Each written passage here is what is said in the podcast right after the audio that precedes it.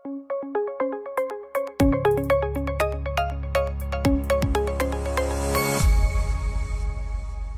мөндөд үзэгчтэй хэрэгтэй юм буу халын ураатай Идрээс подкастын шинэ жилийн тусгай дугаар инхүү эхэлж байна. За тэгээд дөрмийн дагуу тусгай дугаартаа энэ оны хамгийн олон үзэлтийг YouTube сувг дээр маань авсан хүнийг зочноор дахин өрсөн байгаа. За тэгээд гэр бүлийн ямар нэг арын алга ороогүй мөртлөө манай ээжийн орсон дугаар 961 мянган үзэлтийг YouTube дээр одоо хандлтыг авч номер 1 үзэлттэй дугаараар шалгарсан учраас ээжийг дахин шинжлэлийн тусгай дугаартай ирсэн байгаа.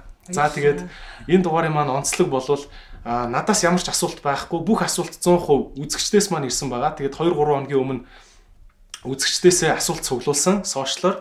За тэгвэл би цаг үлдэх юм бол өөрөөсөө нэг 2 3 асуулт асууя гэж бодож байна. За тэгээд э, шинжлэлийн тусгаар дугаар ингээд студ мстуд ингээ гой заслаа шүү. Тэгээд ногоо ханнаасаа нэг удаа хол зураг авалт хийж байна. Тэгэд яг ийм гоё газар орохоор яг нэг эфирийн холоо цаанаас гараад байна авчлаа. Ингээд эрхэм үзэгч та бүхэндээ. За ээж тэгээд шууд асуултанд оръё.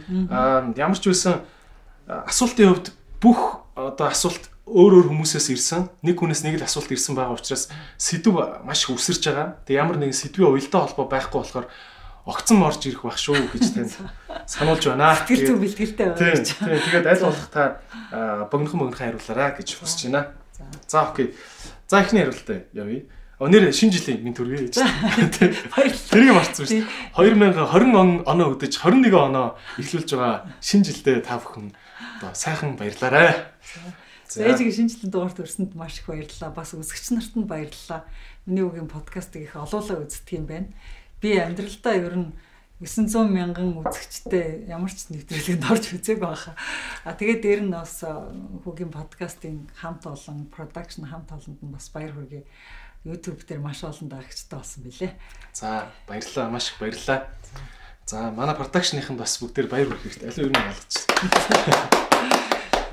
За мөн үзэгч нартаа маш их баярлалаа. Манай подкаст цуг энэ ондоо багтаад 100 мянган subscription буюу одоо бүртгэлтэй хэрэглэгчтэй болно гэж зорж исэн боловч баг одоо 130 мянга болоо явж байгаа. А тэгэхээр та бүхнийхээ энэ их одоо итгэлийг алдахгүй хичээж дандаа хэрэгтэй буу халнаа гэж амлчихгүй яхаа хуцаа амлчих да. Амлж байна та бүхэнд. За хэрэгтэй буу халаа идрээс подкаст гадаа хас 33 хэмээ хүтнээс үргэлжилж байна.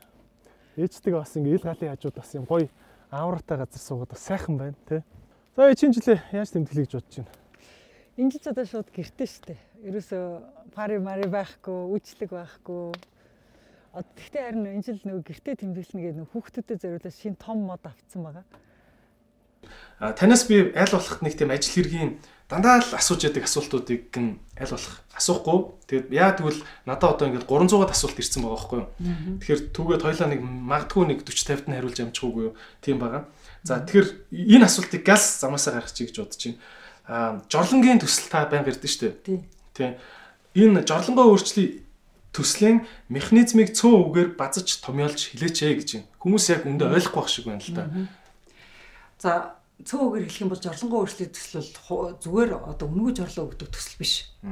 Бэлэг өгдөг төсөл ерөөсөө биш.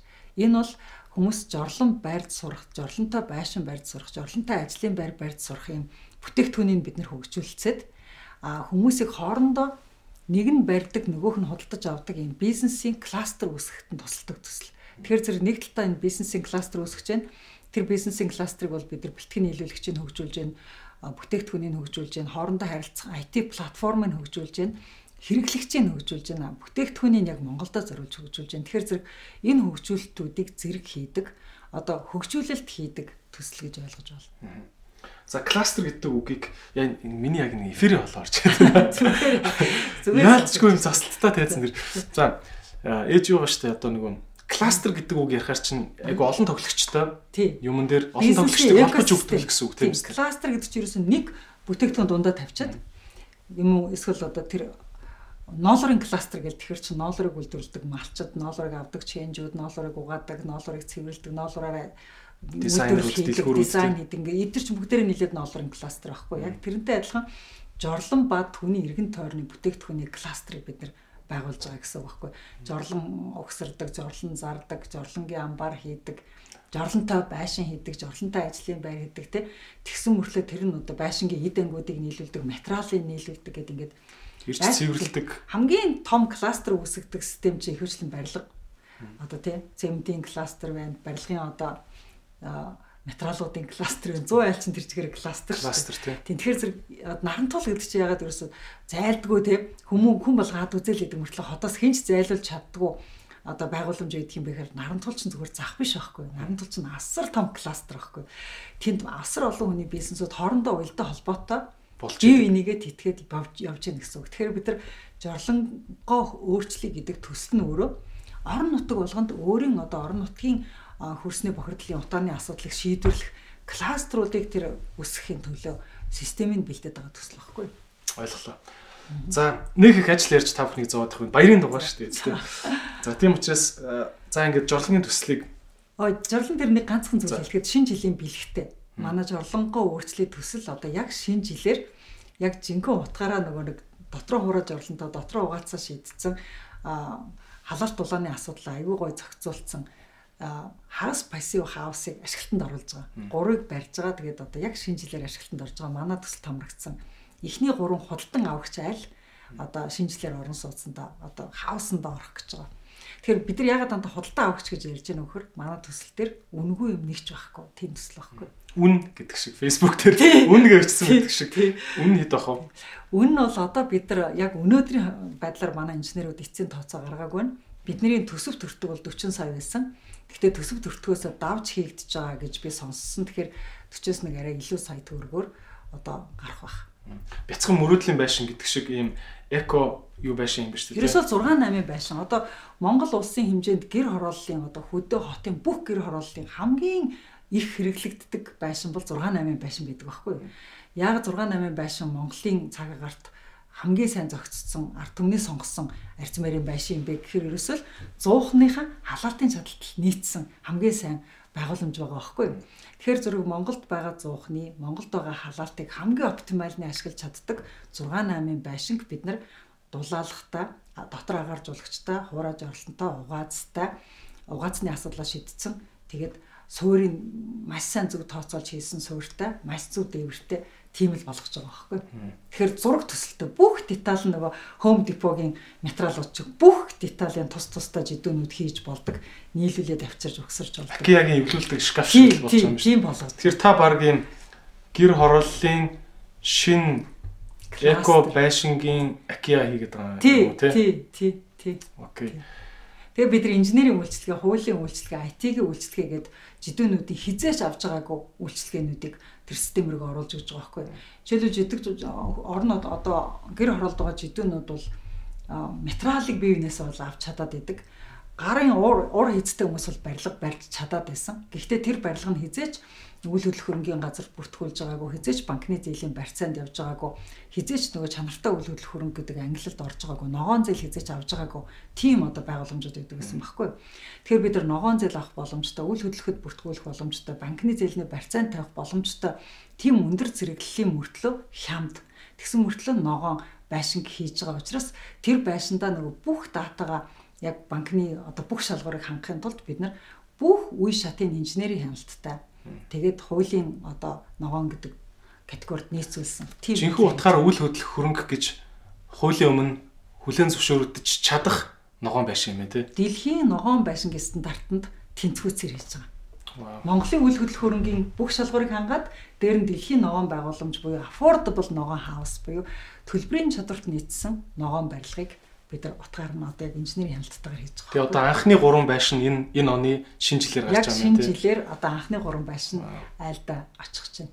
За баяр уу энд яг энд яг сэрэтл байсан бол ингээ алгашгаар гой сонсогдчих. Энэ бол яг манай одоо 3 жилийн ажлын үр дүн. Одоо ингэж бэлэг болж гарч ирж байна. Ирэх жил бол бид нар 2021 онд хуураж орлонтой ажлын байр, ногоон ажлын байр, гэр хороолт одоо гой ногоон ажлын байр, а тэгээ зам дагуулах олон нийтийн нийтийн жавлангийн асуудлыг шийдэх тийм хоёр удаа амбицтай байгаа. Ээж чинь бас нэг баярын бас юм нууц жорвттой тий. Үзэгч төмөндөө задлахад да. Ээжийн нөгөө ядаг штэ та ч нөгөө цагаан сараар хөвсгөлийн игүүр сумаас шимээр авчирдаг штэ тий. Тэр юу н ямар мафан болоод байна. Цаана ядын танд ханар нийлүүлдэг тийм ганц хоёр ярьсан хамаатны ихч мэгч байгаад байна уу? Хамгийн гоё амттай нөхгүй юу? Хамгийн гоё амттай Шимээ арх Өсгөл аймгийн Эрдэнэ улхан сумын арх гэж ер нь алдартай байдсан шүү дээ. Тэгэхээр яг энэ дээр яг нэг нэмээд дэлгэрүүлээ асуухад юу энэ юм сэтгүүлч яриад энэ би за за. Sorry. Юу нэмээд нэг зүйлийг тодруулахад юу бэ штэ одоо энэ гэр оролт байгаа ингээд шавардсан байшингууд байдаг штэ тий эднэр чинь процент тавиад зээл авч болтгүй юм уу те? Банкуд энийг одоо үнэлгээ нь аяга доогор өгдөг. Яагаад үнэлгээ нь доогор өгдөг юм бэ гэхээр нөгөө нэг суурийн тооцоолж хийгээгүй. За жишээлбэл ялангуяа дарь хитэг байдаг байшингууд чинь бүгдээр дотор ингээ хагартсан байшингууд байдаг байхгүй. Яг бол дарь ихийн тэнцвэр цонхон цадцсан л үждэг шүү дээ. Цонхон цадгаас гадна хан хагарсан байдаг байхгүй. Тэгэхээр чин ямар ч банк дээр чинь барьцаанд авахгүй шүү дээ. Яагаад тэгдгүү гэхээр нөгөө суураа зөв шийдэггүй. Нөгөө суурийн их овоолттой хөрсөн дээр барьцдаг. А тэгэхээр манайх бол бид нар дайр ихэд тасганы овоод гачуурсад гэдэг ингээ өөр өөр хөрсний одоо дээжүүдийг авч аваад өөр өөр хөрстэй орчинд одоо ихний туршилтын байшингуудаа барьж байгаа шүү дээ. Тэгээд бид нар тэр байшингуудаа бүх инженерийн тооцоод байна. Бүх геологийн шинжилгээтэй нь бүх шинжилгээ датануудтай нь бид нар ингээд зураг төсөлтөө нь багцуулгаад банкнд танилцуулах байхгүй. За энэ дээр та итгэж зээлэх үү? Энэ дээр та итгэж моргож гаргах уу? Энэ дээр та итгэж ногоон зээлээ өгөх үү гэд ингээд банкнуудтай ярих гэж байгаа. Одоо зүгээр нөө гадаа гадаа зүүрлвэл гадаа одоо золбин нохоо гэж байдаг. А эсвэл яг нөгөө вакцина хийлгцэн бүх юм нь бүртгэлтэй. Бүртгэлтэй нөгөө улсын бүртгэлийн юм. Нохооны бас паспорт үүд юм биш үү? Тийм юмтай болно гэдэг гэдэгтэй зүүрж болох юм байна. Хараагүй хараагуйчудад нөгөө нэг хөтөч нохоонууд байдаг шүү дээ. Одоо Америкийн дээр барууны нохоонууд бүр аврагч нохоо, хөтөч нохоо, цагдаагийн нохоо гэл мангар үнэтэй. Тэгсэн мөртлөө ингээ бүх юм бүртгэлтэй тийм нохоонууд байдаг шүү дээ. Одоо хурдан морьч гэсэндээ ялгаа байхгүй жирийн одоо адуун дунд явж байгаа нэг морь бүр ингээд тижэл мижэл тариа мараа бүх юм хангацсан морь хоёр чинь зах зээл дээр айгүй өөр өртөгтэй байдаг шүү дээ. Тий яг тэрэн шиг л ер нь болгож байгаа. Ер нь ингээд хараад хахад ийм шиг байна тий. Одоо ингээд энэ барууд барууныхан тий ер нь бид нь шарууд гэж ярьдэн шүү дээ. Шаруудыг ингээд хараад хахад яадаг тий. Альва нэг юмыг айгүй сайн стандарчуулаад бичиг баримтжуулаад сертификатжуулаад тэгээд өстөө кластерыг холбоно гэдэг шиг яг тэр нэг үнэлгээний албанд нь албан ёсоор хүлэн зөвшөөрүүлээд ингэчгээр л зүгээр юм аяг байж байгаа л 10 мянган аяг болол ингээл үнэн ингээд шууд нэмэгдэх те хамаг юмны үн чинь энэ материалын дэвш нь артлын бичиг цаасандаа байгаа байхгүй. Яг тэгвэл одоо ийм байхгүй. Одоо тэр үнэтэй байхаас ч аргагүй юм билээ. Одоо жишээл 6 8-ын байшинг зүгээр хүн мод аваад зүгээр жирийн ямар нэг стандарт яахгүйгээр барихад нөгөө нэг э, Shark Tank-аар гарч байгаа нөгөө 20 саяын байшин гарах байхгүй юу? Одоо мөрөнд нэг 20 саяын байшин бариад байгаа гэр бүл байгаа шүү дээ. Тэр чинь ямарваа нэгэн инженерийн үйлчлэгээ мөрчлөгөөгөөр зүгээр өөртөө барайл 20 саяар барьчаад байгаа байхгүй юу? Азар айгу сайн барьдаг хүмүүс таараад байна. Сайн барьдаг хүмүүс таарчаад байгаа. Аа зүгээр яг инженерийн үйлчлэгийг нь аваад яг суурийн шинжилгээг нь хийлгээд яг дулаалгын нөгөө нэг ногоон барилгын стандарт тааруулж дулаалаад дотор агаарын төхөөрөмжийн тавиад 100-ын зөв сонгож тавиад орлонгийн тавиад ингээд ингээд ингэхээр а тэр инженерийн үйлчилгээ, маркетингийн үйлчилгээ, хуулийн үйлчилгээ гэдэг ингээд жидүүнүүдээ хизээч нөгөө захиргааны зардалтаа оруулж байгаагүй зардлууд нь гадналтаа үлдчихдэг байхгүй. Тэгэхээр манай төсөл тэр зардлыг нь дагаад байгаа байхгүй. Манай төсөл тэр зардлыг дагаад IT-ийн үйлчлэгээ, IT-ийн платформыг бид нэр мөнгө төлж хийлгээд байгаа байхгүй. Тэнгүүт одоо жидүүнүүдэд ямар боломж олдож байгаа вэ гэхээр материалын үн нөгөө нэг хямдхан барьдаг стилээрээ. Тэгвэл манай зураг төслөөр батлагдсан зураг төслөөр батлагдсан инженерийн хяналттайгаар юмаа барьчихад ардталт нь байгаа IT систем нөгөө инженерийн бос үйлчлэгээнүүд нь төслөөс ингээд хөнгөвчлөгдөд ингээд ингээд танд хямдхан зураг төсөл хүрээд ирсэн шүү гэд юм ин бид нар гар дээр нь өгөх гээд байгаа байхгүй. Ер нь тэгж өгөөд яваад байна одоо. Окей. За ажлыг ингээ болъё. За за аа танд хэлсэн маш огцон огцон асуултууд орж ирнэ гэж хэлсэн. За эндээс бас нэг үзэгч асуусан байна. Аа дөрвөн хүүхэдтэй байсан бол ийм хэмжээнд ажиллаж чадах байсан болоо та.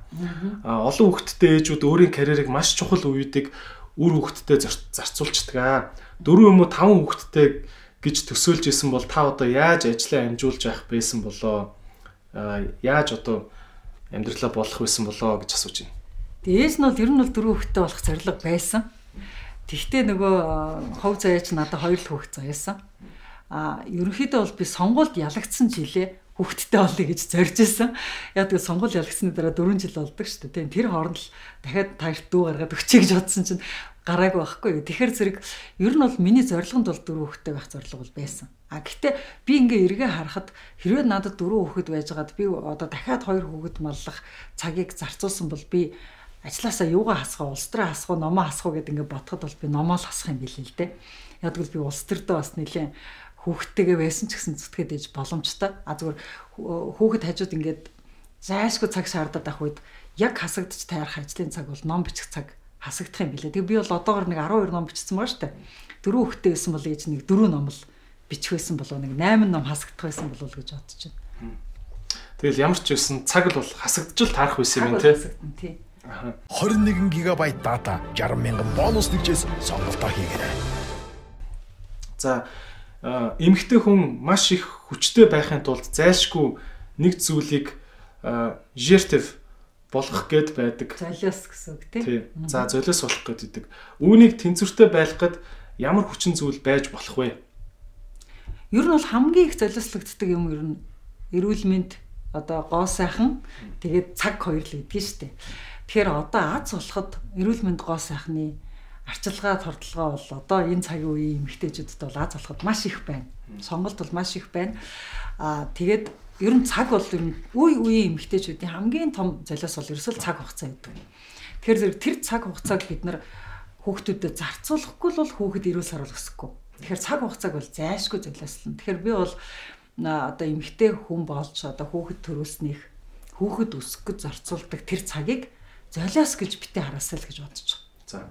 Энэ бол зүгээр л амьдралын аз жаргалтай мөч зарцуулах хэвээр мөч тэр зарцуулах гээд одоо тэр цагийг чинь өөрөө ч авах гээд төрсэн тэр жоохон хүүхдүүдэд аз жаргалтаар тэр цагийг зарцуулах юм бол золиос гэж ерөөсөө үзэхгүй. Бараг хөрөнгө оруулалт гэж харж болох уу бас тийм. Хөрөнгө оруулалт гэж харж болно. Өшөө дээр нь хорвоог өөр өнцгөөс харах одоо судалгаа, мэдлэг шаал өөр юм биднэрт өгдөг. Хүүхэд өсгөж үзнэ гэдэг бол маш их мэдлэгтэй болдог байхгүй. Тэгэхээр зэрэг ер нь бол тэр бол суралцахаас процесс. Тийм учраас энийг бол би золиос гэхээсээ илүү өөр томилтоор явсан гэж харах хэрэгтэй гэж бодод байна л та. Өөр ажлыг хийх томилт гэж харах боломжтой. Заримдаа нэг ингээд айгүй хэцүү юм дээр зүгээр харах өнцгөө өөрчилчихэд л ингээд зовлон байсан юм гівгэнд жаргал юм шиг санагддаг. Баар нэг буддийн сургаал юм шиг тийм юм бас байгаад байгаа тий. Амьдралын нэг зарим. Тий, ер нь бол бурхны шашны оронд амьдарч байгаа гих бид нар яг энэ буддист философиг бол эзэмших хэрэгтэй. Тэр эзэмшсэн байхад бол маш их юм дээр хэрэг болдог. Лам байх бүх юма ламаас асуух албагүй. Гэхдээ лам нар яагаад хүнийг тайвшруулад юм? Яг яаж хэлж тайвшруулад юм гэдгийг ойлгоод тэр номыг уншсан байхад бол аа ингээл аливаа нэг асуудал төр бол үнцгийг бол дорн өөрчлөх боломжтой болцдог байхгүй. Тэгээ тэр нөгөө дорн дахны тэр гой гүн ухааны ертөнцид амьдарч ээж тэр гой тайвширлыг олох ухааныг эзэмшихгүйгээр нэрвтэй дэвэл хайр юм. Хайр юм болчихж байгаа байхгүй тий. Ойлголоо эмэгтэй хүний хувьд айгүй их тийм эмэгтэй хүний хувьд гэсэн асуултууд их ирсэн байна л да. Аль болох хассан үг нь. За эмэгтэй хүний хүнийхээ хувьд баримтлагдаг зарчим юу вэ? Яг одоо нэг монгол эмэгтэй хүн гэдэг утгаараа ч юм уу тий. Ер нь бол би хүний зарчим гэдэг их баримтлагдаг штэ. Яг эмэгтэй гэхээсээ илүү. Ер нь бол шударгаар амжилтанд хүрэх, хөдөлмөрлөх, хүмүүст тэнцүү тэгс хандах тий инэрэнгүү хүнлэг байх гэдэг эдгээр чинь дандаа хүний ертөнцийн зарчим шүү дээ. Тэр хүний ертөнцийн зарчмыг би одоо өөрийнхөө гол зарчим болгодог. Тэгээ тэр нь бүх хүүсэнд таардаг. Аз болоход а тэгээд яг гимхтэй хүн гэдэг өнгөрлөө чи юуг илүү бусдаас өөрөөр харуу гэвэл одоо инстинктээр л илүү юм да. Нөгөө хүүхдийг хайрлах те хүнийг хайрлах инстинкт нь арай илүү юм уу? А тэр зэрэг аливаа амьд нэгэдэг хайрлах талаас нэмийг ханддаг. Тэр хандлага л захаа өөрөөж магадгүй. Гэхдээ та ингэж бодтгоо. Би одоо яг маш олон хүн яг энийг дээ. Ингээл би ингээл найзхаа хөрмөн дээр очисан аав нь ингээл хүүдээ захиас болгол хэлж байгаа байхгүй. Миний хөө хүнийг дорд үзэж болохгүй. Хүн бүртээ тэг шаарцах хэрэгтэй гэд ингээд номер 1 захиж байгаа байхгүй. Хөрмөн дээр нь. Тэгэл тэр үг ингээл манай найзын л аав юм чинь бас надад ч гэсэн ингээл аав хүн хэлж байгаа үг чинь амаргүй орно шүү дээ. Тэгэл бодож исэн. Тэгвэл яг ингээл амьдрал дээр заримдаа ингээл ингээл хүн болгонтой ингээл тэгш харьцах гэхээр Ингээд заримдаа яд штэ. Үнэхээр ингээд чадахгүй байд штэ. Танд тийм байдгүй. Өө тэгс хайрцах гэдгийг ингээд хүн болгонд тэгш анхаарал тавих гэж чи буруу ойлгоод байна. Тэгш анхаарал тавих, тэгш харьцах хоёр айгүй өөр штэ. Чамд 24 цаг байна. Ажлын 8хан цаг байна. 8хан цагт чи бүх хүнд чи тэгш анхаарал тавьж чадахгүй чи 8 хүнд л нэг нэг цагийн анхаарал тавьвал бүр дээд штэ тийм үү? Тэр чи 8 л хүнд анхаарал тавих гэдэг штэ. Гэтэ тэр анхаарал тавьж байгаа 8 хүндээ чи нэгэнд нь дээрлэхэж хандаад нөгөөд нь долгон чандаад иж болохгүй л гэсэн үг байхгүй юу? Тэгэхээр зөв чи хүн болгонд өөрийнхөө цагийг өгөх албагүй, хүн болгонд өөрийгөө зориулах албагүй. Тэр чинь тэгш харьцаанаас шал өөр юм багхгүй. Тэгэхээр зарим үед ингэхэд бол одоо та намайг хүнтэй тэгш харьц харьцахгүй байх гэж зэмлэх байсан. Одоо жишээ нь ирээл ингээл идрээ юу байна л та ингээл нэг юм юм гэл ингээл ярангууд би заримдаа үнэхээр сонсмооргүй юм биш болж шүү дээ. Та окей яг одоо би завгүй байна гэх ингээл хэлж болно шүү дээ. Ингүүл энэ энэ тэгш харьцаа ямар ч хамаагүй. Энэ дээрэнгөө ч юм уу муухай ялгаж харьцаж байгаа биш үү? Ялгаж харьцаж байгаа биш чи зүгээр л завгүй байна. Тэргээл зүгээр л хэлж байгаа байхгүй. Тэгэхээр би ч гэсэн хүнд завгүй байна гэдгийг зөндөө хэлжсэн. Тэгэхээр энэ бол хүнийг дорд үзэж байгаа хэрэг ерөөсөө биш. Зүгээр л цагаад чамд одоо зарцуулж чадахгүй нэг чамд анхаарал тавих боломжгүй байна л гэж хэлж байгаа гэсэн үг байхгүй. А яг анхаарал тавьж байгаа мөчтөө тэр анхаарал тавьж байгаа хүндээ чи дээрлэхүү хандах уу долгон чандах уу гэдэг дээр энэ тэгш гэдэг юм яригадаад байгаа байхгүй. Тийм. За дараагийн үзэгчийн асуулт а еврей ээжүүдийн хүүхдээ өсгөх арга барил гэдэг шиг монгол ээжүүдийн үр хүүхдээ өсгөх арга барил барил хэрхэн хүмүүжүүлэх хойч үедээ үлдэх уламжлалын талаар ном бичээсэй гэж хүсэж байна. Энэ талаар яг тийм жор бодож байгаа юм байна уу? За, ястаа энэ талаар бодож үзээгөө. Ээж нь хүүхдээ хүмүүжүүлэх тухай ном бичих талаар юусаа бодож үзээгүй минь. А гэхдээ ер нь монгол ээжүүдийн хүүхдээ хүмүүжүүлэх арга бол нөгөө урам үгээр учирлаж хүмүүжүүлдэг арга штэ одоо нэг зүүр цэцэн үг гэдэг чинь ер нь л тэгэл үе үе дамжаад хүмүүжүүлээд ирсэн эцэг эхчүүдийн л хүмүүжлийн үгнүүд дээ. Бид нар л одоо зүүр цэцэн үг гэж нэрлээд байдаг болохоос ч нэг цэцэрхсэн үгнүүд биш байхгүй тэр чинь хүүхэд хүмүүжүүлэх үгнүүд. Тэгээ би одоо яг жинхэнэ монгол аргаар хүмүүжсэн хүүхдүүдийн нэг гэж боддог өөрийгөө. Ингээл бидний чинь ингээл хөдөө өсөж явахт чинь а унтах идэхтэй уургын мөр шиг урагшаа гიშгтэй ургаа хат шиг яасан удаан яв өнтер гэж бид нар чинь тэгж айгу хатуужуулж хүмүүжүүлдэг гэсэн шүү дээ. Тэгэхээр Монгол хүмүүжлийн арган дотор хатуужуулах гэж нэг үг байдаг. Хүүхдийг хатуужуул хатуужуул гэдэг эрхийг сурахаар бэрхийг сур гэд хүүхдээ хитрхийг эрхлүүлэхээс өмнө бэрхимийг заад сурах гэл. Тэгэхээр тэрийг бол би орчин үеийн арга барилтаа яаж хослуулж болох вэ гэдэг талаар бичиж болох юм. Та ч одоо ингэж зээтэй болцсон тий. Тэгээ эмээ болцсон. Тэгээд бас яг яг ингээ ээжийн хүмүүжлийн юм эмээ дээр ирэхээр ингээд 10 дахин зөөлрчдөг тий. Хуучин загиндаг байсан юм дээр баг одоо шагнадаг болоод тий. Тиймэрхүү юм нэр гэсэн анзаардаг юм. Зэг загинж байгаа загинж байгаа. Би тэгтээ нөгөө л дөрмээрээ загинж байгаа шүү дээ. Нөгөө 10 магтаад нэг загнах гэдэг дөрмээрээ. Тэгтээ намайг загнахаар манай зээ чи айгуу сайн хүлээж авдаг байхгүй. Яа тэгэхээр 5 настай шүү дээ. Тийм 5 настай айгуу сайн хүлээж авдаг. Яагаад хүлээж авдаг вэ гэхээр би нөгөө загнахаас өмнө тэр хүүхдээ чи 10 магтаад 10 эрхлүүлээд нөгөө 10 ингээд толгой дээр гаргах нөгөө алдартай технологи. Тийм нөгөө алдартай технологиор нэлээ эрхлүүлсэн. Тэгэл загнахаар шууд хүлээж авдаг дээ. Одоо зээгээ би 4 сартаагаас нь эхлээд яг хууль ярьсан гэж бодчих чи. Яаж вэ? 4 сартаа хөвгөд хууль ярихаар ойлгодог гэж чи бод. Чамаг гэсэн жоохон байхад би хууль дүрм ярьдаг л байсан. Гэхдээ би зээгээ 4 сартаахт нь яаж хууль ярьсан бэ гэсэн чинь машин дотор ингээд тэврээ явжсэн чинь би ч нөгөө нэг бүсээ зүөх гэж байгаа шүү дээ. Бүсээ зүөх гэсэн чинь бүс зүүлэхгүй гэж тэлцэгнэхгүй юу? Тэгэхээр нь би шууд Монгол улсын иргэн тэргэлжингуй бүсээ зүүн шүү. Та бид нар замын хөдөлгөөнд оролцож байна. Замын хөдөлгөөний хуулиар та бүсээ зөөхгүй бол сайт хөргөөр торгуулах ёстой. Чамайг бүсээ зөөгийн төлөө чиний уралд байгаа жолооч Эрдэнэбатар сайт хөргөөр торгуулна. Чи эсвэл сайт хөргөөг эсвэл бүсээ зөө гэдэг ингэсэн чинь зүг зүгээр бүсээ зөөлөгцсөн байхгүй юу? Мөнгөч гэж мэдэхгүй жолоо цагдаач гэж мэдэхгүй хуульч гэж мэдэхгүй хөхтөд яг хуулийн үгээр ярангуут яг ингээд би Монгол улсын иргэн юм байна. Би хууль биелүүлэх ёстой байна гэдээ ингээд бүсээ зүүц. Тэгэл одоо цагдаа харахаараа яг хуулийн дагуу амьдрна. Яг дөрмийн дагуу амьдрна гэдгийг ойлгодог. Саяхан надтай бас нэг би хэрвээ гадаа гараад төрчих ямар нэгэн юм юмд ингэж баригдаж амьдрах хэрэгтэй юм ёс журам гэдэг юм байгаад байна гэдгийг ойлгоод байна. Тийм болно болохгүй гэдэг юмыг бүр ухаан орох ороогүй байж магадгүй үеэс нь хүртэл заадаг. Болно болохгүй болно болохгүй гэдэг хязгаарыг Тэгээд ирэхэр хүүхэд нөгөө учирлаад ойлгуулад ингээд ирэхэр хүүхэд бол аягүй сайн юм ойлгодог. Танаас ч одоо бүүн л яаж хүүхдээ хүмүүжүүлэх вэ гэсэн асуулт ирсэн байна. Тэр хүүхдтэйг гоё л ярих хэрэгтэй шүү дээ. Хүмүүс ч нөгөө хүүхдээ хүмүүжүүлэхэд нэг тийм ганц шийдт үг хайгаад байдаг байхгүй юу? Ерөөсө шийдт үг гэж байхгүй шүү дээ. Хүүхэд хүмүүжүүлэхэд бол яг тухайн үед нь яг галтаа гаргаж явах үед нь хэлэх А эсвэл нэлээд хэдэн алдааг нь уучлж агаад тэгтээ дахиад хэлэхдээ дахиад яг алдаа гарах үед нь хэлэх. Яг моментын л олж хэлэх асуудал байдаг байхгүй. Тэгтээ хэлэхдээ нөгөө харааж загнаж хэлэхгүй учирлаж хэлнэ. Өөрөө учирлаж хэлэхээр ингээд үг зохиож чадахгүй л шууд хууль ярьчих. Айгу амархан бидтэй. Одоо сая би эндээс явж жоохон дэлгэрүүлээд бас сэтгүүлч хүний хувьд ярьж байгаа. Тийм. Яг хоо эвлэлийн бид чинь бас хэцүү шттэ гэж. За. Юу байна л та? А Японы нэг юм аниме куклтэнүүд аягүй үзлээ. Сайн юуны үеэр те хөлөөрөө гэл. Тэгэд ингээд куклтэн кино үзчихсэн чинь тэр Японы куклтэн кинон дэр ингээд куклтэн киноныхын дүр нь гэрлүүгөө орох ингээд орж мартцсан юм аавах та. Ингээд өвдгөн дээр явж байгаа байхгүй юу? За гуталтайгаа гутлаа тайлаагүй ч гэсэн тэр хүүхд гуталтайгаа гიშгэхгүй байхгүй. Аа гих мэтийн ингээд хүн амьтанд тусалсан нэг юм айгүй юм жижигхэн юм соёлынхоо юмыг маш их шигтгсэн байна. Юу н анзаараадсэн чинь. Тэр өмнө нь ингээд нэг юм 10 жилд байхдаа үзэхдээ ерөөсөө гой күгэлтэл гэж боддог байсан шүү. Анзаардаггүйсэн юм. Тэгэд та ер нь энд бас тийм асуулт бас байна л да би холбоот суучих. Монгол улсад энэ дээр үед нөгөө юу байсан дээ ингээл одоо пропаганда тий. Тий хэвдүүлээ одоо соёлын хувьсгал явагдаад суртал ахуулга тийм суртал ахуулга их явдаг байсан. Тэр нь бол яг хөө мэдээж нөгөө Ленин баг шиг шүтэх ёстой гэл тийм илүү коммунист байсан бах. Гэхдээ маш их суртал ахуулга нь бас ийм одоо хутлаа тайлахаас гараа угаахаас ахуулаад ийм ухуулгууд байсан шүү дээ.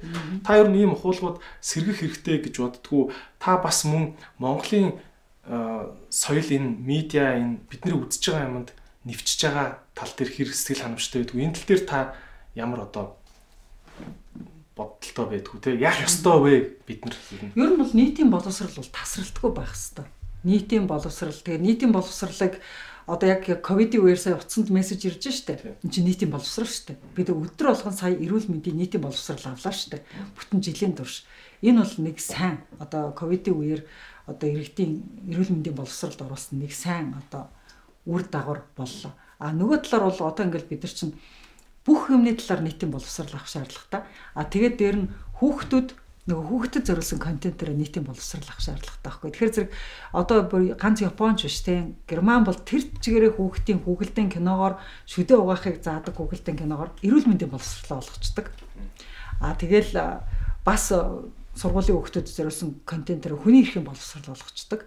Тэгээ дандаа тэр нөгөө хүний эрхийн боловсрал, арчлалын боловсрал эрүүл мэндийн боловсрал гэл ингээл ингээл соёлын боловсрал гэл энэ бүхнүүдийг чинь дандаа контентэнд оруулж нийтийн боловсрал болгодог байхгүй. Тэгэхээр зэрэг ер нь бол одоо манай зэ төрүү ярьсныг зэ ярьсных гэрийн хүү гэрийн хорионд одоо гэрийн хорионд хөл хорионд байхдаа цэцэрлэгтэй явахгүй юу хийж байгаа юм гэхээр нөхдүүд одоо YouTube үзэж штэ. Баахан хүүгэлдээ үзэж штэ янз янз Элса Мелса хүүгэлдээ. Тэгээ тэр хүүгэлдээ дотор маш их нийтийн боловсрал бас явж илээ.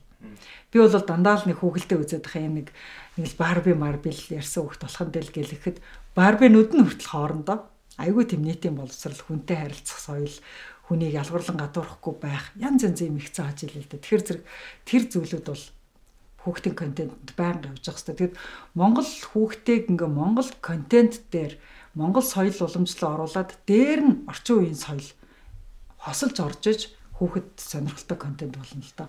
Тэгэхгүй бол бас манайхан нэг юу очиод байгаа шиг байна те нэг айл 90-ад оноос хойш нэг хатад загвар гэл шинэ жил болгоноор нөгөө гой гоё л наадам маадам гардаг штэ. Дээр үесээ л нэг юм нэх их торг ингээл өмжүүлсэн нэг юм. Надаа зүгээр зүгээр л миний хувь хүний одоо хувь одоо сэтгүүлч хүнийхээ хувьд те одоо бас нэг бодож байгаа. Зүгээр явдаг юм юу гэхээр Монголыг шүтээд Монгол контентаа их хитүү хийхээрээ хитрүүлдэг. Одоо Монгол борцог хийчихээрээ зүгээр л гоё англиар ингээл гоё монголын борцог гэж бичнэ үстэй. Тэгэхгүй ингээл заавал ингээл үлзий ихээтэй нэх их юм арслан угалц болгоол тэ. Ингээл бөөн нялгатаад идэм санагдаад санагдаад байхгүй. Тэрнээсээ болоод бас энэ YouTube үзэж байгаа энэ барууны юм үзэж байгаа хүүхдүүдэд чинь ингээд харшлаад тэ хит юм холын юм шиг. Та энэ дээр юу гэж бодож байна? Тийм наадхан тэр чинь нэг ийм үг байдгийн subtlety гэдэг англи үг байгаа. Бичгтээ subtle гэж үчигддэг шүү дээ. Гэхдээ subtle гэдэг те. Ер нь юмыг ингээд донжийн тааруулж маш үл мэдэгдэх анзаарагдамгүйгээр хүнд өгчээ гэдэг ийм соёл байдаг байхгүй subtle гэдэг. Тэг ингээд хүнтэй ингээд ярихад одоо баруунд ингээд очиод ингээд ярихад ялангуяа намайг Елик сургууль сурж байхад ингээд 19 орны оюутнууд ингээд суугаад ингээд юмаа ярьдаг байхгүй. Орон орныхоо одоо соёлыг ярина, орон орныхоо улс төрийг ярина, эдийн засгийг ярина ингээ бид ингээ юм ярина штэ. Тэгээ ингээд альва нэг орны юмыг ингээ хин нэг хүн хэтрүүлж ярьж байгаа нь 18 19 орны олнууд зэрэгцээ сууж ах чинь бүр амар мэдрэгддэг байхгүй. За юу хэтрүүлсэн юм бэ гэж шууд сонсогддог. Жишээл би хизээч Африкт очиж үзээгүй мөртлөө Африкийн маань орны нэг ангийн найз маань альва нэг юм хэтрүүлэл ярангуут нь би за сүртэй ингэж яг шууд бодогддаг. Тэгэж анзаарагддаг юм билэ. Тэгэнгүүт бид нар чинь өөрөөсөө хариу өөрсдийнхөө орныг ярихдаа сатл ярьж эхэлж байгаа байхгүй. Өөрөөр үл анзаарагдан байдлаар ярьж эхэлж байгаа. Тэгээ үл анзаарагдан байдлаар ярих ярихын нууц нь юу вэ гэхээр Монгол гэдэг орныг үл анзаарагдан байдлаар бусдаас арай өөр шүү гэдгийг нь яаж харуулах вэ гэдээ ингээд бодохоор бүх хүний мэддэг сэдвэр Монголын өнцгөөс л ярьд юм билээ. Тэг өөрөөр хэлбэл Баасан Сэндмэн хоёрын хайр дурлал дэлхийн түүх байхгүй адилхан дэлхий дээр Баасан Сэндмэн хоёр мянга мянгараа байж байгаа шүү дээ. Дэлхийн бүх бүх улс оронд лам малчин бүсгүй хоёр дурлалаа гэвэл тэр чинь аягүй сонгодог бүх оронд л байдаг юм сонсогдно. Гэхдээ Баасан одоо Монгол лам Монголд дайн дэрхийн хүрээнд байсан. Маань Монгол малчин мал маллаж амьдардаг үнээс саадаг. Гэт ингэнгүүт Монголын амьдрал нь ард нь тэртээ тэрг ороод ирж байгаа байхгүй. Тэгэхээр зэрэг манай Монголын малчтал нь хамгийн мундаг, ламнар нь хамгийн мундаг гэж ерөөсөө яриаггүй байж тэр энэ хоёр хоорондоо дурлцсан гэл ингээл ярьж тэр тэр чинь үл анзаарахтан байдлаар Монголыг тэнд оруулаад ирдэг байхгүй. Тэгэхээр би юу хэлэх гээд байна вөхөр контент хийхдээ хүүхдэд зориулсан контент ч юм уу хинт ч зориулсан контент хийхдээ дэлхийн хаанч байсан хинч байсан ойлгохуйц л контент хий. Дэлхийн зүгээр сонгодог сонгодог хайрын түүхүүдээр сонгодог л контент хий. Гэхдээ ардталт нь жижиг жижиг үл анзаарагдан Монгол орж ижээж тэр чинь Монгол контент болно гэж хэлэх гээд. Тэгэхээр хүүхдүүдтэй ирээдүйн хүүхдүүдтэй Монгол Google-тен кино, Монгол контентыг одоо Elsa тий Disney-г давж үзүүлмээр байвал дэлхийн хүүхдүүдэд зориулж давхар хийх ёстой юм. Давхар тийм тийм давхар хийх ёстой. Тэгээд хитрхи ихтэй одоо яг дэлхийн хинч ойлгох үс тийм түүхийг л өгвөл гэж хэлж байгаа байхгүй юу? Ойлгох үс түүхийг өгвөл. Тийм. Та чинь Монголоо бас айгүй олон тойржсэн гэж ярьдэн шүү дээ. Хит хитэн яг бүтэн тойрсон гэвэл би нэг 3 бүтэн тойрсон баг. Яг бүх аймагуудаар явсныгаа тоолох юм бол а зөвөр юу яасан гэх юм бол зөвөр ирж очиод явсныгаа тоолох юм бол зөндөө шүү дээ. Тий аймаг аймагаар нь бараг л бүгд байгаа бах те. Танд одоо ингээл яг тийм Эрдэнэ улган сумын шимээ ярих гэдэг шиг та энд эндээс ингэж нэг хаяа нэг юм батан авалт хийдэг те. Тийм нууц гоё гоё юу ч үгүй хайлмагтай сум ч юм уу те. Тийм юмдууд байна. За одоо мэдээж юуны дадлын юу ч үлээ одоо хинтийн дадлал лөө. Хинтийн дадлын цэцгийн. Цэцгийн энэ бол тэр бол ойлгомжтой брэнд. Хинтийн дадлын цэцгийн талах тий. Би болохоор дундгойс мах авч идтээ. Дундгой мах амтайхан санагддаг. За ааруул гэх юм бол шүү дээ. Баяуулгийн ааруул их сонирхолтой. Бүр ингээ бадцсан бацсан зузаан зузаан ааруулнууд хаяа манад дэждэг шүү дээ. Баяуулгийн ааруул гээд. Аа тэгээд юу бэдий? Баяуулгийн айгуу сонио айрхтай. Булганы айраг их гоё. Дундгавын айраг их гоё. Тэгтээ бас баяуулгийн айрхтай. Айгуу сонио. Тий айгуу сонио гоё айрхтай шүү дээ. Би баяуулгад очихдаа айраг уусан. Айраг нь гоё. Каз нь их гоё. За тэгээд баяуулгигээс бол каз ааруул хоёрд авдаг. Ховдын ааруул их гоё.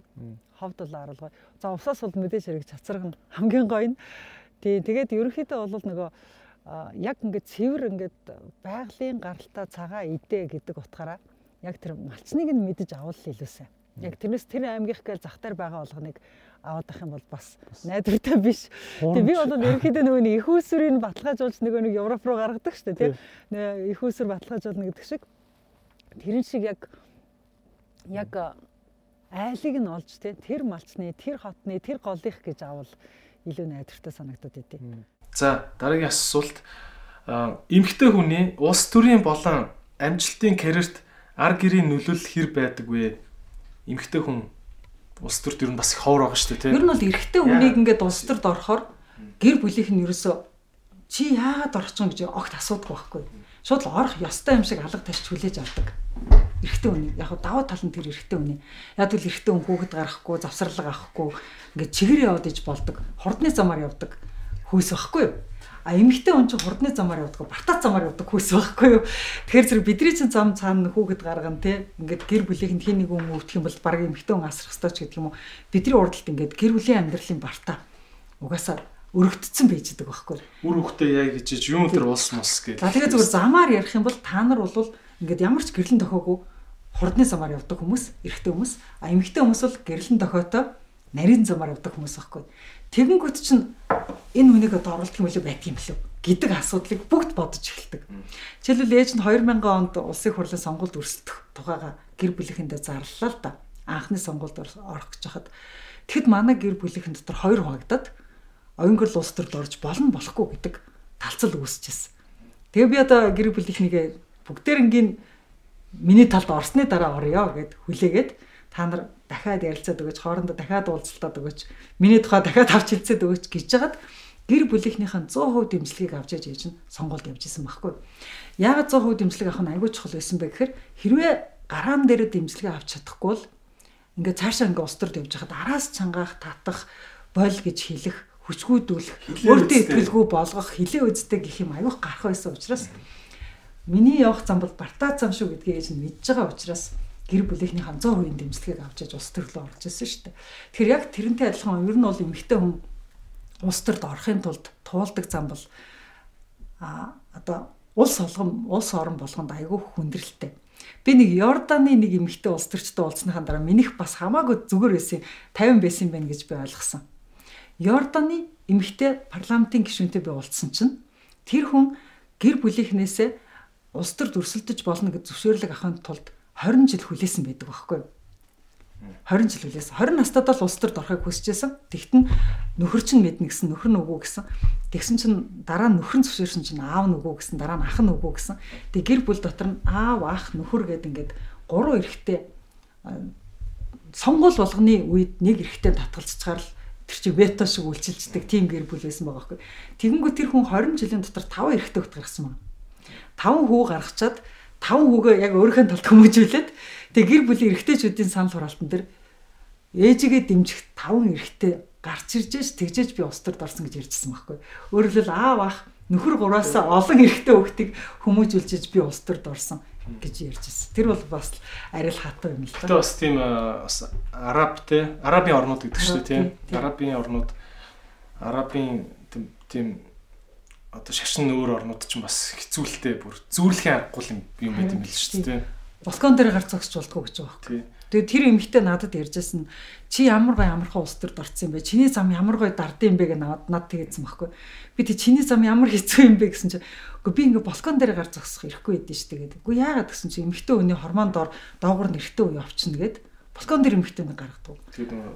Тэгээд нүүр мүр хайцсан тий. Тий. Аа яг хөө соёлын ялгаа бол тэгэл хэдэн мянган жилээр л яригддаг. Тэрнтэй харьцуулж дахиад буддист маягаар бодох хэрэгтэй байхгүй. Тэрнтэй харьцуулж бодоход миний зам бол дардан.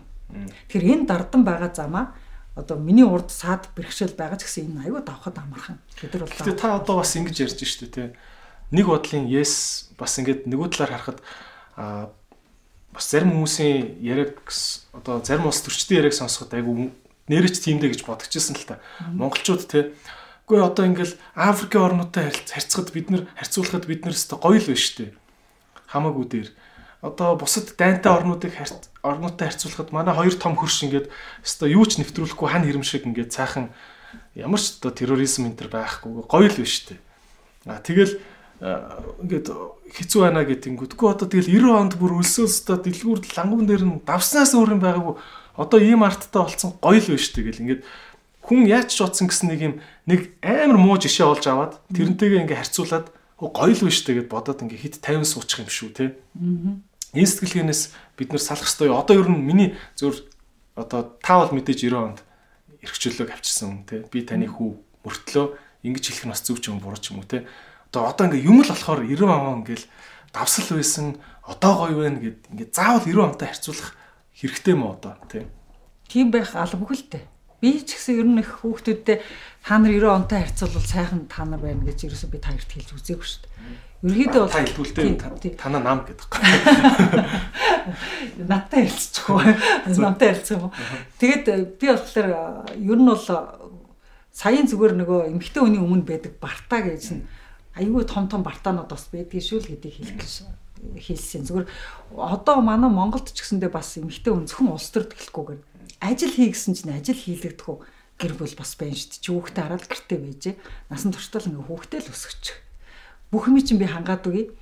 Машин тэрэг байр юу л байна хүссэн юм аа надаас ав. Тэгтээ чи битээ ажил хий гэдэг бас нөхрүүд байна шүү дээ. Тэр тэр нөхрүүдэд хандаж хэлэхэд бол тэр бол тийм сайхан бас гэр бүлийн харилцаа биш. Яг бол би түрүүн чамтай подкастт орохдоо бас ярьжсэн. Нэгнийхээ амжилтанд бахарх бахархан шүү. Нэгнийхээ ингээ нийгэм рүү гаргана шүү. Бүгдээр ингээ гэр бүлтэй ингээ бүгдээр тэгш оролцоотой байна шүү. Тэгжээж гэр бүл илүү гоё аз жаргалтай байна шүү гэж.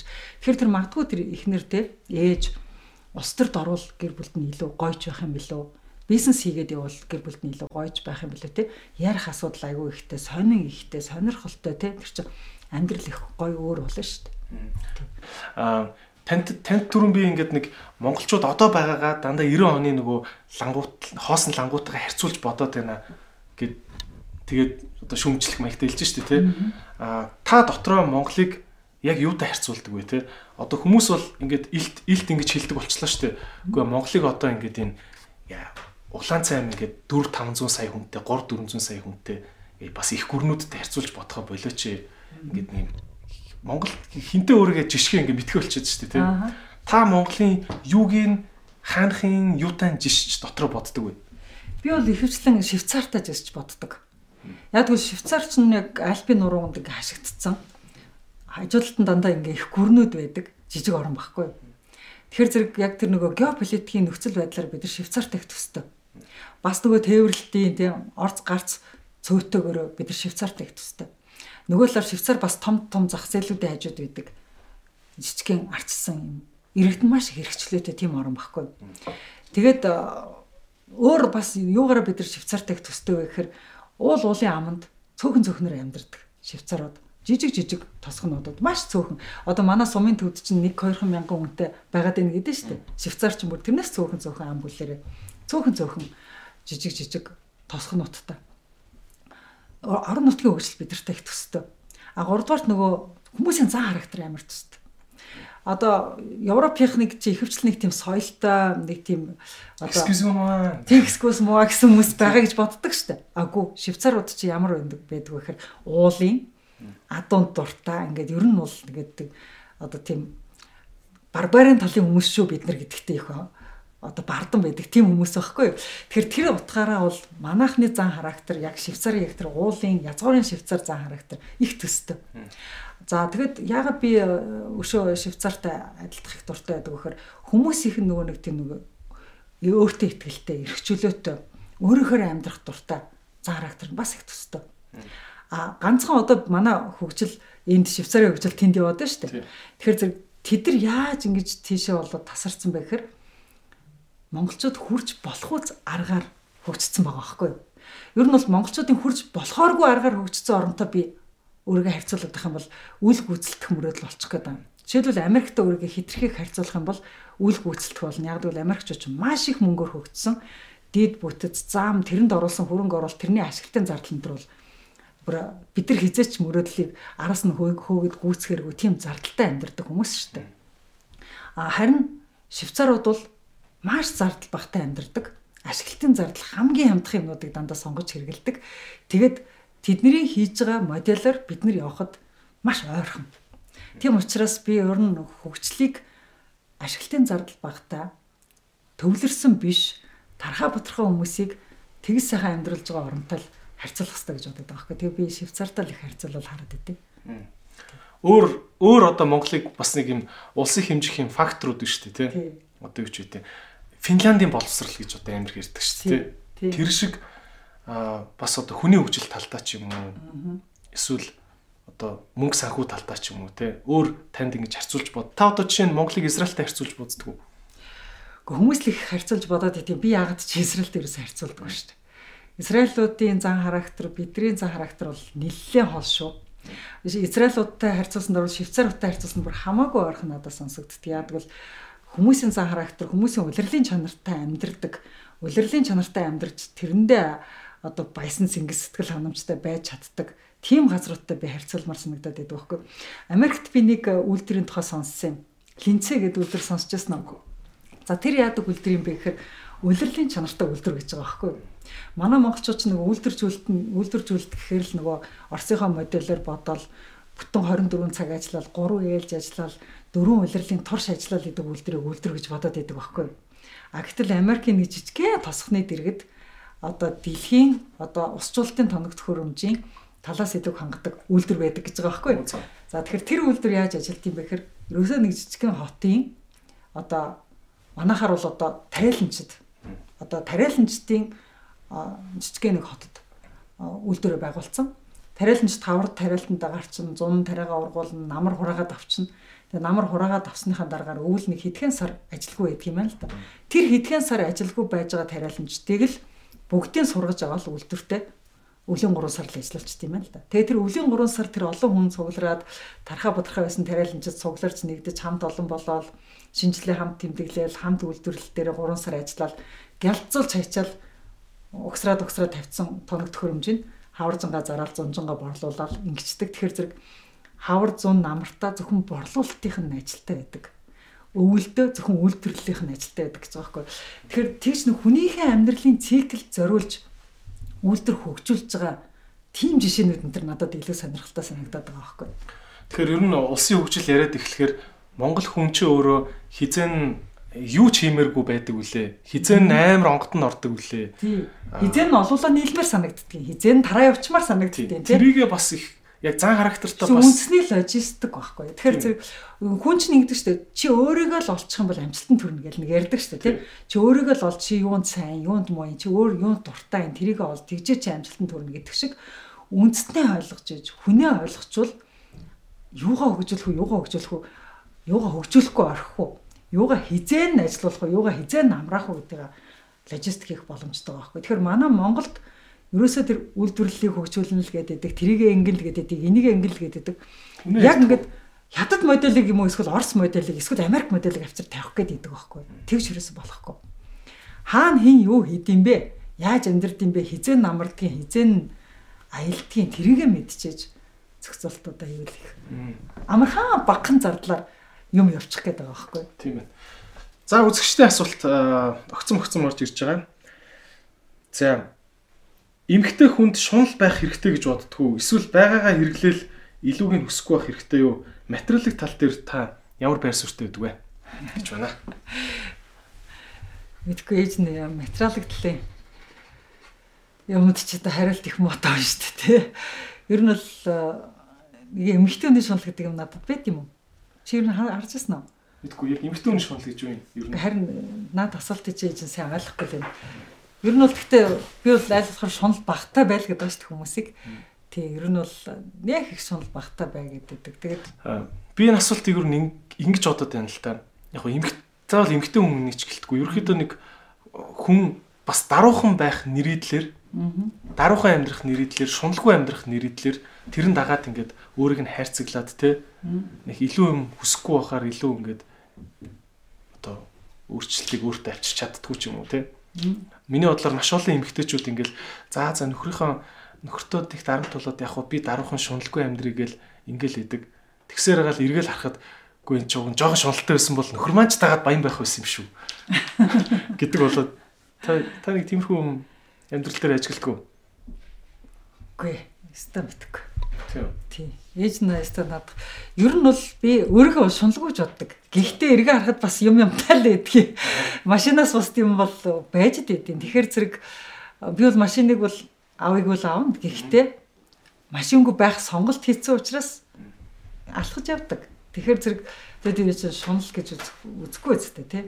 Ерөөхдөө бол би тим тим тим юмыг бол ахгүй гэх мэтийн сонголтыг бол хийчихдэг шүү дээ. Тэгэхээр чинь одоо энийг шуналтай холбож ярих бас хэцүү юм одоо энийг одоо би илүү байгаль дээлтэй амьдрал мэдрэл гэдэг амьдралын хөвшилтэй илүү холбож яриад байгаа л да.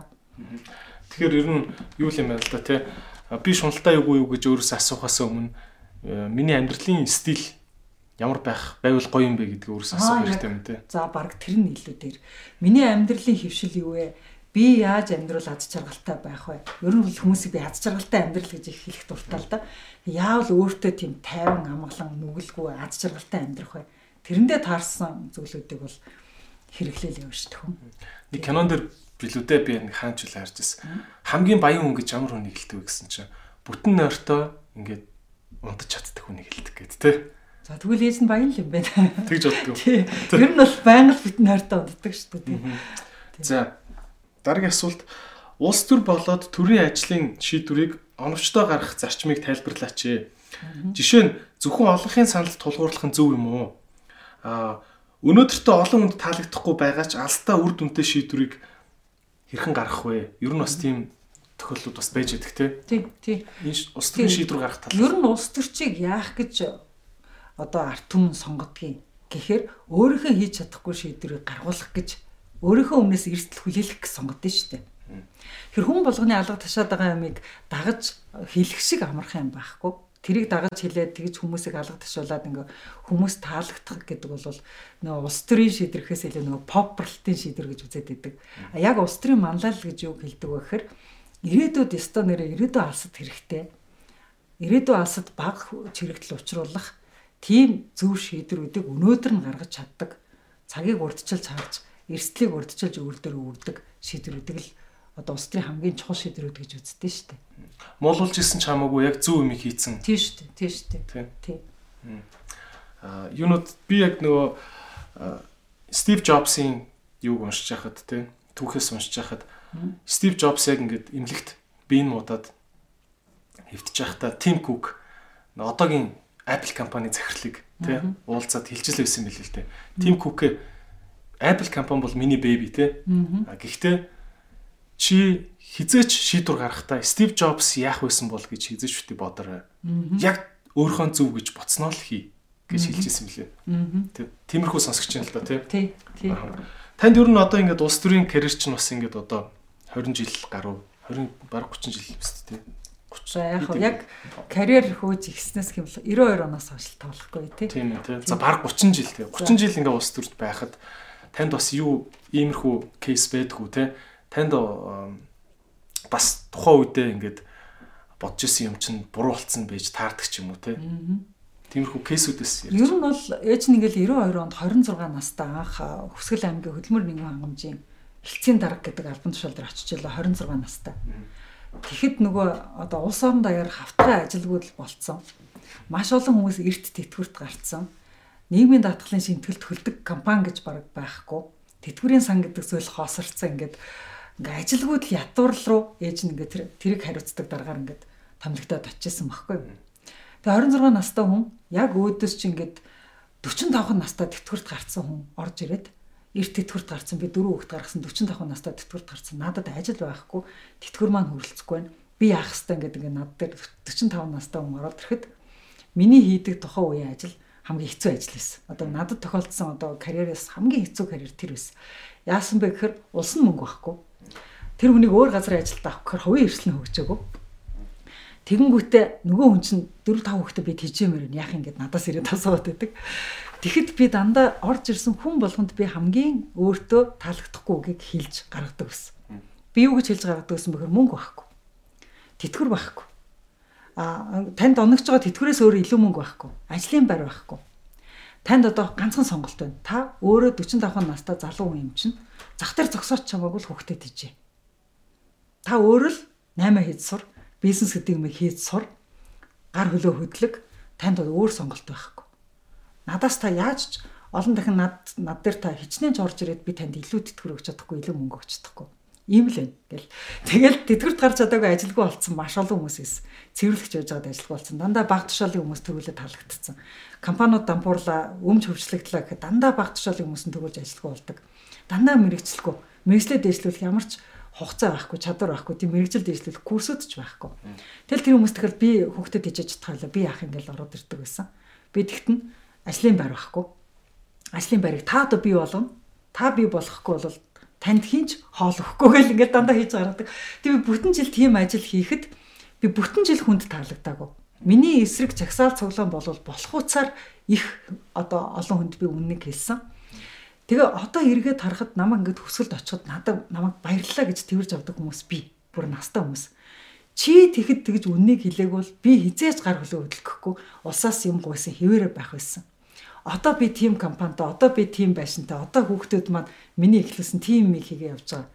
Би тэр үед ч шүд зугаал чам чамаг тэгж хэлэх чинь өрөөнөөс чи уйлж гараад шүд зугаал гэртээ ирээл гэрээхэндээ уйлж хэлээл тэр мөн өөх нь намайг өстө нэр өөрөө зах дээр зогс гэлээ. Би яаж багш хүн байж зах дээр яаж зогсох юм гэл өөлж гараал. Гэхдээ тэгээ зогсохгүй гэдэг яах юм гэл өөлөл зах дээр зогсчихсон. Одоо би бүр компанитай гэл ингээл ийм хүмүүс ээжтэй тааралддаг байхгүй. Тэгэхээр би 26 настай байхдаа өстө гинэ хонгор улс төрд ороод гинэ хонгор улс төрд ороод хамгийн хатуу үгийг хүнд хэлэх үүрэгтэйгээр очил. Тэгэл ээж нь юу ойлгосон бэ гэхээр хүнд үннийг хэлэх нь улс төрч хүний нэг үүрэг юм байна гэдгийг л ойлгосон. Тэгээ одоо ч гэсэн тэргээр л явж байгаа л да ер нь тэр школ ороод явж байгаа. За улс төртэй холбоотой бас нэлээ асуултууд бас тань дээр ирж илээ. Тэг юм болгон л одоо яаж хүүхдээ мундаг, хүүгээ мундаг хөгжүүлсэн бэ гэж бас асуухгүй байна. За за арчил намын нэр хүнд яагаад ийм муу байна вэ? Гол алдаа нь юу байна вэ? Яаж засах ёстой вэ гэсэн. Танаа намын л хүн бичсэн юм шиг үү? За ер нь бол судалгаагаар ч харуулдаг, за иргэдийн сонголтоор ч харуулдаг ардсан нам маань ерөөсөө нөгөө нэг бид нар арт түмний хүсэж байгаа манлайллыг үзүүлж чадахгүй байгаад л гологдоод байна л да. Тэр иргэд иргэд бас нөгөө улс төрчөөс юу хүсдэг вэ? Улс төрийн намаас яг адилхан тийм хүсдэг байхгүй. Улс төрчөөс ерөөсөө бидний өмнөөс эрсдэл хүлээгээд өгөөч л гэж хүсдэг штэ. Бидний дугарч чадахгүй юм дээр дуграад өгөөч. Бидний хамгаалж чадахгүй байгаа эрх ашгийг хамгаалаад өгөөч. Бидний хохирох гээд байгаа юмыг хамгаалаад өгөөч гэж л улс төрчийг урдаа гаргадаг штэ иргэд а яг түүнтэй адилхан улс төрийн намыг ч гэсэндээ эрсдэлүүлээгээд өгөөч л гэж хүсдэг байхгүй. Бидний өмнөөс эрсдэлүүлээгээд дуурайд өгөөч. Бидний эрх ашгийг хамгаалаад өгөөч гэж ингэж л хүсдэг байхгүй. Бити попроч гэж гаргад юм биш үү? Тэгтээ. Тийм. Эрсдэл хүлээн гэдэг чинь улс төрч хүний хийдэг хамгийн том ажил байхгүй. Бүр хамгийн том ажил. Тэгэхээр зэрэг тэр эрсдэл ерөөсө хүлээж өгөхгүй ингээд комфорт зондоо байгаад байгаа намд иргэд дургу болцдог байхгүй одоо ингээл улс төрд байгаа манай арц намаас гарсан их хурлын гишүүд сайд нар ингээл олигтой ингээд эрх баригчаа шүүмжилж өгөхгүй эрх ашгийг ингээд зөрөгтэйхэн шиг хамгаалаад өгөхгүй дуграадахгүй болохоор л арц нам дугаа болчлаа арц нам алга болчлаа гэж ингээд өгдөг байхгүй. Тэгэхээр зэрэг ер нь бол арц нам хүнд харагдъя гэвэл дахиад одоо иргэдийнхэн хариг татъя гэвэл эрсдэл хүлээх хэрэгтэй байхгүй. Тэгээ эрсдэлтэй алхам хийх хэрэгтэй. Иргэдийнхэн үл нуруунд дээр байгаа эрсдлийг өөрийнхөө нуруунд дээр авах хэрэгтэй байхгүй. Гэхдээ нэг иймэрхүү ойлголт байдаг шүү те. Алдах юмтай хүн л эрсдэл хийдэггүй.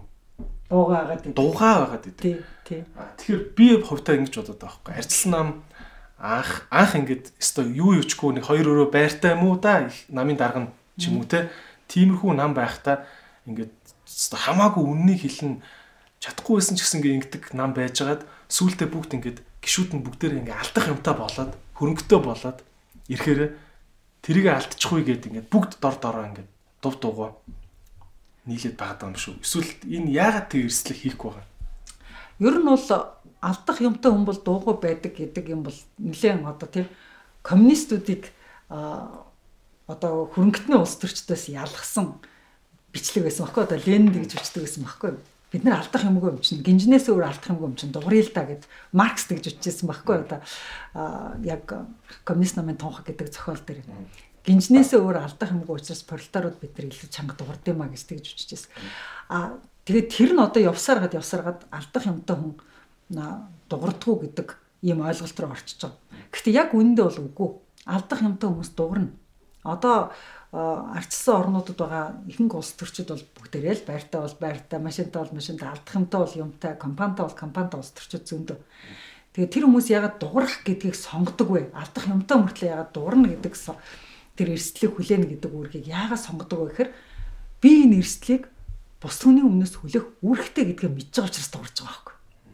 Одоо бол алдах юмгүй хүн ховорхон шүү дээ. Яг тэгвэл бүгдээрээ бид нар хувийн хвшилд орцсон. Тэгээ алдах юмгүй хүн угаасаа хаач байхгүй болсон. Тэгэхэр зэрэг одоо энэ улс төрд орж байгаа хүмүүс ялангуяа манай нам шиг ингээд хүмүүсийг мөнгө төгрөгийг авч жагаад ингээд улс төрд мөнгөөр нь баг хэмжиж жагаад оруулж байгаа газарт бол бүх хүн алдах юмтай. Гэхдээ яагаад зарим нь дуграад зарим нь дуурдах юм бэ гэхээр юуны төлөө дуурхаа одоо байлдааны талбараа сонгож чадахгүй байгаа.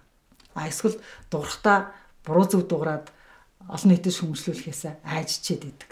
А эсвэл би дуурах үүрэгтэй, би хүний өмнөөс эрсдэл хүлээх үүрэгтэй гэдэг үүргээсээ ойлгоогүй. А тэгээд бүр одоо дөрөвдүгээр барианд нэг чиний хэлсэн барианд тахгүй. Би дуурчвал миний компани руу шалгалт орчихно. Би дуурчвал манай компанийг манай газрыг буцаад тураагаад авчихна. Өөрөөр улс нь тийм нөгөө эркет чин чанар байгаад байгаа учраас тэрнээсээ айгаад бас дуурахгүй гэж бас болно л доо. Тэгэхээр зэрэг ерөнхийдөө бол ямар газар хүмүүс илүү сайн дуурдаг гэхээр тухайн улсад нь хууль зөв хэрэгждэг, шүүх зөв ажилдаг тий сүүх хуулийнх нь улс төртөөгөө хөвөлдөж одоо ингэж нөгөө олигарх жаагүй газарт улс төрчид илүү зориг зоримгтой зоримог дуурдаг байхгүй. Тэгэхээр зэрэг манай арчс намынхаа одоо илүү хөрөнгөччөд дугаа байна гэхээсээ илүү манай хууль шүүхийнхэн улс төрийнхэнтэй илүү хотголдсон учраас улс төрчтөн дугаа болчиход байгаа юм биш үү гэдэг бас дараагийн дүгнэлт бас гарах боломжтой. Тэгэхээр зэрэг ер нь бол ийм тогтолцоонд яг эцээ эцэд хэн дуурдаг вэ гэхээр яг л нөгөө нэг тий барьцаалагдах юмгүй хүмүүс л илүү дуурайд байгаа шүү дээ. Үнэхээр л яг одоо дуурах ёстой гэдэг сонголтоо тов тод хийж чадж байгаа хүмүүс нь л дуурч байна тий. За. За дахиад нэг асуулт яг арсанд орж ирж байна. Аа олон нийтийн бас төрийнхний ёс суртахууныг нэмэгдүүлэхэд юу юу хийх хэрэгтэй гэж боддог вэ? Энэ тал дээр та юу хийхийг боддог вэ? Ёс суртахууныг ерөөс яг хэмжээ хэмжээнд нь байлгадаг, байр байранд нь байлгадаг. Хамгийн одоо эцсийн зогсоол бол шүүх штэ ер нь бол.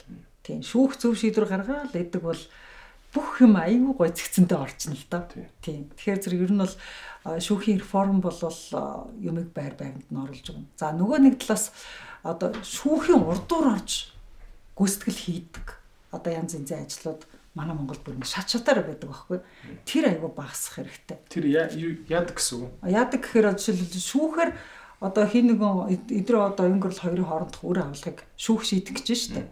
Шүүхээр таслагдаагүй байхад өнгөрлийн дансыг хаагаал эхлүүл тэр чин шүүхийн өмнөх одоо цааз явагдаад шүүхийн өмнөх одоо гүйцэтгэл явагдаад байгаа байхгүй. Тэгэхээр зэрэг шүүхийн шийдвэр гараагүй байхад элдв данс хаадаг, элдв хүмүүсийн бизнесийг зогсоодог, элдв гүйцэтгэл хийдэг юмнууд маань хитрхээ их учраас манай Монголд юм ерөөсөө дистранд ордгоо.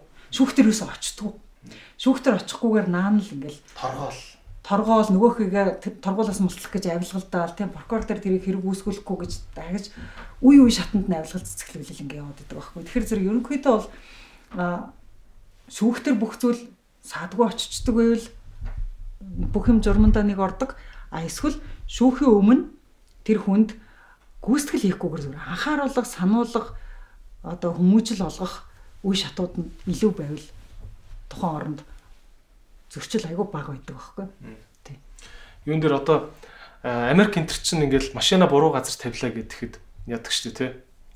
Аа юун дээр хэрвээ торгуулмааргүй шүүх дээр гэдэг чинь тийм жижиг хэргийн шүүх гэж байдیں۔ Жижиг хэргийн жижиг хэрэгүүдийг хүртэл шүүх нь ингээд айгүй хурдан хурдан айгүй олон шүүхтэй. Жижиг хэргийн шүүхтэй, орон сууцны шүүхтэй тий. Тэгээд янз янзын тус тусын шүүхтэй. Тэгээд жижиг хэргийн шүүх буюу өдөрт нь асуудлыг шийддэг шүүхүүд ерөөсөө юм айгүй хурдан зэгцэлж өгдөг л дөө. Би ч гэсэн бас машина торгуулж ирсэн. Тэгээд та ингээ 30 долларын торгуулийг танд ингээ ногдуулж байна.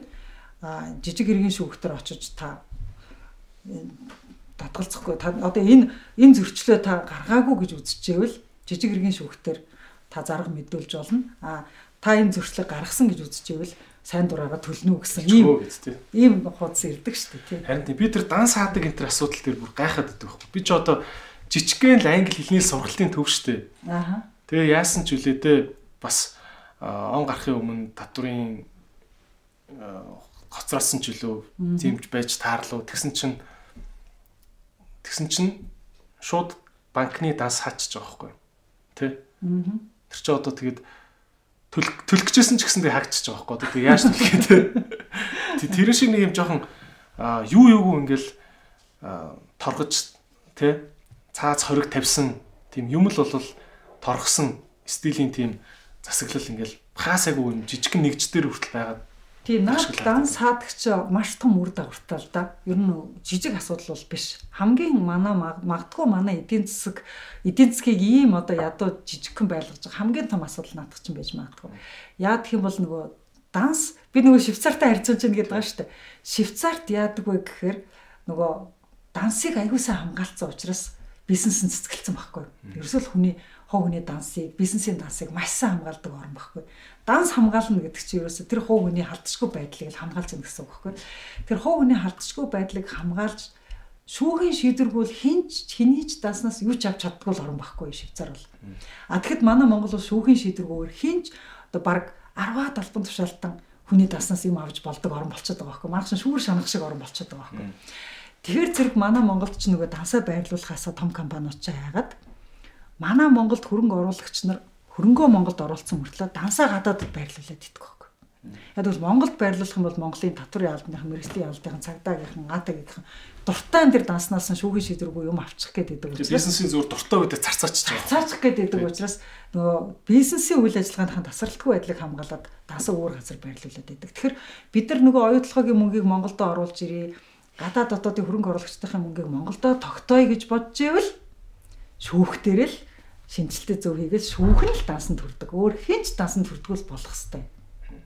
Татрын газар чинь бол зүгээр зүгээр нэг даргын гарын үсгээр компани данснаас мөнгөний бүр татаж авч байгаа шүү дээ. Одоо бүр. Тэр бол ерөөсөө шүүхийн шийдвэргүйгээр мөнгө татаж авдаг учраас л манах тим практикаас болоод манах дандаа эдийн нь хойно явж идэг. Манах руу PayPal орж ирэхгүй байгаа шалтгаан ерөөсөө л тэр шүү дээ. PayPal ч нөгөө хүмүүсийн хувийн данснуудыг хооронд нь ингэж интеракшнд оруулж өгдөг гүйлгээнд холбож өгдөг платформ шүү дээ. Тэгээ дэлхийн бүх оронд байгаад байдаг Монголд байдаг. Яг тэгэхээр Монголд PayPal-тай холбогдсон хэдэн данс ингээ холбогдсон байж тэр нэг данс нь ажиллах болчих юм бол PayPal ажиллах болчих шүү дээ тий. Тэгэхээр чинь манайх ч нөгөө дансны баталгаачлалт байхгүй газар PayPal орж ирдэггүй байхгүй. Bucket list байдгүй хуулцаарай тий одоо ийм ийм л зүйлүүдийг заавал хийж үзнэ гэсэн тийм чагсаалт байдгүй. Нэг тийм орчин үеийн хүүхдүүдийн нэг мөрөөдөд байдаг bucket list ирдэг шүү дээ тий. Тийм bucket list бол эзэн байхгүй намайг залуу байхад нөгөө тийм bucket list гэдэг мод байгаагүй байхгүй байгаагүй. А гэхдээ ээж нэг ингээд дөнгөж сургууль төгсөөд одоо нэг 22 та ингээд ажилд орд тийм аа. Ажилд орохдоо ингээд нэг айгүй сэтгүүл захиалсан байхгүй одоо тухайн үед чинь Огеньок, Ровесник гэл ингээл эмгтээчүүд энэ төргээл янз янз сэтгүүл захиалдаг. Тэгээ сэтгүүлүүдээс ингээл манай найзууд сэтгүүлүүдээс ингээл гой хүүхний зураг мураг хайшлал энэ тэндэ наадаг янз янз ингээл эргэжтэйчүүд ингээл бод билдинг эдний зургнуудыг аваад хан мандаа наадаг байлаа шүү дээ тухайн үед. Би юуны зураг хайчилж ингэж өөрийнхөө сейфний хаалганд наадаг байсан бэ гэхээр дандаа хауснуудын зураг ээж нь хайчилдаг байсан. Хауснд их хоббитэй байлаа. Одоо одоо тахтыг манай одоо энэ амьдарч байгаа хаус шиг ийм хауснуудын зургнууд их авдаг байсан. Тэгээд эргээд бодоод байсан чи ер нь миний ингээ нөө хобби тийм гой хаус их мөрөддөг байсан байлээ. Гэхдээ нэг тийм өөрөө өөрийн барьсан хаваасаас илүү одоо миний bucket list-д юу байгаад байгаа гэхээр нөгөө хурааж орлонтой нөгөө гэр хороолол сумын төвөд аймгийн төвөдөд ийм ийм ийм хаваасуудтай хүмүүс ингэж гоё амьдрах юм байна гэдэг э, хүмүүст одоо би болох хүмүүсийн амьдрах хавсууд ээжийнх нь list-д байгаад байгаа л да. Гой гой сүлтээ тэгээд гой гой Акиягийн Акия гэдэг шиг л одоо тэгэл хаусны Акия л хийх гээд байгаа шүү дээ тий. Хаусны Акия bucket list-д байгаа. За ярьсламаа тэгээд дахин үзэгч нартаа сануулхад энэ оны онцлог зочноо өрж ярьслах хийж байгаа. Тэгээд ээжийн орсон дугаар YouTube дээр 960 мянган хандлт аваад одоо хамгийн олон хүн үзсэн дугаар болсон учраас шинэ жилийн тусгай дугаартаа өрсөн байгаа. Дараа онд бас яг энэ зарчмаараа зочдоосоо сонгон давтын ярьслах хийн. Тэгээ өнөөдрийн ярьцлаганд зөвхөн үзэгчдээс ирсэн асуултуудыг асууж байгаа шүү гэдгийг анхаараарай. Тийм болохоор сэдв их ийш тийшээ савчиж байгаа. За аа дахиад улс орны шинжтэй асуулт байна. А 10 30 50 100 жилийн дараа Монгол улс хаана байж болох вэ те? А түүний тулд юу хийж болох вэ? Сонсмоор байна гэж байна. Төрөний яг швейцар буцаартаа төсөөлөл асуулт юм. Гэхдээ холоор нь харуул. Тийм, ер нь бол 10 10 жилийн дараа гэхэд бол бид нар бол хоорондоо л үг хэлэл олцож амжина. Одоо яг ер нь л ногоо эдэн цэцгэр явахгүй болохгүй юм байна шүү. Ашиглалын зардлыг ингэж бууруулахгүй болохгүй юм байна шүү. Ер нь бол хитрхийх үр тавиад бол цаашдаа бид нар төлж дийлэхгүй ингээд бараг бусдын хараат болох нь байна шүү гэдгийг ойлгоход бол 10 жил хэрэгтэй. Дараа нь 30 гэлөө. Тийм. 30. А 30 жилийн дараа бол би их өөдрөг харж байна. 30 жилийн дараа бол маш прагматик, маш одоо тий бид нэг ингээд төвлөрсөн бүх юм ингээд төвлөрсөн байдлаар хангах гэдэг юмнаас бол салцсан. Нилээн төвлөрсөн бус э, энергиуд, төвлөрсөн бус шийдлүүд бол нилээн хүчээ автсан. Одоо швейцар модель руугаа нилээн орцсон байх болов гэж бодож байна. Тий. А 50 жилийн дараа гэхэд бол ер нь бол одоо одоогийн Европ шиг ийм одоо бүр энэ тентгүү кластер хөгжсөн байх болов уу гэж бодож байна. Нөгөө цацрагны кластер увсад те одоо тэг бясалганы кластерууд зөндөө хөгжсөн. Тэгэл шар тасны кластерууд хөгжсөн. Зүгийн балны кластерууд хөгжсөн. За тэгэл барилгын янз янзын моделийн кластерууд хөгжсөн. Ер нь бол Монгол бол тэр чигээр ингээ кластерчдсан орн болох болов 50 жилийн дараа гэж харж байна. 100 жилийн дараа. За 100 жилийн дараа бол тэгээ Швейцарт байгаа цуг яг зэрэгцсэн л явж байгаа болоо гэж бодож дээ. Буцаа бро гэх. Юу энэ миний бро. Аа. Швейцартаа сайхан Яг Жицүү нэг броонууд төрлийн шалцуу болцсон л явж байгаа. Аа. Юу нэг одоо би сайн нөгөө Amazon-ы тэ дэлхийн хамгийн баян Jeff Bezos гэдэг хүн байгаа тэ. Энэ бол технологийн одоо супер одоо том захирал шүү дээ Тий. Тэгэд а Elon Musk энэ хоёр чинь нөгөө пуужин хийгээд өрсөлдөд байгаа. Elon Musk-ийн болохоор зорилго нь дэлхийд дэлхийн хүмүүс хизээ нэгэн цаг дэлхийдээ багтаж шингээ болоод өөр гариг дээр амьдардаг болно. Тэрийг тэр одоо анхны одоо автобусны буудлыг Марс дээр авчиж барина. Гэт Марс руу хүн зөөхийн тулд пууж хийж байгаа хүн байгаа. За. Тэгсэн чинь Jeff Bezos-ыг би бас адилхан юм бодд юм баг гэсэн чинь айгу үгүй юм байна. Айгу тийм сонин юм юм хэлж яана л та. Үгүй ээ. Хүмүүс хизээч сансрын өөр гаригууд дээр амьдрахгүй. Хүмүүс харин дэлхий дээрээ 100% бүх газар нь ийм амралтын газар шиг ногоон болгоод дэлхий бол residential буюу одоо зүгээр нөгөө хотхон тэр чигээр хотхнууд байдаг газар болно. А дэлхийн бүх үйлдвэрүүд харь гариг руу сар руу марс руу мөнэ Аа. гэдэг тийм одоо юм алсын юм төсөлтэй байгаа байхгүй хүн төрөлхтний амьдралын талаар тий. А таны зүгээр юм энэ энэ асуултаас урах гэд тий одоо бүр ингэ цаашгаа 500 жил гэд бодъё л та тий. Хүн төрөлхтний амьдрал энэ хоёрын жишээ нь аль руу нь явах бол тий.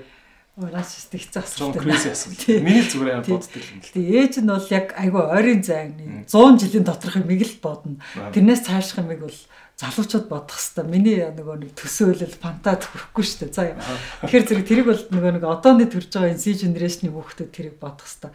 А миний харин хийх гэрийн даалгавар бол ерөөсөө л энэ одооны залуучуудыг насанд хүрэхэд нь нөхөн жорлонгүй байлгах эдийн засгийн ингээд те яаж ч хил хаагдчихсэн хизээч хинж өсд өсдгүү а, ажилгүй болдгоо мөнгөөр тасардггүй дотоод кластертай болох те. Би бол тийм л ойрын зорилттой бодож штэ тэгээд тэр 500 жилийн дараагийн юмнуудад тэр залуучууд л бодог.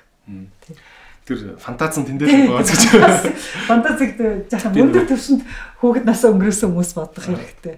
Тий Тэг би нөө шунхлагийн бацаарын захиралтай нэг нэг бүр дээрүүд нэг хальт өрөөгөр нь нэг уулзах завшаан Аа. бас юм бизнесийн ингээд томчуудаас чинь ингээд нэг юм та юу гэж бодож чинь гэж асууж штэ. Тэгэл асуус бас ийм асуултаас байхгүй бас. Ингээл одоо Монгол залуучууд Silicon Valley руу явбал цахиурын өндөд очиод ингээд дараагийн Google-ыг байгуулах хэвээр тийм биз дээ. Та одоо юу гэж боддог гэсэн чинь. Гэхдээ одоо тэгэл та нар тэгээ тэгэлдэ тэгэл. Би бол энэ ч тэгэл тий Үйлдвэрэл ажил ажилласан. үйлдвэрлэгчээ хийгээл байж нам хаппи шүү дээ.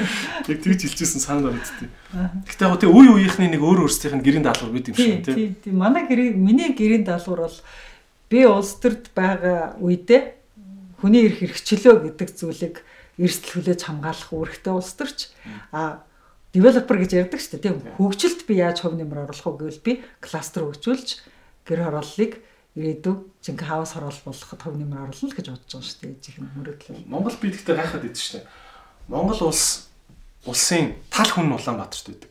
Тэгснээр тэр талынх нь дахиад бараг 65 бараг 70 руугаа төхөд байгаа юм шүү ер нь. Тэ? тийм 60 хэдэн хувь нь гэр хороолт байдаг байхад яагаад энэ үндэсний хамгийн том асуудал асуудлаар ингээ өнөөдөр номер 1-т яригдахгүй ингээд аа баг тэндээ ингээ байж идэх ухааны юм шиг юм хандлагатай болсон юм бэ гэдэг бас. Тийм яг буруу хандлага байхгүй. Нөө хөгжлийн төсөөл нь буруу байсан байхгүй. 20 дугаар зуунд одоо хөг- 20 дугаар зууны нүдээр хөгжлийг харж байсан хүмүүсийн хувьд хөгжил нь өндөр байшаа харагдаад байхгүй. Юу? а ээж нь 21 дугаар зууны нүдээр хөгжлийг хараад шүү дээ. 21 дугаар зууны хөгжлийн нүд бол нөгөө доктортой хөгжил байхгүй. Юу? sustainable development гэдэг бас доктортой хөгжил. Тэгэхээр юу нь доктортой юм бэ? Юу нь ажил одоо орц багтай юм бэ? Юу нь юуг хөгжүүлэхэд амархан юм бэ? Юуг хөгжүүлвэл хүмүүс нь орлоготой байх юм бэ? Юуг хөгжүүлвэл ашиглалтын зардал маань бага байх юм бэ? Юу нь те гадаад дотоодоос хитрхийг хамаарахгүйгээр ингээд өөрөө өөрийгөө аваад явж чадах юм бэ гэдээ харахаар л гэр хорооллын хөгжил байгаа байхгүй. Тэгэхээр гэр хороолч манай ирээд байхгүй. 21 дугаар зууны хөгжлийг харж байгаа хүн гэр хорооллыг өөр нүдээр харна. А 20 дугаар зууны зугаар зугаар 20 дугаар зууны хөгжлөөр хөгжлийг төсөөлж байгаа хүн одоо энэ даунтауныг хөгжлөх гэж хараад байгаа байхгүй. Тий. За өндөр барилгыг те. Тий. Тий. Тэгэхээр би бол миний хувьд бол 21-р зууны төсөөл илүү надад ойр сонсогдоод байгаа. Билүүлчихэд илүү амархан сонсогдоод байгаа. Илүү бас илүү илүү бас монголчуудын амьдралын характерт нь тохирч магадгүй л бах. Монголчууд яаж даруухан соёлтой болоод болоод хаяа нэг найз нартайгаа даалуу тоглоод арх уугаад орилтгал бах те. Тэр үед ингээд юм хашаа машаатай хориулаад мод зодтой те. Түр шал нь унтчил байдаг. Тий нөгөө Оросууд ч бас нэг тохирохгүй байгаа шүү дээ гэсэн юм баггүй. Газартай хүн гэдэг чинь газар дээрээ хавстай амьдрах хэрэгтэй байхгүй. Газар багтаа орны жишээлбэл Манхаттан те Нью-Йоркийн Манхаттан гэдэг нэг харалтаа бид нэр өөрийгөө харьцуулж ерөөс хэрэггүй шүү дээ. Тэр чинь зөвхөн хатан дээр байгаа харал. Тэр харал дээр юм чинь угаасаа тэр Манхаттан гэдэг хатан дээр бол өндөр байшингаас өөрөө угаасаа барихгүй. Тэгэхээр тэрүүгээр бид нар хөгжлийг төсөлж болохгүй байхгүй. Хэрвээ энэ нэрэнд та өсвөр насны охин байсан бол хамгийн түрүүнд юу их байсан бэ? аа гэж байна. Одоо яг өөрийгөө одоо яаж авч явах байсан бэ гэж. Би бол одоо ийм гоё эрхчлээтэй орчинд, ийм гоё интернеттэй орчинд өсвөр насны охин байсан бол би одоо 2 3 хэл сурна. Би бол өөрийгөө бол хэлхний талд бол гайгүй авьяастай гэж боддог. Хэлгүй яг HippoCards апыг яг одоо та бүхэн хуулж аваарай. HippoCards үг зэжлдэг аппликейшн. За ээж энэ реклам. Тэгнэр би одоо яг ингээ Франц хэл шууд сурна. Англи хэл, Франц хэл, тэ Япон хэл би одоо өстой. Үнэхээр юм 3 4 хэлтэй нэг одоо нэг дайн октод байдаг шүү дээ, тий. Дайн, Бэлэг энэ төр гэдэг. Швед. Швед энэ төр гэдэг хэдэн байдаг шүү дээ. Дандаа 3 4 хэлээр ярьдаг. Люксембург байна. Тий, тэгээ та нар яагаад ийм олон хэлээр ярьдгийг хэрэг эрхчлээтэй оронд эрхчлээтэй орчинд төссөн. Иш харал англи, иш харал герман, иш харал францаар ярьж штеп бүх хэлээр ярьдаг нэг хүүхдүүд байдаг шүү дээ. Би бол одоо яг үдэд би одоо өсвөр насны хүүхдийн тарих одоо яг миний толгой дотор байгаа бол би одоо 3 4 хэл зэрэг сурмаар санагдаад байгаа байхгүй. Тэгээ ер нь яг ингээд Люксембург те одоо Швейцар бас адилхан те. 3 хэлтэй хэлээр ярьдгийгаа нэг тийм хилтэй устаа гэж боддгоо тий. Тий, боддгоо. Аа, тийм яг францаар, германаар ярина. Тийм гэл. Яг бичгийн хэл бол 3, тэгтээ ярьдаг хэл бол 6. Энтэр гэж байгаа шиг тий. Яг тэгж ярьдэн шүү. Бүр нэг зүгээр байдаг л нэг цөвий чадна гэж байгаа юм шиг л сууж идэг тий. Тий, яг тэг тий. Би одоо ийм гоё орчинд бол яг л тэгнэ. Ээж нь англи хэл сурах гэж явах үед чинь англи номч олддггүй байлаа шүү. Англи хэл мэддэг нэг ч хүн байхгүй. Мөрөнгийн төвд ээж нь одоо бүр нэг байгууллагын даргын герт нь очиод танд л англи ном байдаг гэсэн. Та надад нэг англи ном өгөөч гэж жагаад нэг ширхэг англи ном аваад тэг тэрийг хийж нь хуулан бичлэг хийж илаа шүү дээ. Тэгээд энд ирээд англи хэл сурах чахад англи хэлний ганцхан курстэй. Тэр ганцхан курст нэгээд ганцхан номтой тэгээд нөгөө илүү чөлөөтэй юм орчуул ихээр англи хэлтэй юм олдохгүй. Би англитэй юм хаагаар байл юм бол хайж явж байгаад Монцаа метр очиод Монцаа магийн гаргадаг Монгол мессенжер гэдэг сонноос хуучин дугааруудыг гууж аваад наадах дугааруудыг чинь би орчуулж үзье гэд тэг орчуулдаг байлаа шүү дээ. Тэгэхээр англиар унших юм олддгоо, үзэх кино олддгоо, ярих юм Google гэж байхгүй. Google гэж байхгүй, HippoCards гэж байхгүй. Юу ч байхгүй үед л ээжин зүгээр ингээл хууламжлал хийж байгаа англиар сурсан шүү дээ. Би яар санаад идэг байхгүй. Одоо яг нөгөө навагч яг ингээл э, өсвөр нас насн дээрээ байж ах чинь те. Аа гэд гэрийн гэрийн интернетийг сааддаг байхгүй те. Нэг жоохон баг чинь ингээл нэг юм Дайл апаар ордог гэсэн. Гэл дуурж дуурж байгаа л нэг амар удаа интернет ордог. Тэгэл вэ цэг.com гэл нэг дарангууд ингээл Тэгэл ингээл унших гэл те. Би таныг зүгээр яг нэг хороол 3 4-ийн жижигхэн 2 өрөө байрнаас тийм одоо хөгийн интернет шүү дээ. Хөгийн интернеттэй байжгаад бас яаж ингэж Стэнфорд руу ингээд яваад тэгээ тэтгэлэг мэтгэлэг олоод ингээд тэгээ хүүхд мүхтэй чирээд Ингээ Америк явцныг бас одоо бас жоон гайхаад идэж шүү дээ. Бас магтаж хэлэхэд. Тэр үедээ л ээж нь бол өстой гайхамшигтай юмд нэвтэрчээд байгаа шүү дээ. Тэр чинь ээж нь тэр нөгөө сургалтын тэтгэлэг мэтгэлгүүд чинь дандаа тэр яахаагаар хайлтаар болсон шүү дээ. Тийм. Үнэхээр гайхдаг шүү тэрийг. За дараагийн асуулт ийм асуулт байна. За аа дахиад ус төрийн асуулт юу нэлээ их хэрдэм байна. Тэн дээр асуулт авахар аа арчилсан улс гэж ямар улсыг хэлдэг вэ? Арчилсан орны иргэнд ер нь ямар ямар эрх мэдэл байдیں۔ Тэ? Монголд ер нь арчил байгаа юу гэдэг асуулт байна. Аа за тэгээд за би энэ асуулт арай их урт асуулт байна. Дахиад задлаад цааш нь би асууя. За тэгээд би энтэй холбоотой зүгээр бас нэг тоо хальт харсан юм л та судлаа. Тэгэд энэ судалгаа бас миний сүүлийн үед нэлээ ингээд ярьслахандаа хэрэглээд байгаа айгүй гайгүй найдвартай сайн судалгаа гэж би бодоод байгаа судалгаа байхгүй. Залуучуудын судалгаа. Монголын залуучуудын. Тэгээ энэ Монголын залуучдын судалгаан дээр нэг ийм сонин тоо гарч ирсэн билээ. Яг энэ асуултыг асуусан билээ. Аа Монголын арчил яг жинхэнэ гоё арчил байж чадчихна уу гэдэг асуултанд Монголын залуучуудын 37% нь за ер нь сайн яг арчил бол мөн гэж хариулсан байна. 37%. Тэгсэн мөртлөө 53% нь одоо хагас дутуу арчлаа. Наа чинь бол зүгээр л 50% таа арчлаа гэж хэлсэн байна. Миний ойлгочоор. Тэгээд 6% нь наа чи арчил биш гэсэн юм. Та энэ тоонуудаа санал нийлэх бас? 53 тань санал нийлэх юм байна. 53% тань. Яг тэгвэл бид нар арчлалын тодорхой элементүүдийг хэрэгжүүлж чадахгүй байгаа. Ер нь бол арчсан орн мөн үү мөн. Арчсан сонгуулаар төрөө сонгодгоо сонгодог. Олон нам байдгүй байдаг. Одоо шүүмжлэх үг хэлэх хэрэгчлөө байгаа юу? Байгаа. Хэвлэлийн хэрэгчлөө байгаа юу? Байгаа. Өөрөөр хэлбэл арчлалын ийм ийм элементүүд маань байгаа. Гэхдээ арчлалын нэг маш чухал элемент нь нөгөө нэг rule of law гэдэг юм байдаг байхгүй. Хууль нь захирдаг нийгэм байх ёстой гэж үздэг. Хууль дүрм нь хууль дүрм нь одоо амьдралыг зохицуулдаг нийгэм гэдэг чинь арчсан нийгмийн нэг үзүүлэлт байхгүй. Хууль дүрм нь зохицуулахгүй дарга зохицуулаад ирэхээр нөгөө захиргааталтай элемент орж ирдэг байхгүй.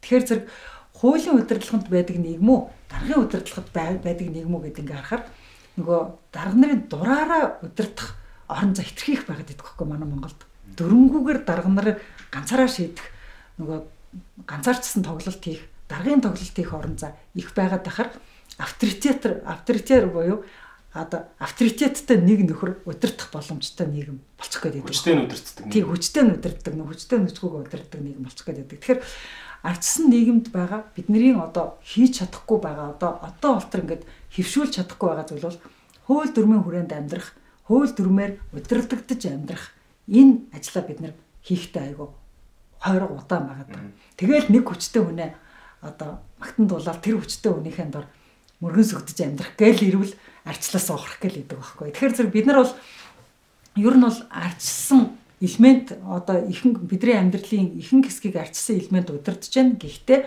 арчлалт байх хэвээр одоо тулгын гурван чулуу гэдэг шиг нэг чулуу нэгэд байраа олохгүй яваад байгаа ийм байдалтай манай хойж байгаа. За нөгөө нэг талаас манай арчлыг бас нэг жоохон гутааж байгаа тий. Нэг зүйл бол юу вэ гэхээр ер нь бол тэр нөгөө гурав дахь чулууг одоо байранд нь яг тавьж өгдөг хууль хуулийн дагуу амьдрал шүү хэдүүлээ гэд ингэх гэхээр тэр хуулийг тогтоодог гол хүмүүс нь иргэд өөрсдөө байдаг аахгүй.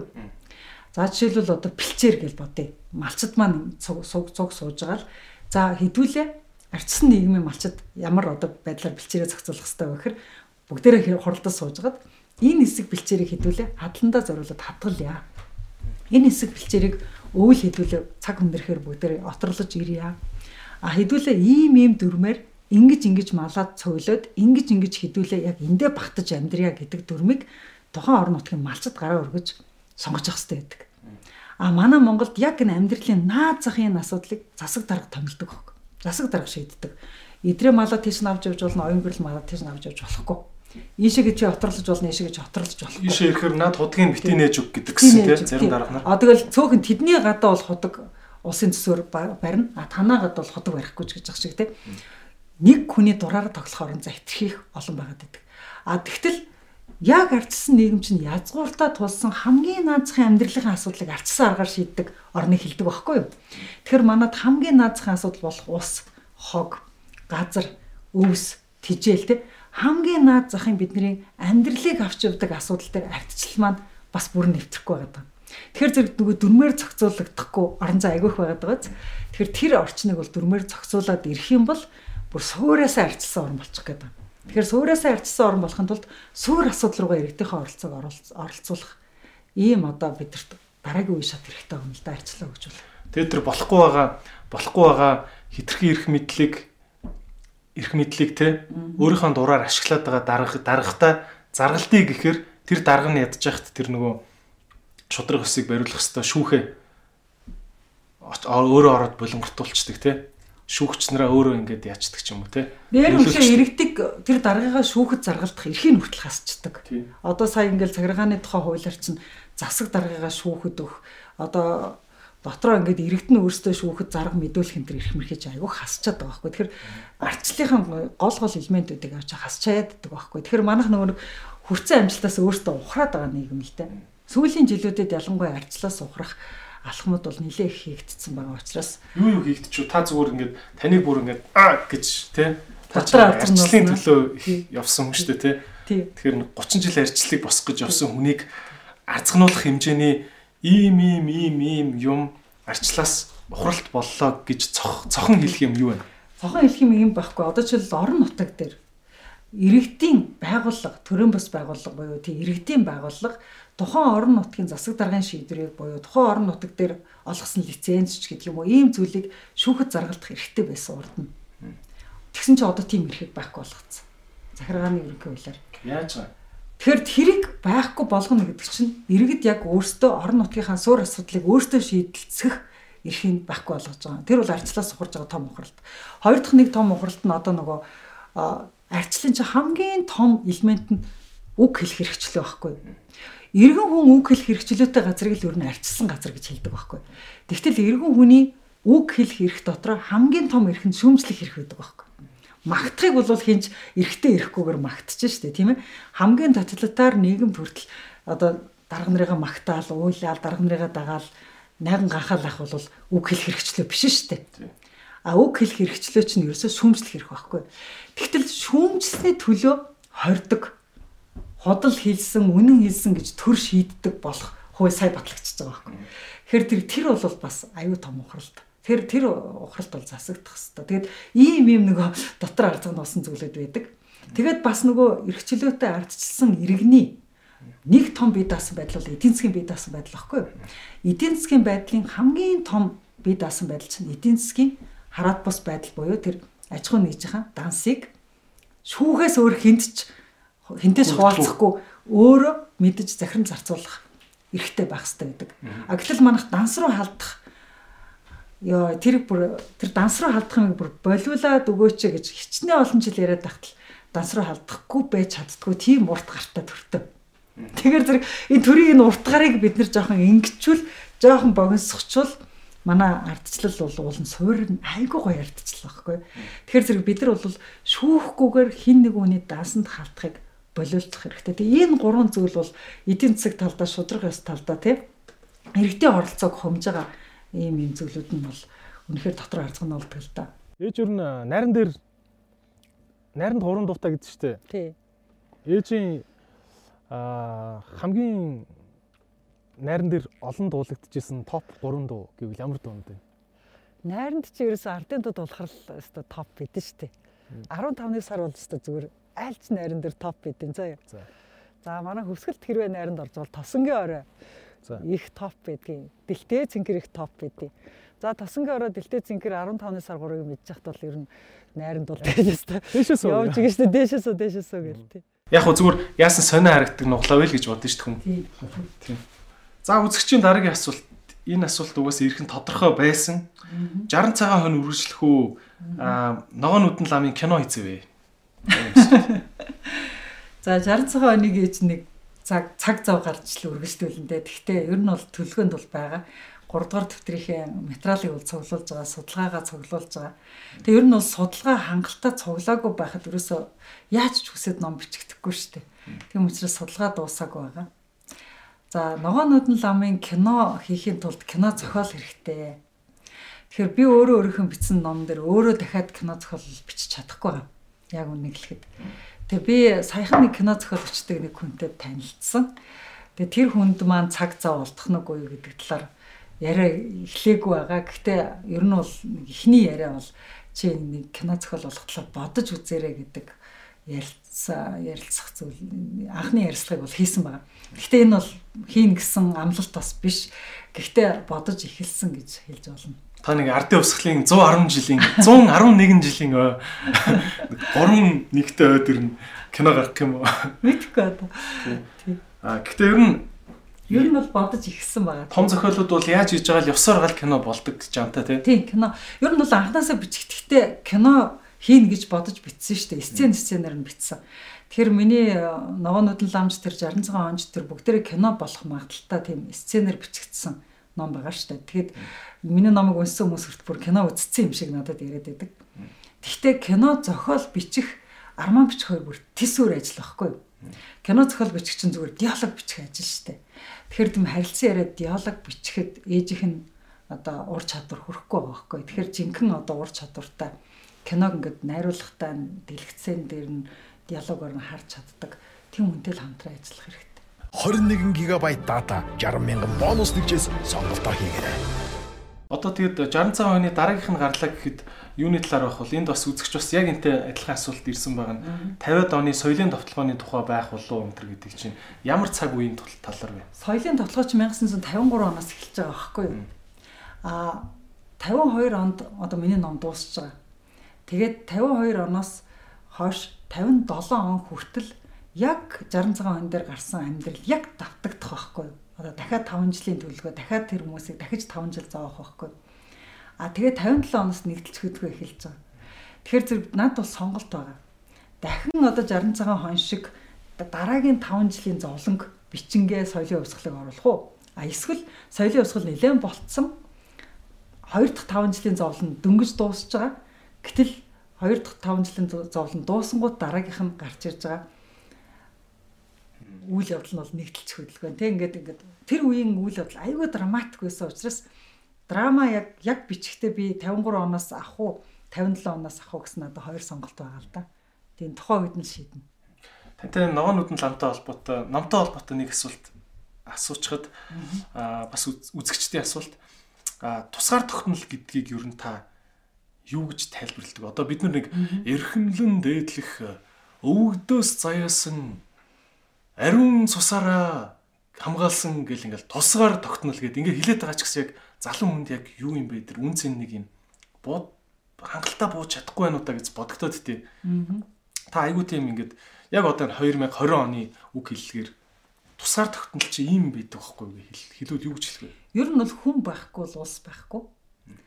Хүн ам нь байхгүй бол ерөөс тусгаар тогтнол байхгүй. Тэгээд намайг нэг ингээ 20 хэрвээ та 25 настай байсан бол гэл ингээ лекцийг би ингээл зориг сан дээр очил баг 10 жил уншиж байгаа л да. Тэгээд зориг сан дээр дам ингээ залуу лидерүүд ирж надаас лекц сонсдог байхгүй. Тэгэл тэр хүмүүст миний хийлдэг хамгийн анхны ажил нь анхны хамгийн анхны үг нь та нар үнэхээр Монгол улсынхаа тусгаар технологи өргөжлүүлэх гэж бодож бол төрөх насан дээр төрөл гэж хэлдэг байхгүй. Хамгийн энгийн тусгаар технологид үйлчилж байгаа хамгийн энгийн үйлчилгээ бол хүүхд гарах байдаг байхгүй? Бүр хамгийн сонирхолтой. Яг бол хүүхд байхгүй бол энэ улсыг хэн өвлөж уламжлах юм бэ? Тийм үстэй. Ямар малт өвлөж уламжлуулдаг шүү дээ, тийм ээ. Тэгэхээр зэрэг өвг дээдсийн авчирсан юм үн цэнтэй байх тусмаа тэрийг цааш нь авч явах үргэлжлүүлэх хүн амл тусгаар технологийн гол баталгаа байдаг байхгүй. Тэгэхээр би бол залуу хүний нүдээр дөнгөж амьдрал эхэлж байгаа залуучуудад та нар үнэхээр их орондоо хайртай бол та нар үнэхээр Монгол гэдэг ороо үргэлжлээсэ гэж юм бол амарч насан дээр амарч төрөх насан дээр төр нөхөн үрцхүү нас гэдэг чинь мөнх юм биш. Хэдхэн жил байдаг тэр хэдхэн жилд амжаад Монгол улсыг үргэлжлүүлэх ажлаа хилцчих тэгээд дараа нь дараагийнхаа ажлыг хийнэ гэж бид гэж боддог байхгүй. Тэгээд тийм учраас би нэг хүүхэд өсөх чинь зовлон биш ээ золиос биш ээ гэж хэлээд байгаа байхгүй. Хүүхэд гаргах хүүхэд өсгөх гэдэг чинь төрийн ажил бол. төрийн ажил байхгүй. Тийм яг нь тусгаар технологийн нэг үргэлжлэл байхгүй. Бас тэр нөгөө найзынхаа хормоос иш татхад хормын хөтлөгч нар ч айгу сүртэй юм л шүү дээ. Хорм гэдэг бол найр биш юм аа. Хорм гэдэг бол төрийн ажил юм аа. Би бол одоо тэгээ төрийн ажлыг хийж байгаа хүн гэж ойлгож байна өөрийгөө гэл. Яг үнэ. Яг үнэ. Одоо нэг бэр гоохот хэл үг хэллэг байдаг байхгүй. Одоо хүмүүс ингээл асуудаг байхгүй. Монгол ёс заншлаа хаанаас мэдэх вэ энэ төр гэж асуудаг угсаатны зүг гэл ингээ гойгоо номнод байдаг байхгүй. Би бол угсаатны зүг 1 2 3 гэдэг ном надад байдаг. Би тэгэл угсаатны зүг 1 2 3 гэл ингээл номноос ингээл янз бүрийн хормын ёсмоос ингээл уншиж хахад бэр гуух ёслолыг төрийн их хэрэг гэж үздэг. Ээж нь бол ах トゥ нарынхаа бэр гуух ажилд их явдаг штэ чи мэдчихэж байгаа. Тэгээд би дандаа очил айл очил хадаг барих дандаа төрийн их хэрэгээр ирлээ гэж хадаг барьдаг шүү дээ ерөөсөө. Яа тэгэл эн чин төрийн их хэрэг гэдэг чинь аюу гой үг байхгүй? Энд чинь л тусгаар технологи үргэлжлэл байхгүй тий. Нэг айл мэдлээ, энэ айлаас хүүхэд мэдлээ, энэ хүүхэд нь Монгол улсыг цааш нь үргэлжлүүлж авч явна. Ойлголоо. Санхүү мөнгө санхүүтэй хэрхэн харьцдаг вэ? Санхүүгийн арга барилаасаа хэлээч гэж байна. За ер нь бол би бол санхүүгийн сахилга бат маш өндөртэй хүн гэж өөрийгөө боддог. Ерөөсөө эд хариуцах мөнгө санхүү хариуцах ажлыг надад даалгавал нэгч төгрөг дутаахгүй нэг ч төгрөг илүү гаргахгүй нэг ч юм дутаахгүйгээр хүнд яг гэрээний дагуу бэлтгэн нийлүүлж чаддаг ийм одоо сахилга баттай гэж өөрийгөө бүр их өнгөрдөг. Яг л намайг ерөөсөө амжилтанд хүргэж байгаа хэдхэн юм бидэг. Цагийг маш зөв менежмент хийж чаддаг. мөнгийг маш сайн менежмент хийж чаддаг. Яг гэвэл би бол санхүүгийн сахилга батгүйгээр ямар нэгэн байдлаар одоо мөнгө дутаагч гэдэг юм уу ямар нэгэн байдлаар хүний мөнгийг хэрэглэгч гэдэг юм уу ийм байдлаар санхүүгийн сахилгад би хизээч алдчих жаагүй хизээч алдахгүй тэрэн дээр бол өстө өөртөө болон одоо өөрийнхөө сахилгатанд бол аягүй ихтэй гэдэг нь олдгоосоо давуулж өрөхгүй гэсэн үг юм. Олдгоосоо давуулж өрөхгүй. Аа тэгээд хүнээс зээл авсан бол зээлээ бол яс түлдэг. Би нэлээд олон хүмүүсээс зээл авч ирсэн л да. Тэгээд хамгийн сүүлд нэг зээл авч ирсэн. Ялангуяа 60 цагаан хоног хэвлэхдээ нэг 25 сая төгрөгийн зээл хүнээс авч ирсэн. Тэгээд тэр хүнд ингээд яг ингээ хуваарийнхаа дагуу өгсөн чинь би хизээч хуваарийнхаа дагуу яг цагта зээлээ төлдөг хүнд хизэж зээлдүүлж үзээгүй юм байна гэдгээр гайхаад шүү дээ. Та яагаад зээлийг яс төлөөд байгаа ингээд. Та яагаад хуцагт нү гэдэг юм гайхаад. Одоо манай нягтлан тэгдэг байхгүй. Оюн гэрлэгчээ та ингээд тань шиг ингэж татврын ингээд нөтийн татвар гарангуут маргааш нь татвараа төлдөг хүн тань шиг юм хүн ерөөсөө байдгүй шүү дээ. Та яагаад татвараа ингэж хорд хордон төлөөд идэв ингээд гэж байгаа байхгүй. Яг тэгвэл миний татвар чинь цагдаагийн мөнгө шүү дээ. Миний татвар чинь эмнэлгийн мөнгө. Ковидын үед миний одоо өгч чадах те хамгийн чухал зүйл бол татвар цамд нь төлөх л байхгүй. Тэгэхээр зэрэг иймэрхүү санхүүгийн сахилга батан дээр бол ээж нь угаасаа л яс. За сурвштай юм байна. Би чинь бас татвараа жоохон төлөхгүй удаагаад дансаа хаалгаж исэн удаатай. Нэг хоёр санхүүгийн сахилга баттай хүн гэдэг чинь хамгийн баа. Тэгтээ ээж яаж сахилга баттай бай гэд үнэхээр бас ингээл хэцүү ингээл тасалддаг үе байдаг шүү дээ. Ер нь. Үгүй тасалддаг үе чинь ингээд тасалдсан шалтгаанаа хэлээд Тэгээд нөгөө тасалцсныгаа би ингэж ингэж нөхөж төлнө гэд хуваараа тавьчаад тэр хуваарийнхаа дагуу төлдөг нь штэ. Тэр чи одоо нөгөө нэг өрийг дахин одоо төлөвлөх гэж хэлж болдог restructure гэж англиар яриад байдаг шүү дээ тий. Өөр төлөх хуваарийг дахин шинээр бий болгох. Үнэ хэлээд дахин өөр хуваараар төлөхийг. Өөр хуваараар төлөх. Тэр чинь санхүүгийн сахилгууд алдагдаагүй л гэсэн үг. Санхүүгийн сахилгууд алдагдана гэдэг чинь яах гэж байгааг нь мэддэхгүй алга болохыг хэлдэг байхгүй юу? Энэ төлөх юм болоо, төлөхгүй юм болоо тий мөнгөтэй юм болоо, мөнгөгүй юм болоо эсвэл намайг хулигдах гээд байгаа юм болоо. Энэ чинь сахилга батгүй асуудал байхгүй. Тэрнээс биш төлөлтөө хойшлуулъя, төлөлтөө жоохон багасгая, сардаа олдог орлого маань багасчлаа сардаа төлдөг хэмжээгээ багасгая. Энд төр гэдэг чинь сахилга бат байхгүй.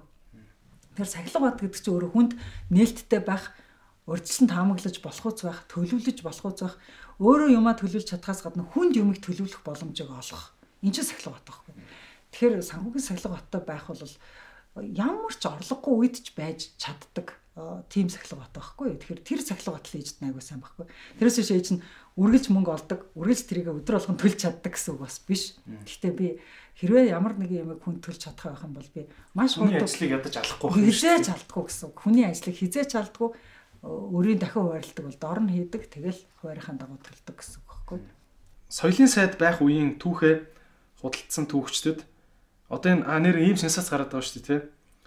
Түүхээ худалдсан түүхчдэд гараад байгаа зүйлийг дэлгэрэнгүй асууж өгнө. Та нэр энэ талаар мэдээлэлтэй байгаа юу? Одоо нэг ийм сенсац тэгдэд байгаа шүү дээ. Аа нөгөө архивын айгүй олон түүхийн баримтууд тач бас өөрөө соёлын сайд байсан хүн те энэ энэ тал дээр одоо ямар байр суурьтай юм бол тэг хүмүүс нөгөө нэвтрүүлгийг үзчихэд над руу их залгасан л да. Энэ одоо таны үед юм болчоо юу болчоо гэд. Яг нэвтрүүлгээ ингээд хүмүүс анхааралтай үзээгүй байна л да. Тэг анхааралтай үзэхэд бол гэрээ 9 он сарыг 2011 он гэж яриад байгаа байхгүй юу? Ялтчгүй тэг үндэсний архивын газар чинь юу гэдэг байхгүй соёлын яамны харьяанд байдаггүй шүү дээ хууль зүйн дотоод хэргийн яамны харьяанд байдэн шүү дээ. Тэгэхээр хууль зүйн дотоод хэргийн яам а тэгээд 2011 он энэ төргээд инхээр зэрэг эн чинь соёлын яамч биш манай засгийн газартайч холбоогүй манай засгийн газраас өмнөх асуудал яригадаад байгаа байхгүй юу? А яг ийм юм болоод өнгөрсөн байна гэдгийг хизээ хойно манай яамд цагдаагийн ерөнхий газраас мэдээлсэн байдаг байхгүй юу? Тэгээд ийм болсон байна. Энэ бол соёлын үеийн хулгай мөн үү? Энэ соёлын үеийн асуудлынд тавигдсан байна. Энэ асуудал гэмт хэрэг мөн үү биш үү гэдэг ингээд манахаас тодруулж асуусан байдیں۔ А тэгт нь бол одоо соёлын өвийн одоо асуудлаар хилцдэг мэрэгжлийн комисс байдаг л да. Та манай мэрэгжлийн комиссийнхан маргалдаад одоо одоо ярилцаад хоёр орны нээлттэй ил тод гэрээний дагуу хийсэн юм байна. А тэгэд их хэмжээний материал бол хуулагдаж дижиталгдсан дижиталжлагдсан юм байна. А тэгээд тэрийг ингээд ийм гэрээгээр наашаа цаашаа болгосон юм байна гэдгийг ярилцаж ярилцаж ярилцаж байгаа. Тэгээд манай соёлын өв талаас харах юм бол одоо соёлын өвийг дижиталжуул авна гэдэг нь хадгалж хамгаалахын нэг хэлбэр байдаг байхгүй. Тэгэхээр зэрэг ямар ч хэлсэн дэлхийн нийтэд хадгалж хамгаалсан хэлбэр хэлбэр тул шилжсэн юм байна гэж дүгнсэн юм билэ. А зөвхөн цагдаагийнхан бол тэрийг үндэслээд за энэ бол тэгвэл гимт хэрэг биш байсан юм байна гэд тогтоогоод өнгөрөөсөн юм билэ. Тэгэхээр зэрэг ерөнхийдөө юм бол ингээ хоёр талтай байхгүй. Ямар хоёр талтай гэхээр би бол энэ дотроос соёлын өв одоо эртээр үеийн цаасан өв баримтууд одоо ботарч унахаас хамгаалаад ч гэдэг юм уу алга болохоос хамгаалаад ч гэдэг юм уу шатаж алга болохоос хамгаалаад ч гэдэг юм уу дижиталжлагдж байгаа нь нэг талдаа бол соёлын үеийг хамгаалж байгаа хэлбэр мөн. А нөгөө талдаа энэ соёлын үеийн баримтыг ганцхан улсын ганцхан талын одоо хамтрагчтай ингэж монопол эзэмшүүлж байгаа нь өөрөө геополитикийн асуудал болчиход байгаа байхгүй. Тэгэхээр иймэрхүү асуудал төр ер нь геополитикаас урьдчилан сэргийлэх ямар арга хэмжээ авдаг вэ гэхээр олон улсын баг эсвэл орох хэрэгтэй байдаг. А эсвэл үндэсний баг давмгаалж судлах хэрэгтэй л гэдэг байхгүй. Тэгэхээр манайх бол юугаа алдсан байх нөхөр судлаачдын харьцааг л алдсан байгаа байхгүй. Тэгэхээр судлаачдын харьцаа нь өөрөө Орос, Монгол, Казак, Тивч гэдгийг тий одоо Солонгос, Японы ингээд таван орны эрдэмтэд нийлээ судалж байгаа. Тэгвэл дэлхийн даяар нийтэд нь л дэлгээ өгч гэлээ тий. Тэгвэл тэгвэл тэгэл чинь дэлхийн даяар нийтэд өглөө Монголд ийм зүйл хадгалагдж байдаг юм байна. Тэгээ энэ зүйл дээр нь ийм зүйл байдаг юм байна гэдэг. Угаасаа ганцхан орны ганцхан Монголын цөөхөн 2 3 эрдэмтэн судлаад судлаад барахааргүй их материалыг өгсөн байгаа даа байхгүй. Тэгэхээр зэрэг энд бол судалгааны бага сонгохдоо маргаантаа сонгосон юм байна. Одоо маргаанд орж болох үст тийм харьцаагаар сонгосон юм байна. А нэг хоёрхан судлаачийн хэмжээнд тэр баг бүрдүүлсэн бол нэг хоёрхан судлаачийн нэг хоёрхан жилийн дотор судалж болох материалыг л копидах хэрэгтэйсэн байгаа байхгүй юу? Баг гараа л та. Тийм багаар судалмаар байгаа юм болов. Оросууд яг тэгж өгдөг байхгүй? Манай Монголд Монголын судлаачдыг архивдаа аваачдаг. Монголын одоо Оросын архивд Монголын судлаачд бол олоолаа очиж судалдаг. Тэгтээ судлахад Оросууд ямар болцол тавьдаг вэ гэхээр хоёр судлаач ирж байгаа бол хоёр судлаачийн 2 жилийн ажлын хэмжээтэй материалыг л копидж ав гэдэг багхгүй. А тэрээс биш тэр хүний 100 жилийн ажлыг нэг дор битээ копидж авал гэдэг багхгүй. Тэгэхээр зэрэг манайх бол яг энэ дээр л алдсан байгаа багхгүй. Тэгэхээр тэр одоо соёлын сайд хийж байгаа чулууны хийсэн хамгийн гол алдаа бол ерөөсөө тэр материалын хэмжээнд дээр л алдаа гаргацсан байгаа багхгүй. Материалын хэмжээ эсвэл багийн хэмжээ. Материалаа тийм их копидж авах гэдэг юм бол багаа томруулах хэрэгтэй байсан байхгүй. За тэгвэл 100 хүн судлаа л да. Хоёрхан орны дөрвөн хүн биш 100 хүн тэгвэл судлаа л да энэ чи ийм том материал юм бол а хэрвээ дөрвөн хүн судлах гэж байгаа бол тэгвэл материалаа багасгая гэд ингэх хэрэгтэй байсан байгаа байхгүй. Улс төр чинээр орж байгаа залуучууд залуучуудад хувь өөнийхөө зүгээс юун дээр анхаарах хэрэгтэй вэ? Өөрөө ер нь залуу улс төрлөө орж байгаа. Ер нь бас энэ сонгуул маш их юутай болно шүү дээ. Залуучууд айгүй ихтэй. Цоошин бүр цоошин хүн нам гээл цоошин нам хүртэл хүмүүсийн чихэн төрлөө шүү дээ. Анхны гişмтэйгээ бол болол тий. Та юу захих вэ? Захих жоох одоо би түрүүний анхаараа гэж зөвлөх юм уу? Би яг түрүүний ярьжсэн зүйлээ л хэлмээр байна. Улс төрч хүн яагаад ард түмэнд хэрэгтэй байд юм бэ гэдгийг л ойлгочих. Тэгвэл ер нь залуу байна уу, настай байна уу, улс төрт эрт орж уу, ороо орж уу гэдгээс хамаарахгүйгээр яг улс төрч хүн болох байхгүй. Тэгэхээр улс төрч хүн нэг манайхан нэг цүнхчин гэж ярьдаг шүү дээ, тий. Цүнхчин хоёрын ялгаа нь юу юм бэ гэхээр улс төрч хүн ард түмнийхээ тодорхой эрх ашигын төлөө тодорхой золиос гаргахад бэлэн, тодорхой эрсдэл хүлээхэд бэлэн л байдаг байхгүй. Тэгэхээр хүний өмнөөс эрсдэл хүлээх гэж та улс төрч болж байгаа шүү гэдгийг л ойлгож улс төрлөө орох хэрэгтэй. Эсвэл хүний өмнөөс завших гэж бол ороод ах юм бол улс төрч биш. Тэгэхээр одоо энэ нэг шинэ хуулийн заалт батлагдчих гал хил ам болоод байгаа шүү дээ тийм. Аа стресстэй юм ярмааргүй байна л та. Тэгтээ бол ялчгүй манай улсад маш чухал юм байна. Одоо энэ улс төрчийн нэр хүндэд халдах. Тэ улс төрчийн нэр хүндэд халдсан, улс төрчдийн нэр хүндийг аа гутааж гүтгсэн ний төлөө жирийн нэг фейсбુક дээр тэрмөө сайд одоо юу вэ гэд бичсэн хүнийг бол одоо очиод цагтаа ингээ барих юм байна л да. Тэгдэг юм хууль батлах гэдэг шүү дээ, тэ. А ер нь улс төрчийн нэр хүнд гэдэг тийм ойлголт байд юм уу? Тийм сэвтэж болохгүй улс төрчийн нэр хүнд гэдэг тийм өөр ингэсэн үнэлгээтэй сэвтэжхэр хасрах хохирол авдаг тийм Энийг та юу гэж ойлгох вэ? Гого улс төрчийн нэр хүндийг хамгаалсан хууль гаргаж байгаа нь өөрөө ичмээр явдал. Улс төрч хүн яах гэж эрсдэл гаргаж байгаа гэж нэг эрсдэл нэр төрөөр эрсдэл гаргах ёстой байдаг байхгүй угаасаа. Тэгэхээр зөв шүүмжлүүлэх субъект байх ёстой байдаг байхгүй. Хийж байгаа алхам болгоно шүүмжлүүлэх үүрэгтэй тийшээ орж байгаа байхгүй. Шүүмжлүүлэх ёстой гэдгийг мэдээд орж байгаа хэрэгтэй байхгүй.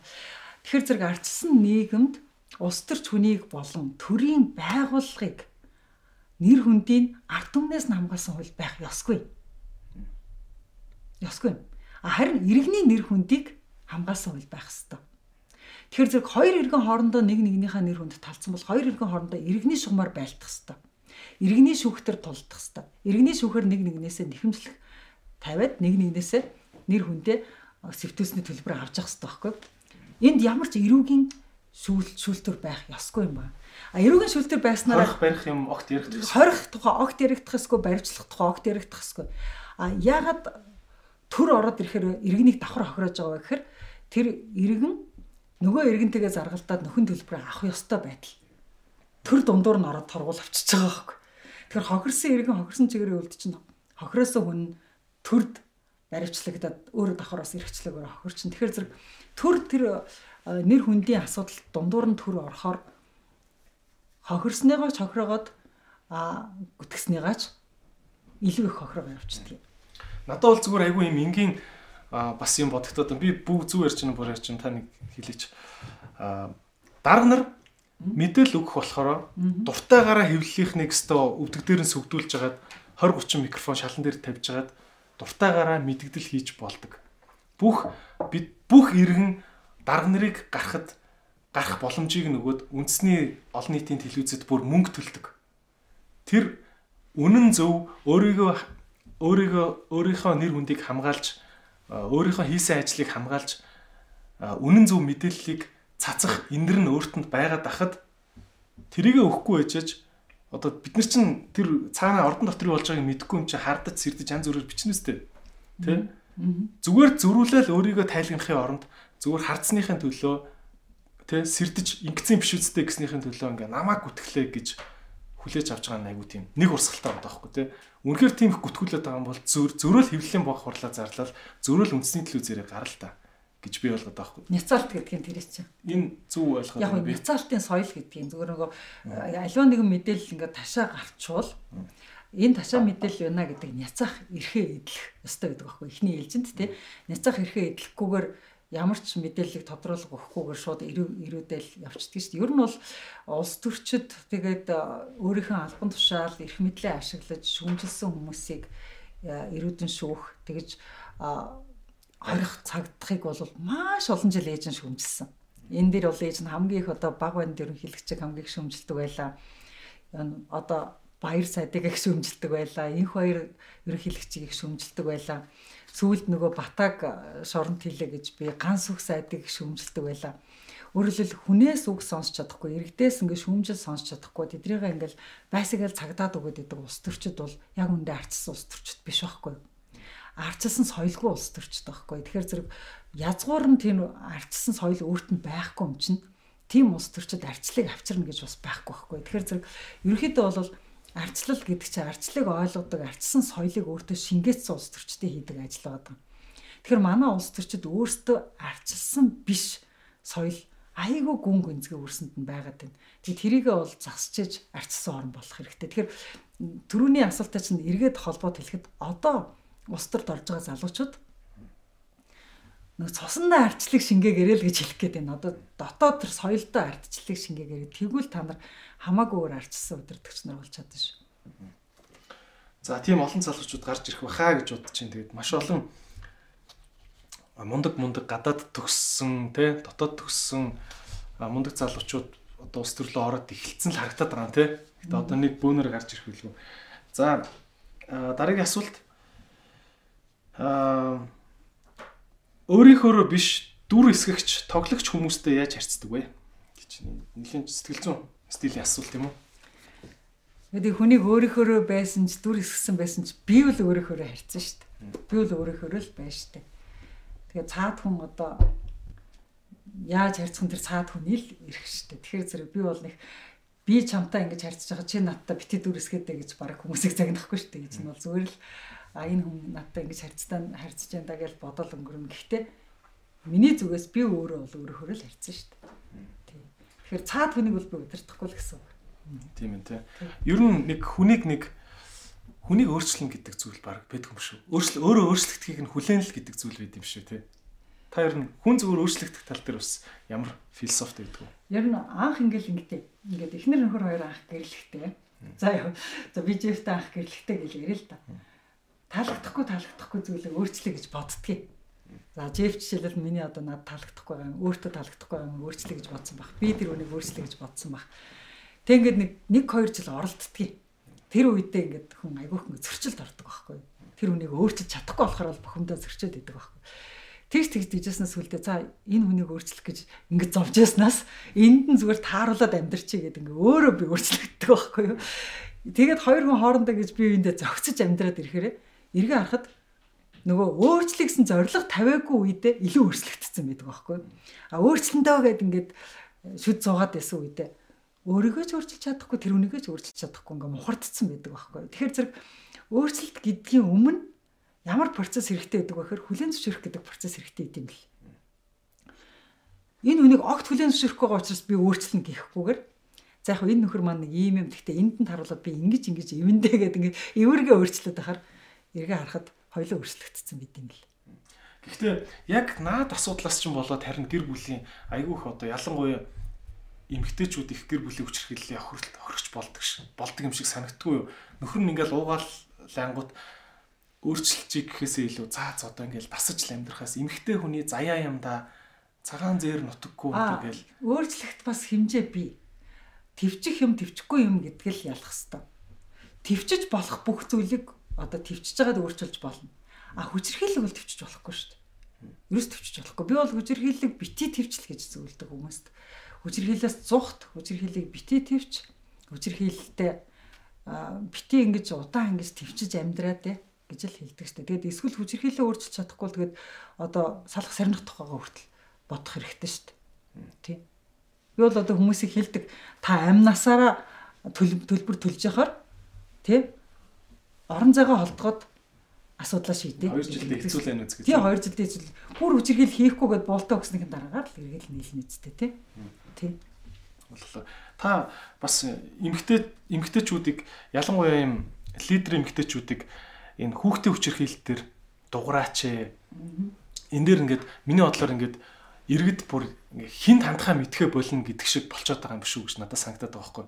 Ингээл одоо төр нь одоо ингээ айл дотор ороод айл айлыг хүүхдэд зодох нүг гэд ингээ хянж бас чатаа болчиход идэг тий. Аа ингээ ёс уламжлалаа харахаар аав нь хаяа нэг алгатай л үз зүвч юм шиг тий. Ингээд юм энэ орон гэр дотроо хүчрхийлэл гэдэг юм ингээд хууль ёс заншил нийгмийн одоогийн байдал энэ минь бүх юмны донд ингээ яг ингээд хин энийг яаж шийдэх юм гээд ингээ гацчихад байх шиг санагдаад тий. Тий хүүхэд алгадах ерөөсөө зөв биш шүү ерөөс хүүхдийг ерөөсөө алгадч зодож нөгөө хүчрхийлж ерөөсөө болохгүй. Одоо яг ингээл тэгж бодоод эхлэхээр л юм буруу болчиход идэг байхгүй. За одоо жохон ингэж байгаа юм чинь зөв, жохон ингэж байгаа юм чинь зөв гэж тэр ингээд буруу юм руу явцдаг. Тийм учраас ер нь бол энэ буруу шүү гэдэг юм аа. Айгүй эртнээс тогтоож аваад хүүхэд хүчрхийллийг мэдээлтгэл болох хэрэгтэй. Одоо хүүхэд чинь ерөөсөө өөрөө гараад мэдээлж чадахгүй шүү дээ өөрхийн амт нь тий. А ээж нь жишээлбэл давхар хүчирхээлд орцсон байгаа бол мэдээлж чадахгүй. Яг тэр үед хажуу айлынх нь хүмүүс сонссон хажуугаар нь явж исэн хүмүүс бол мэдээлтгэл болох хэрэгтэй байхгүй. Одоо бид нар бол хүүхдийн хүчирхээлийг зогсооход нөгөө нөгөө бид нар чинь гэрч болох айгуу дургу гэрч байж эрсдлийг өөр дээр хийж цагтаас дуудаад байна гэдэг. Хин ч одоо өөр дээр тэг гэрчийн эрсдлийг авахыг хүсэхгүй учраас нөгөө цагтаа дуудаж өгдөг. А хэрвээ бид нар тал талд бүгдээрээ зэрэгцээд гэрч болоод эхлэх юм бол гэрчүүд хөндлө одоо нэлтээ аягүй сайн хамгаалттай болоод эхэлнэ л дээ. Тэгэхээр зэрэг ер нь бол хүүхдийн хүчирхэл гараад ирсэн гэдгийг бол мэдээлцдэг л болох хэрэгтэй. Тэгээ мэдээлцсэн байхад бол цагдаа ирээд хүүхдийг хамгаалах байр руу аа дэвчдэг л байх хэрэгтэй. Тэгээд тийм хуулийн зохицуултыг одоо хууль руу буцаж оруулах хэрэгтэй байгаа байхгүй. Уул нь эн чинь хуулинд бэсэ. Тэгээ чи нөгөө хэлсэн шүү дээ. Юу ухрахаар таны дотор арзагнаад байдаг вэ гэдэг шиг ээжийнх нь одоо бас нэг аягүй эмзгэлж явдаг нэг зүйл бол батлагдцсан байсан яг нь хүүхдийг яаж хамгаалах вэ гэдэг бол процедураар нь баталсан байсан хуулийг байхгүй болгоцсон байхгүй. Хин яаж байгаа гэдэг нь. Яагаад? Бямб цагт гэдэг э, сайд алга болгосон гэж би нэг байнгын хөмжлээд байдаг л да. Одоо хууль. Хууль хэрэгжүүлэх тухай хууль байсан байхгүй. Хууль сахиулах үйл ажиллагааны тухай хууль. Энэ хууль сахиулах үйл ажиллагааны тухай хууль дээр гэр бүлийн хүчирхийллийг яг газар дээр нь яаж тасан зогсоох вэ? Хүүхдийн газар дээрээс нь хүчирхийлэгчээс нь яаж авч хаана авч хамгаалах вэ гэдгийг зохицолцсон хууль байсан байхгүй.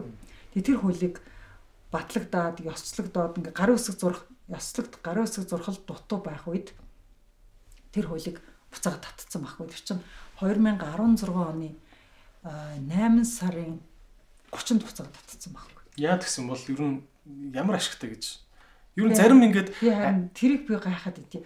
Би тэрийг гайхаад би тэрийг маш их шүмжилсэн. Ам цогтой чи хараачтай гэж би айгүй их шүмжилсэн л дээ тэрэн дээр. Тэ тэр хуульд буцаж орж батлагдаагүй шүү дээ. Тийм. Тийм. Одоо болтор буцаж орж батлагдахгүй. Хэрвээ тэр хууль ороод батлагдчих юм бол маш олон хүүхдийг аялал сан. Юу л нэртэй хууль гэсэн. Хууль сахиулах ажиллагааны тухай хууль. Тийм. Энэ яг энэ хүн бас эн тент ингээд сонсогдол байна л да одоо ингээд улс төрт орцсон ингээд ах нартай ингээд хаяа таарлалтад юм ярьж хахад ингээд амар ингээд сайн хууль байсан тэгсэн чинь энийг нь болиулсан харин ингээд нэг ийм юм. Тэгээд яах гэж тэгсэн цаана ингээд тийм их мөнгөний бизнес бизнес юм байсан мөнгөөр. Үгүй гэд зарим хүмүүс зүгээр л нэг юм одоо өстөө нөгөө арчлын соёл шингээгүй гэдгээсээ болол тэгээд идэм шиг байна тий. Тэр бол бид нар тэр тэр хуулийн дотор одоо тэр буцааж татсан тухайн үеийн хууль зүйн сайд бям цогтод яг ямар ирэх ашиг байсан хинч тайлбарлаагүй. Ард түмний өмнө бям цогт юу ч тайлбарлаагүй. Зүгээр л батлагдаад их хурлаар ороод зөндөө ажилтсан хуулийг маяг л буцаага татсан. Тэр бол үнэхээр айгүй дэндүү харамсалтай байна. Тэгэхээр зэрэг тэр хууль буцаж орж ээж одоо эмгт тэр хүүхэд эмгтээчүүдийн асуудал одоо хүчирхийл багасхад нөлөөлөх байхгүй. Тэгээд тэр хуулийг эрэгтэйчүүд ингэ буцаад татчихж байгаа сте эрэгтэй гişүүд буцаад татчихж байгаа сте тэгэнгүүт хүмүүс яадаг вөхөр хөөс нь хүүхдүүд гэрте зодуулаад байна сте эмэгтэй гişүүд яагаад дуугаад байгаа? Гэдэгдэг байхгүй юу? Тэр үед чинь батлуулах гэж эмэгтэй гişүүд зүүндээ ажиллаад тухайн үеийн хууль зүйн сайдууд нь зүүндээ ажиллаад тухайн үед хууль зүйн сайд хууль зүйн яамны төрийн нарийн бичгийн дарга байсан эмэгтэй хүн тэн дээр ч өстө багаараа ажиллаад ингээд арайхаж батлуулсны дараагаар нэг эрэгтэй гişүн татчихсан гутаа тэгээ арт өмнө өмнө дандаа энэ эмгтэй гişүүд ягаад н хүүхэд зодуулаад байхад дуугаад тийм гэд ингэдэг байхгүй. Тэр айгүй шудраг бишээ. Тэгэхээр зэрэг ер нь яг тэр тэр хуулийг буцааж татсан одоо гişүн одоо их хурл сууж байгаа шүү дээ. Тэгэхээр тэр гişүн бол улс төрийн бол яаж буцаж сонгогдсон би бүр гайхаад байгаа юм. Би яг ховдынханд бол тэр хамаагүй байх л та. Ховдос сонгогчод байдیں۔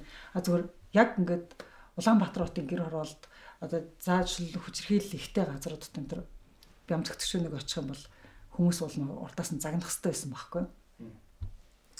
Тэгээ бас э, иргэд бас тэгэл янз бүрийн хуулийн янз бүрийн цаатлын нарийн нарийн мэдээллийг нь миний бодлоор ингэж ухаж ойлгож амжтгүй юм шиг санагдаад байна л та. Хитрхийх сенсац ингээл эргэлдээл эргэлдээл явцдаг. Цаана яг ямар хуулийн зохицуултыг нь хэн болиулаад хэн ямар хуулийг нь мушгиж муухай болгож оруулж хорн хариулж батлуулснаас болоод өнөөдөр амьдрал юм болчиход байгаа гэд тэ. Тий одоо бол биднэрт нэг юм дутагдаад байгаа юм билээ. Одоо би тухайн үед одоо Стэнфорд их сургууль сурж байхдаа нэг судалгаа хийдэг гэсэн байхгүй нэг олон улсын бодлого судлал гэж судалгаа хийдэг. Тэгээ судалгааны объект нь юу байдаг вэ гэхээр парламент дээр ямар хуулийг хэн санаачлаад, хэн татаад, хэн дэмжиж, хэн эсэргүүцээд гэдэг ингээд legislative history буюу хуулийн түүх гэдэг юм байдаг гэсэн байхгүй. Тэгээ хуулийн түүхтэй оронд ардчил тогтох юм а гэдэг тухайн үед хичээл дээр заажсан байхгүй юу. Тэгсэн чинь би тухайн үед нөгөө хуулийн түүх legislative history гэдэг те юмтай оронд яхаар ардчил тогтох юм болоо гэд би тухайн үед гайхаал өнгөржсэн хичээл дээр. А тэгээ яг хичээл дээр би ингээд тухайн үед судалгаа хийж хахад одоо миний судалгаанд орсон одоо санал хураалтууд тухайн үеийн Америкийн конгресс дээр орсон санал хураалтуудын л одоо би чинь бус 40 жилийн санал хураалтыг би тоолж байгаа бол тэгэл тухайн үеийн симуляц гаргаж байгаа л тэгэл дараагийн хилцэх асуудал дээр ийм ийм юм гişүү. Ингэ санал өгөх юм байна гэдэг симуляц би гаргаж ирсэн баггүй таамаглал таамаглал гаргаж ирсэн. Эргээд харсан чинь манай Монгол одоо 30 жил арчилд ороод 30 жил болжээ. 30 жилийн дотор хин хууль санаачлаад хин татаж аваад хин дэмжиж хин эсэргүүцэд гэдгээр түүх ерөөсөө албан ёсоор улсын санхүүжилтээр үүсэх юм бэл. Архив бол үүссэн. Гэхдээ нэг legislative history буюу нэг хуулийг дагсан түүх гэдэг юм ерөөс үүсэх юм л. Тэгэхээр зэрэг бид нар одоо одоо парламентынхаа номын санд одоо орон даяар байдаг номын сандаа шүүхийн түүх гэдэг юмыг саяхнаас л бий болгосон байхгүй. Одоо шүүх гарсан одоо шүүхийн бүх мэдээлэл бүх юмнууд чинь одоо номын сангуудад тавигддаг болсон шүү дээ. Яг тэрнтэй адилхан бид нар шүүхийн түүхтэй болсонтойгоо адилхан одоо парламентын хуулийн түүхтэй болох хэрэгтэй юм билээ. Хуулийн түүхтэй болоод ирэх юм бол одоо яг жинхэнэ энэ асуудал ингэж шийдэх гэж байхад ингэж урсан нөхөр нь түүхэнд үлдэнэ. Яг үнэ. Зүтгэсэн нөхөр нь түүхэнд бас тод үлддэг болно. Тэр нь тэрний цагт хүн зөрөгтэй самархуугүй гэдгээс боддог болно гэсэн үг шүү дээ. Одоо л нөгөө хуулийн түүхгүй учраас дуртай нь хууль санаачлал дуртай нь нэгнийхэн гаргаж ирсэн үлийг дуртай үедээ унгааж байгаа байхгүй. Аа гэхдээ хурц хурц асуултууд байна. За ийм асуултууд байна. Хийн гэж бодсон зүйлээ бодсон зүйлээ төгс хийж чадахгүй үедээ их стресстэй юм байна. Аа. За тийм үе байдгүй тий. Тийм үе байдгүй. Аа юу ч хийцгүй ингээд нэг амьдрал нь уршаа явахгүй санагтаад байхаараа та яадаг вэ? Бухимдаад би бол ингээд бухимдаад яхаа мэдхгүй байдгаа. Заавал асууж өгөрө гэсэн юм л да. За. За төгс хийх зорилго би ерөөс тавьдгүй шүү. Нөгөө нэг perfectionist гэж нэг хүн байдаг шүү дээ. Ямиг төгс хийх хүсдэг хүн гэдэг. А би бол яг өөрийнхөө чадлаар л хийдэг. Би ерөөсө төгс хийж чаддаггүй гэдгээ бол эрт хүлэн зөвшөөрсөн. Ерөөсө би юу ч хийсэн төгс хийж чаддаггүй юм бэлээ. Би зүгээр нөгөө нэг дүр төрхийг бол нөгөө зураачаар бол би зүгээр харандаагаар зурдаг хүн юм бэлээ. Өнгө мөнгө бодож ингэж гой зурч чаддаггүй. Тийм учраас би нэг тийм төгс юм өөрөөсөө угаасаа анханасаа хүсдэг учраас тухайн өдөр өөртөө тавьсан жохон хэсэг ажлыг л хий. Гэтэ миний хийсэн ажлыг төгс суулгаад өгөөч гэдээ би дараагийн хүнд мөнгө төлж хийлэгдэг тийм хүн байхгүй. Одоо ч би ном бичлээ гэхэд гой үг хэлэхдээ бичихгүй гэхдээ үйл явдлыг нь бол иччихдэг.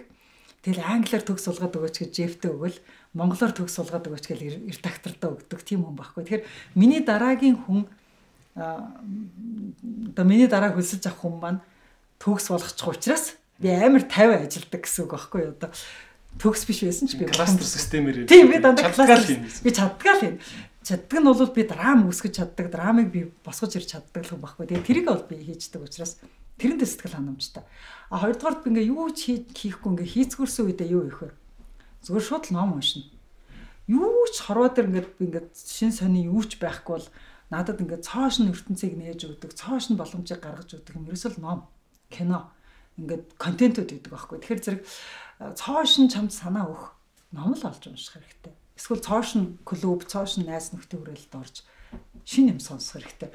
Хуучин байгаа энэ савнда одоо бүр ингээд хандсан те уршаа явахгүй болцсон бол тэгэл шин гарцал хэрэгтэй шүү дээ. Наа чи хиний үгтэй амар адилхан сонсогдод наа баг Эйнштейн Эйнштейн өгч илүүтэй те аа хуучин наа чи нэг 2 3 хүний үгтэй айгуу адилхан байна. Хуучин тий юу гэлээ одоо байгаа асуудал асуудлыг хуучин тарихаар шийддэг юм аа ч лээ тий тийм үг гэдэг шүү дээ тий. Эсвэл нөгөө хиний бас нэг айхтар өрнг оруулагч юу гэдэг байхгүй. Эксперт хүнээс бити ирээдүй асуу. Яа тэгвэл эксперт хүн гэдэг чинь өнгөрсөн юм дээр л эксперт байдаг байхгүй юу? Тийм шүү дээ. Хин ч ирээдүйдээр эксперт байдаг байхгүй юу гэдэг. Яг үнэ. Тэг хүмүүс миний ирээдүйг шийдээд өгөөч гэд өнгөрсөн цаг дээр алдартай хүн рүү гүйжчихэд идэм байна л да. Тэ. Хин ч ирээдүй цаг дээр алдартай биш шүү гэдэг. Тийм үнэ. Тэр аюу зөв үг те. Гоё. За. За дараагийн асуулт нь аа би залуу ээж байгаамаа. Тэг хүүхдүүдийнхаа яг энэ насан дээр нь энийг нь анхаараарай гэдэг ч юм уу тийм хатуу дүрмүүд санал болгооч гэж. Хүүх, ёстой, ёстой мэдхгүй юм биш үү. За ямар ч бас эрэгтэй хүүхдийн хүмүүжил тэгээд тусдаа айгүй тийм банд нартай ээж нэрх битсэн билээ. За. Эрэгтэй хүүхдийн хүмүүжил дээр бас тусдаа ер нь анхаарах юм байдгүй гэж асуусан. Хамт хамтнаас. Одоо миний эрэгтэй хүүхд хүмүүжсэн ганцхан туршлага чи штэ тий. Тийм одоо ганц. Би чамд нэг туршилтыг л амжилттай болцсон. Тий. Би тэгтээ чамд нэг э, багш багшаасаа хичээл дээр юм асуусангүй гэж загинжсэн нэг чи санддаг уу? Үгүй. Ингэсэн байхгүй чи одоо нэг 13 та байсан уу 12 та байсан уу чи ингээ хичээлээс хичээл дээр ирчээд ингээд даалгавар дээр чи нэг юм ойлгохгүй нь манай багш э, нэг тайлбарлаж өгөөгүй ч гэдэг л чи нэг нэг надад хэлдэг байхгүй юу? Би тэгтэн чи нэг багшаасаа асуухад яад ингэ тэгсэн чинь би би тэгж хэлсэн чинь чи нөгөө хичээл дээр би багшаас юм асуух дургүйч гэлөө чи нэг тэгж хариулсан байхгүй надаа. Би одоо тэр яг тодорхой тэрийг санахгүй. Гэхдээ би тэр үед чамд юу гэж хэлжсэн бэхээр чи багшаасаа яагаад асуулт асуухгүй ирж байгаа гэж би чамд тухай үед загнажсэн. Тэгээ би тухай үед чамд юу гэж хэлжсэн бэхээр би чиний хичээлийг хариулах хэвээр хүн биш. Чиний энэ мэдэхгүй байгаа юм чинь чам тайлбарлаж өг гээд төрөөс цалин аваад төрөөс мөнгөний төлөөд өгсөн байшин дотор та нарыг суулгаад хичээл задлах чинь ярихаар л зөрөөл төр яа. тэр чинь багш чинь байгаа гэж би чамд тэгж хэлжсэн аахгүй. Тэгэхээр зэрэг чамд тэгж үн төлбөргүй 45 минутын турш хичээл зааж өгөх гэж тэр багшд чинь цалин төлдөг төр мөнгө төлдөг. Тэр байшингийн чинь төрийн мөнгөөр халаадгийн чи ийм үн төлбөргүй юм бэлдээд өгсөн байж хаад чи тэр 45 минутанд чи багшаасаа асуух хэрэгтэй юм. Чи яагаад асууж чадахгүй надаас асууж байгаа ингээд би нэг нэг чамаг нэг өдөр тэгж цагжсан байхгүй. Тэрнээс хойш чи надаас ерөөсөө хичээл асуугаагүй. Тэрнээс хойш чи юу ойлгосон бэ гэхээр багш багш гэдэг хүн миний өмнө байж байгаа 45 минутанд надад үйлчлэх хэвээр би тэр мөчийг ашиглаад юм сурж авах хэвээр мэдэхгүй юм би багшаас асуух хэвээр гэдгийг чи ойлгож авсан гэж би боддгийн. Би ч гэсэндээ ер нь Стэнфорд, Йейл энэ төр сурж байхад ч гэсэн Америк надтай хамт сурж байсан Америк оюутнууд надад амар дуртай байдаг гэсэн хэрэг. Яг тэгвэл тэдний асууж чадахгүй юмыг би асуучдаг байсан. Тэгэхээр оюнгөрлөгчтэй хамт сурахаар аюу гоё. Яг тэгвэл үргэлж таны мэдэх юм асууж яадаг гэдэг. А би яагаад үргэлж асуудаг байсан бэ гэхээр би нөгөө Стэнфордод төлсөн мөнгөндөө амар тооцоо хийцэн. За би энд 45 мянган доллар зөвхөн би кредитэндээ зориулж төлсөн шүү. Миний кредитэнд зориулж төлсөн 45 мянган доллар чинь кредит болгоно 1000 доллар. Би 1000 долларын 1000 долларын кредитэнд зориулж энэ багшаас би бүх юмыг би асууж авах хэрэгтэй. Яг бол би 1000 доллар энэ багш төлсөн юм чинь гэж би тэгж бодож асуудаг гэсэн аахгүй. 5 кредиттэй хичээл гэдэг чинь би тэр багшад 5000 доллар төлсөн гэсэн үг аахгүй. Тэр тэр 5000 долларыг надаас авсан багшад би бол өстой хайр найргүй асуулт асуултаар зодж жоод би тэр багшаас мэдэж авах бүх юм мэдэж аваад гардаг байсан байхгүй. Тэгээ нүүн тэр багш би мөнгө төлсөн учраас би энэ хүнээс асуух хэрэгтэй гэж бодож асуудаг байсан учраас дараа нь ингээд сургууль төгсгöd Йеэл төгсгөж тэр Стэнфорд төгсгөж тэр манайхын ч наваа ингээд тэрж аваад яа өстө оюнгөрлөлтөй хамт нэг хичээлд ороход урамтай шүү. Бидний нэрлэхэд айгаад асууж чадахгүйсэн бүх асуултыг оюнгөрл асуугаад өгчдөг гэдэг байсан. Тэгэхээр зэрэг хүүхдүүдээгээ ерөөсө асуулт асуулга сурга. Би бол ээжүүдийг тэгж л хэлнэ айлч насанд хамаагүй тэр 1-р ангид байна уу 10 дугаар ангид байна уу 5 дугаар ангид байна хамаагүй ээж аваасаач тэр багшаасаач тэр асуулт асууж л сурга тэр нь бол амьдралд нь асар их хэрэг болно тэгээд асуулт асуухаас нэрлэхэж болохгүй ичиж болохгүй асуулт асуусан хүнд ямар ч буруу гэж байдаггүй ямар ч буруу асуулт гэж хаанч байдаггүй тийм учраас асуултыг гой томьёолж зөв асууж сургана гэдэг бол тэр хүүхдийн тайван мэдхүйд ч хэрэгтэй нийгэмд байр суурь олоход ч хэрэгтэй дараа нь Тэр хүн асуухын тулд бас өөрөө юм судалждаг тийм. Тийм тийм боддог. Тийм. Би чамаг одоо ингээл подкаст хийж байгаа чинь хүнээс яаж юм асууж байгааг чинь л хараад байгаа юм чи. За миний хүзүү асууж бай гэл ингээ харж байгаа юм чи. Гайгүй гайгүй асууж байна уу? Дэжгүй. Дэжгүй. Навчин хэмжээс бол өстөөсөө асуусан. Навчин хэмжтэй өстөө хүүхдийн талаар би ч одоо хүүхд мөнхтийн ямар ч дүүгийнхаа ч хүүхдийг ер нь 2 өдөр тэрж харж үзээгүй шүү дээ тийм Тэгэл хүүхдийн асуулт асуухаар чинь бас нөгөө шал мэдхгүй юм аа ингээ хүн асуухаар чинь бас юу л гэдэг. Сайн асууж байлаа тийм. Тийм, нилээн бас. Маш их хэрэгтэй ээж нь ч гэсэн айгүй хэрэгтэй мэдж авсан. Өө чамаг ингэж өсгдөг байж гэж бодсон. Араас нь. За. За дараагийн асуулт ийм байна. Ер нь саяны асуултаас би зөвхөн ургуулад танаас асуухад нэг тийм асуулт асуух гэдэг чинь уг нь бол хүний байгалийн уг нь бол төрцөн байдаг энэ зүнс одоо зүүн зөнгөөрөө ирдэг тэр чадвар гэх юм уу те одоо хүүхэд өөрөө хөлд орчдөг гэдэг шиг гэхдээ би зүгээр ингэж уншиж байсан нэг хідээс хід насны хүүхэд гэлээ 5 настай хүүхэд ч гэлөө өдөрт 400 ширхэг асуулт асуудаг гэж байгаа байхгүй яг эд үе дээрээ хүүхэд чинь энэ юу энэ юу ингэ хэлээд шүү дээ тий уг нь энэ зүн савнгаа бид нар ингээ сүултээ нийгмээс болоод ичдэг болоод нэр хүндтэй гэж боддог болоод ч тэр юм уу найз нөхдөс болоод ч юм уу хайчдаг юм шиг тий. Тэг хүн асуулт асуухаа болоод ихсэн цагаасаа ингээд танин мэдхүүн ингээд эрс хомигддаг тий. Тэг амьдрал нь жоохон хэцүү болж эхэлдэг юм шиг л тий ер нь хүн ингээл асуудаг байхгүй оюнгөрлөө чи яаж ингэж залуу малуу харагддгийг тэргээд надаас хүмүүс аяг асуудаг л да.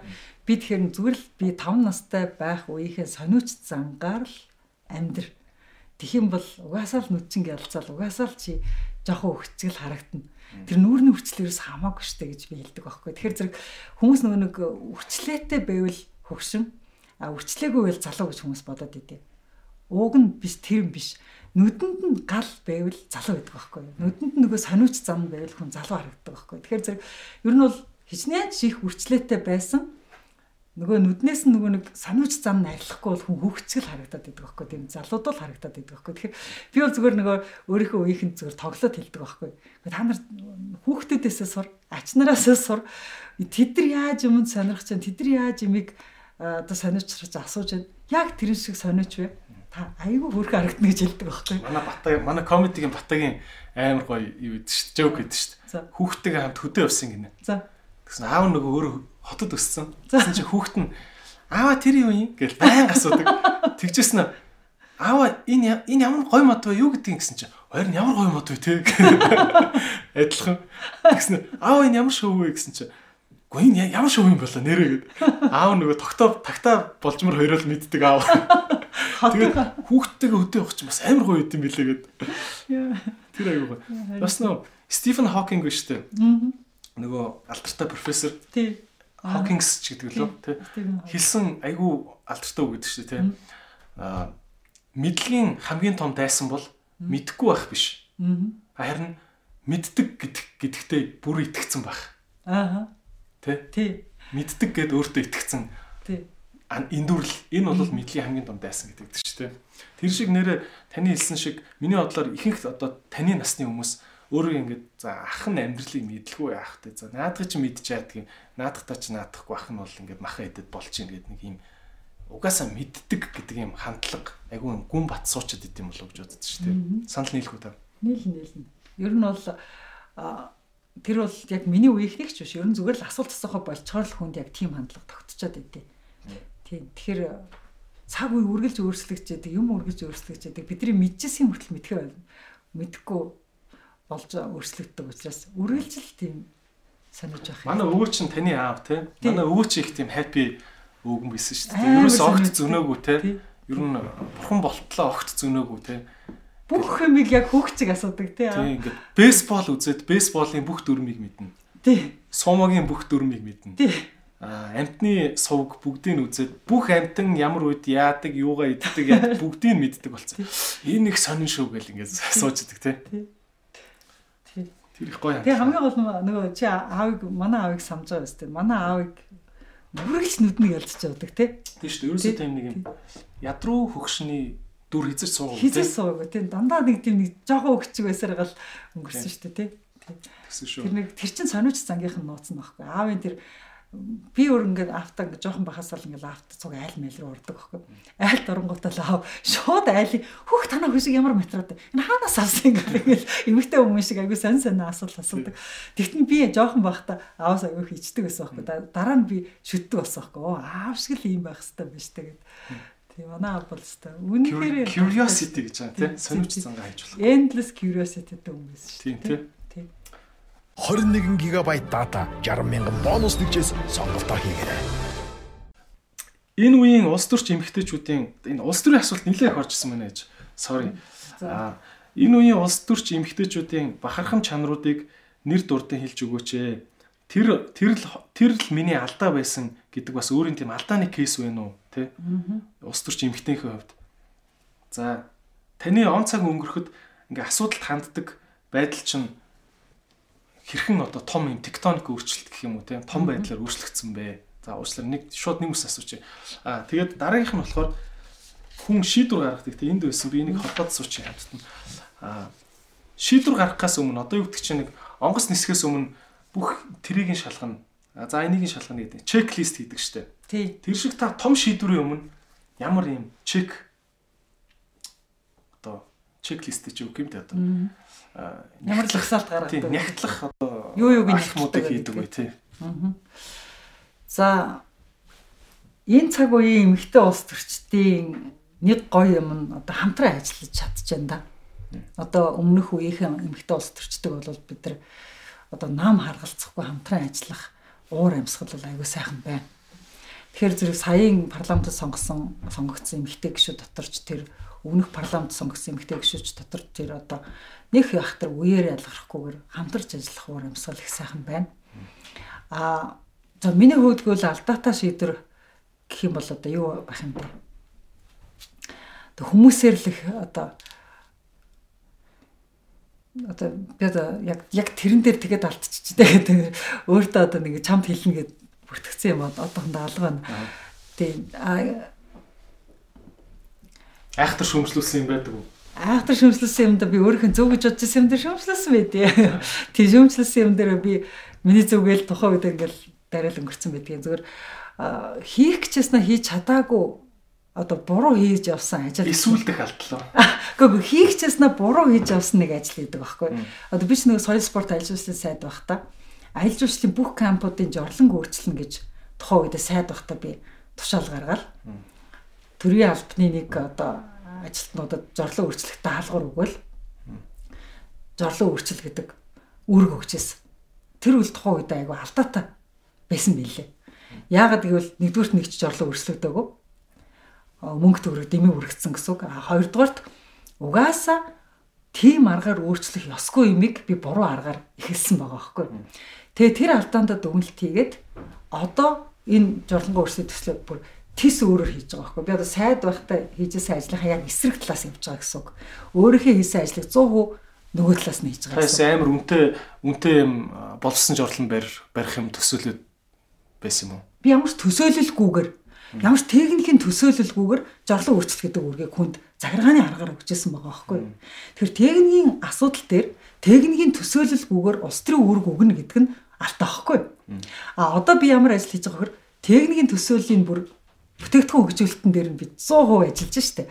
Доороосоо эхлээд иргэд юу хүсдэг юм, юуг цэвэрлж чадах юм, яах юм гэдэг бүх одоо амьдралын бүх одоо нөхцөл шаардлаганд нийцсэн техникийн хөгжүүлэлтээ одоо хийж байгаа байхгүй. Техникийн хөгжүүлэлтээ хийчихэд дараа нь би дээшээ явах гэж штэ одоо бол доороос нь эхэлж штэ. Тэгэхээр зэрэг шийдвэрээсээ шийдвэрээс арга зам ол гэж биш. Арга замаа ерөөхдөө судалчаад за энэ хөгжүүлэлтээ хийчихэд тий хөгжүүлэлтээ хийчихэд энийг скейл ап болох уугүй юу гэдгийг шийдэх байхгүй. Тэгэхээр миний хандлага эрсдэс өөрчлөгдсөн байгаа зү.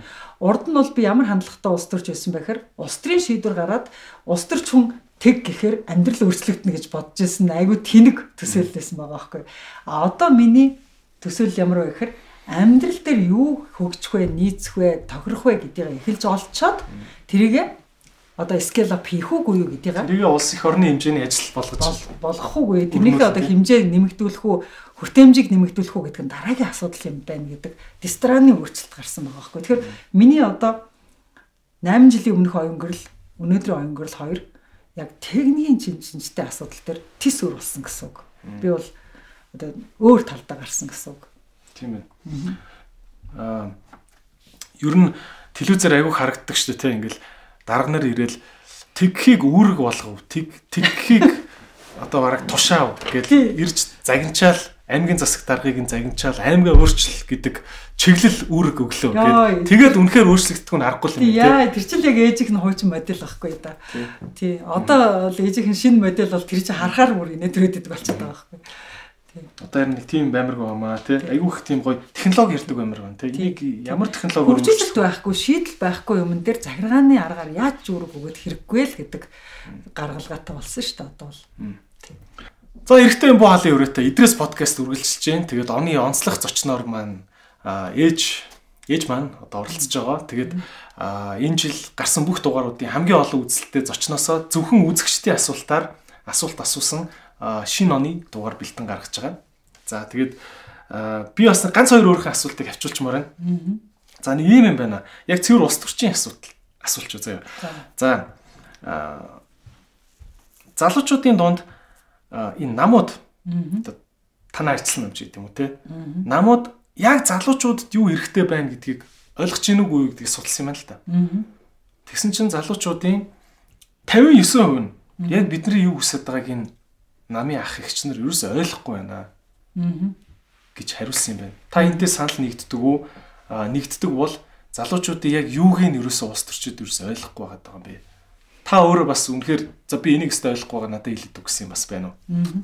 Наач яг зөв хариулсан байна. Залуучууд яг зөв хариулсан байна. Яг тэгвэл улс төрчдийн бидний юу хийсэд байгааг улс төрчид мэддгүү гэж 59% хариулсан гэж шүү дээ, тий? Би энэтэй санал нэгтэй байна. Ганц залуучууд биш ер нь өөр үеийнхэнд асуухад ч гэсэндээ хэлэх л баг. Яг тэгвэл улс төрийн намууд ихэвчлэн нөгөө нэг PR хийх, арт түмэн таалагдах одоо мэдээлэл гаргахтаа ихэвчлэн ахмад рүү чиглээд идэг байхгүй юу? Тэгтэн би бас анзаараад байдаг. Яагаад дандаа Ахмад өөрөө чиглээд идэм бэ гэхээр хамгийн сайн мэдж байгаа сегмент рүүгээ л улс төрчид ер нь чиглэдэг юм байлээ. Дунд насныхаа Ахмад насныхаа ингэж хэлүү саналаа өгдөг, ингэж хэлүү саналаа өгдөггүй гэдгийг мэдж байгаа учраас тэр мэдж байгаа сегментэндээ зориулж одоо сурчлагаа, бодлого бүх юм тохируулаад идэг байхгүй.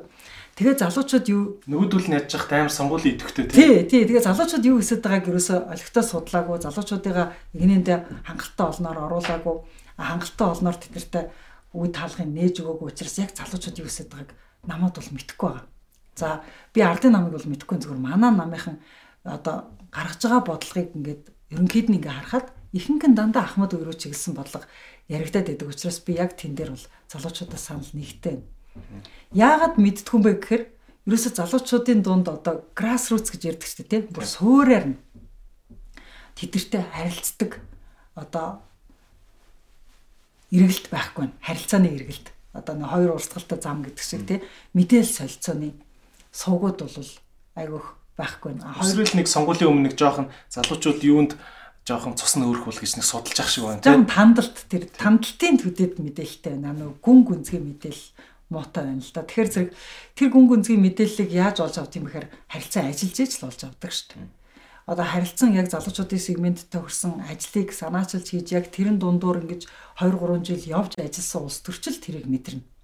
А зөвхөн контрактаас байгаа улс төрч тэрийг мэдрэхгүй дээ. Тийм учраас мэдэрч чадахгүй юм л гэсэн үг байхгүй. Ойлголоо та санал нийлж байгаа юм байна гэж ойлголоо. За залуучуудын дахин нэг судалгаан дээр нэг юм би бол арай өндөр байна уу гэж бодоод байгаа байхгүй. Яагаад Монголд ийм өндөр хувиар гарч байна? Энэ болохоор үзэл бодлоо илэрхийлэхээс айх айдсын хэмжээ. Одоо Facebook дээр одоо юу ч үгүй. Энэ одоо болохгүй таа гэдэг ингээд нэг үзэл бодлоо илэрхийлэх тий. Тэр нь тэгсэн чинь Монголд 38%, нийт залуусан 38% нь ямар нэгэн байдлаар айдаг гэж байгаа хөөх үзэл бодлоо илэрхийлэхтэй. Надад бол бараг 40% Тэ 10 хүний 4 гэсэн үг байхгүй. Танд энэ их санагдчихэв нү яа юу болоод байна гэж та энэ тоог юу гэж харж байна? Би энэ тоог бол ер нь дэлхийн дундаж байна гэж харж байна.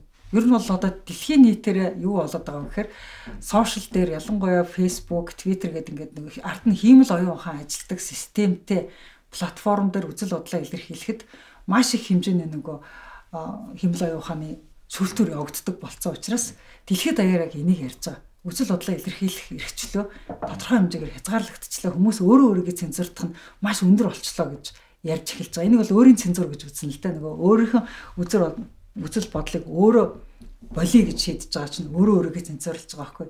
Тэгэхээр self censorship гэж ярьдаг юм. Тэрнээс шиг яг цэвэр нөгөө бидний бодож байгаа шиг айдас гэж бол таарахгүй байна уу те. Хин нэгнээс ингээ айгаад гэдэг утгаараа.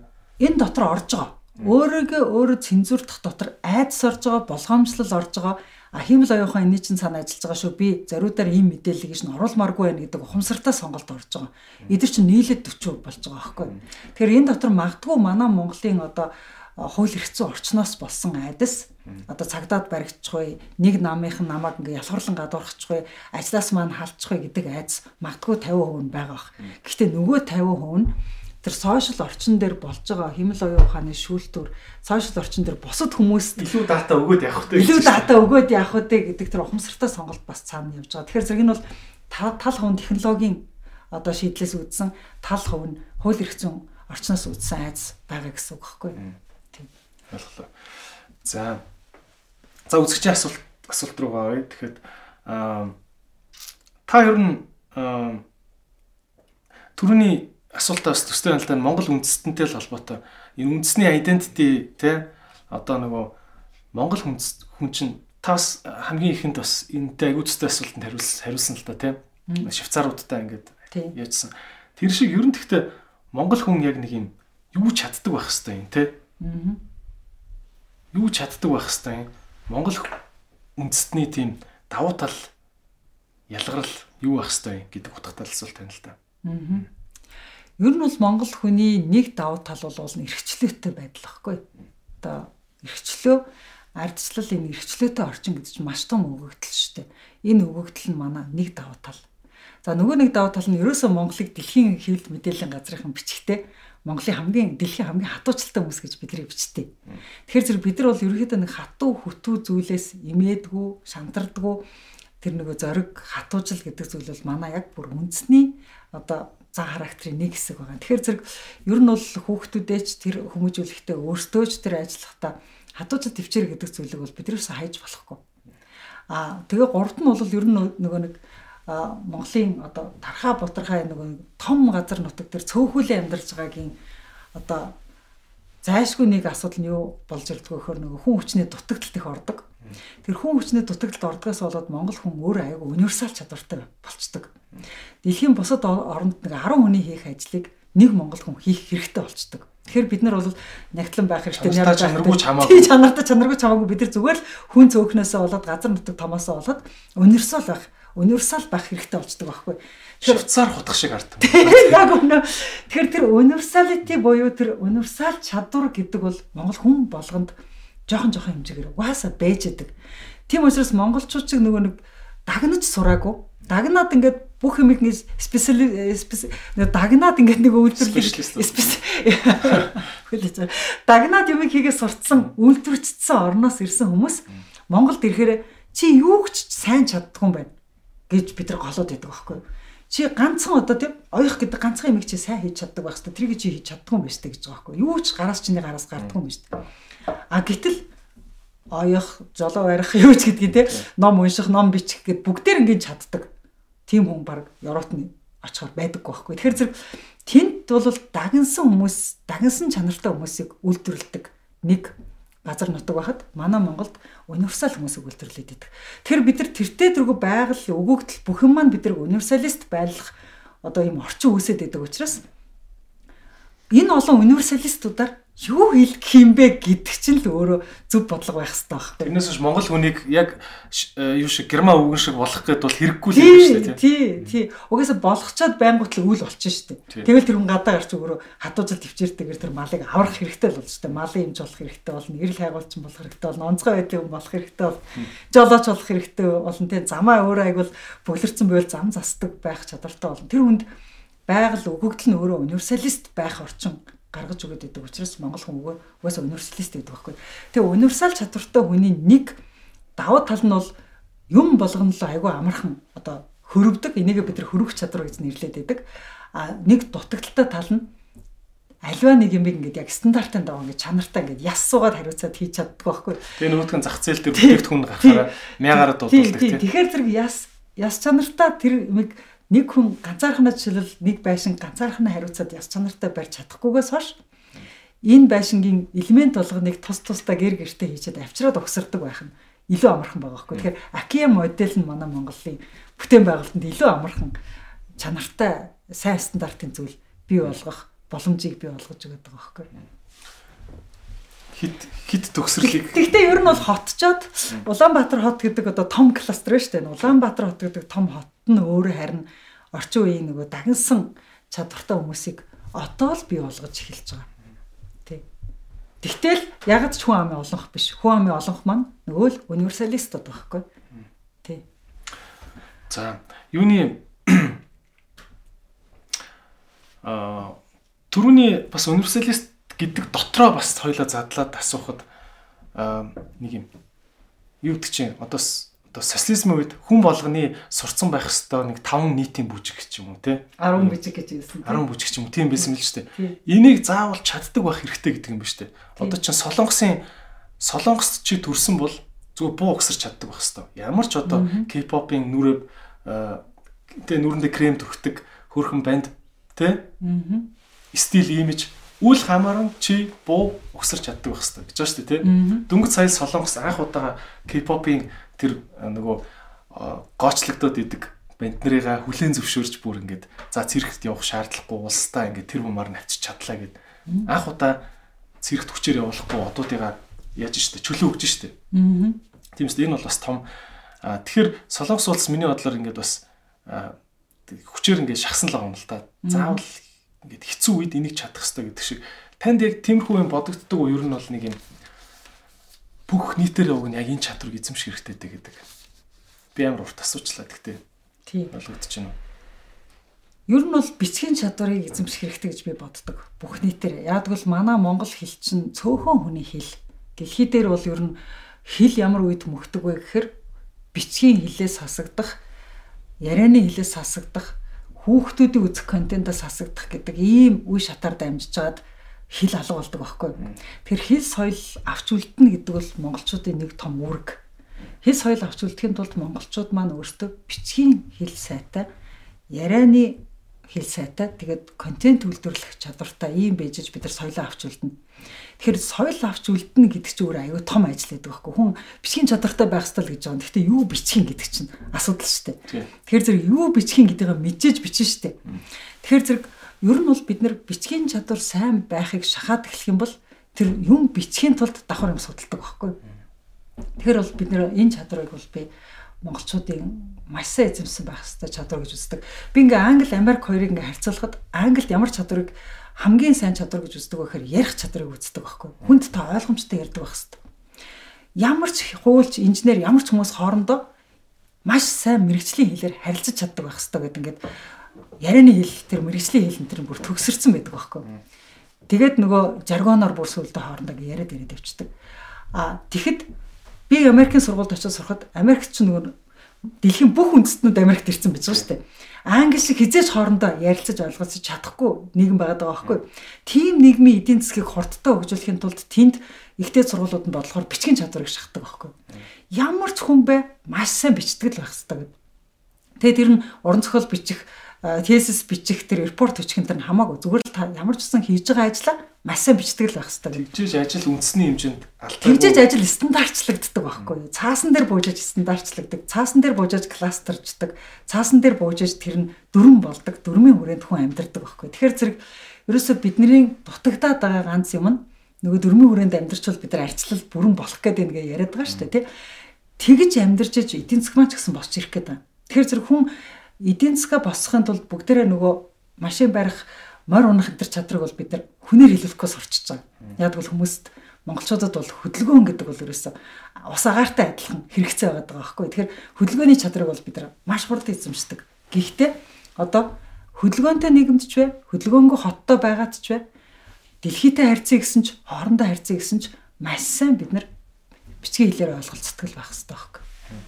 Тэгэд одоо бид нар ингээл Монгол контентийг бүтээн, Монгол хүүхдүүдийгээ Монгол хүн болгож үзүүлнэ гэж хичнээн яриад ч гэсэн тэр хүүхдүүд нь очил BBTV л үзэж байгаа үстэй. Тэгэл тэнд нэг Австралийн Сиднейд нэг хідэн хідэн Австрал ах эгч нарын хийсэн гуглтыг л Монгол хүүхдийн үзэл байж байгаа шүү дээ тийм үстэй.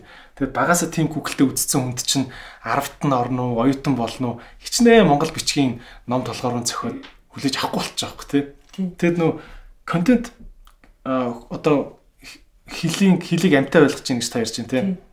Ингээ харахаар ямар ч контент бүтээсэн Google-ийн кино, кино одоо зүрийн нэвтрүүлэг байсан ч хамаагүй заавал бичиг цаас скрипт гэдэг юм бичиг заавал доор нь байх дээ тийм. Ерөөсө мөнгөтэй болыг гэвэл бичиг төслийн банк руу явуулах хэрэгтэй шүү дээ. Тийм үстэй тий.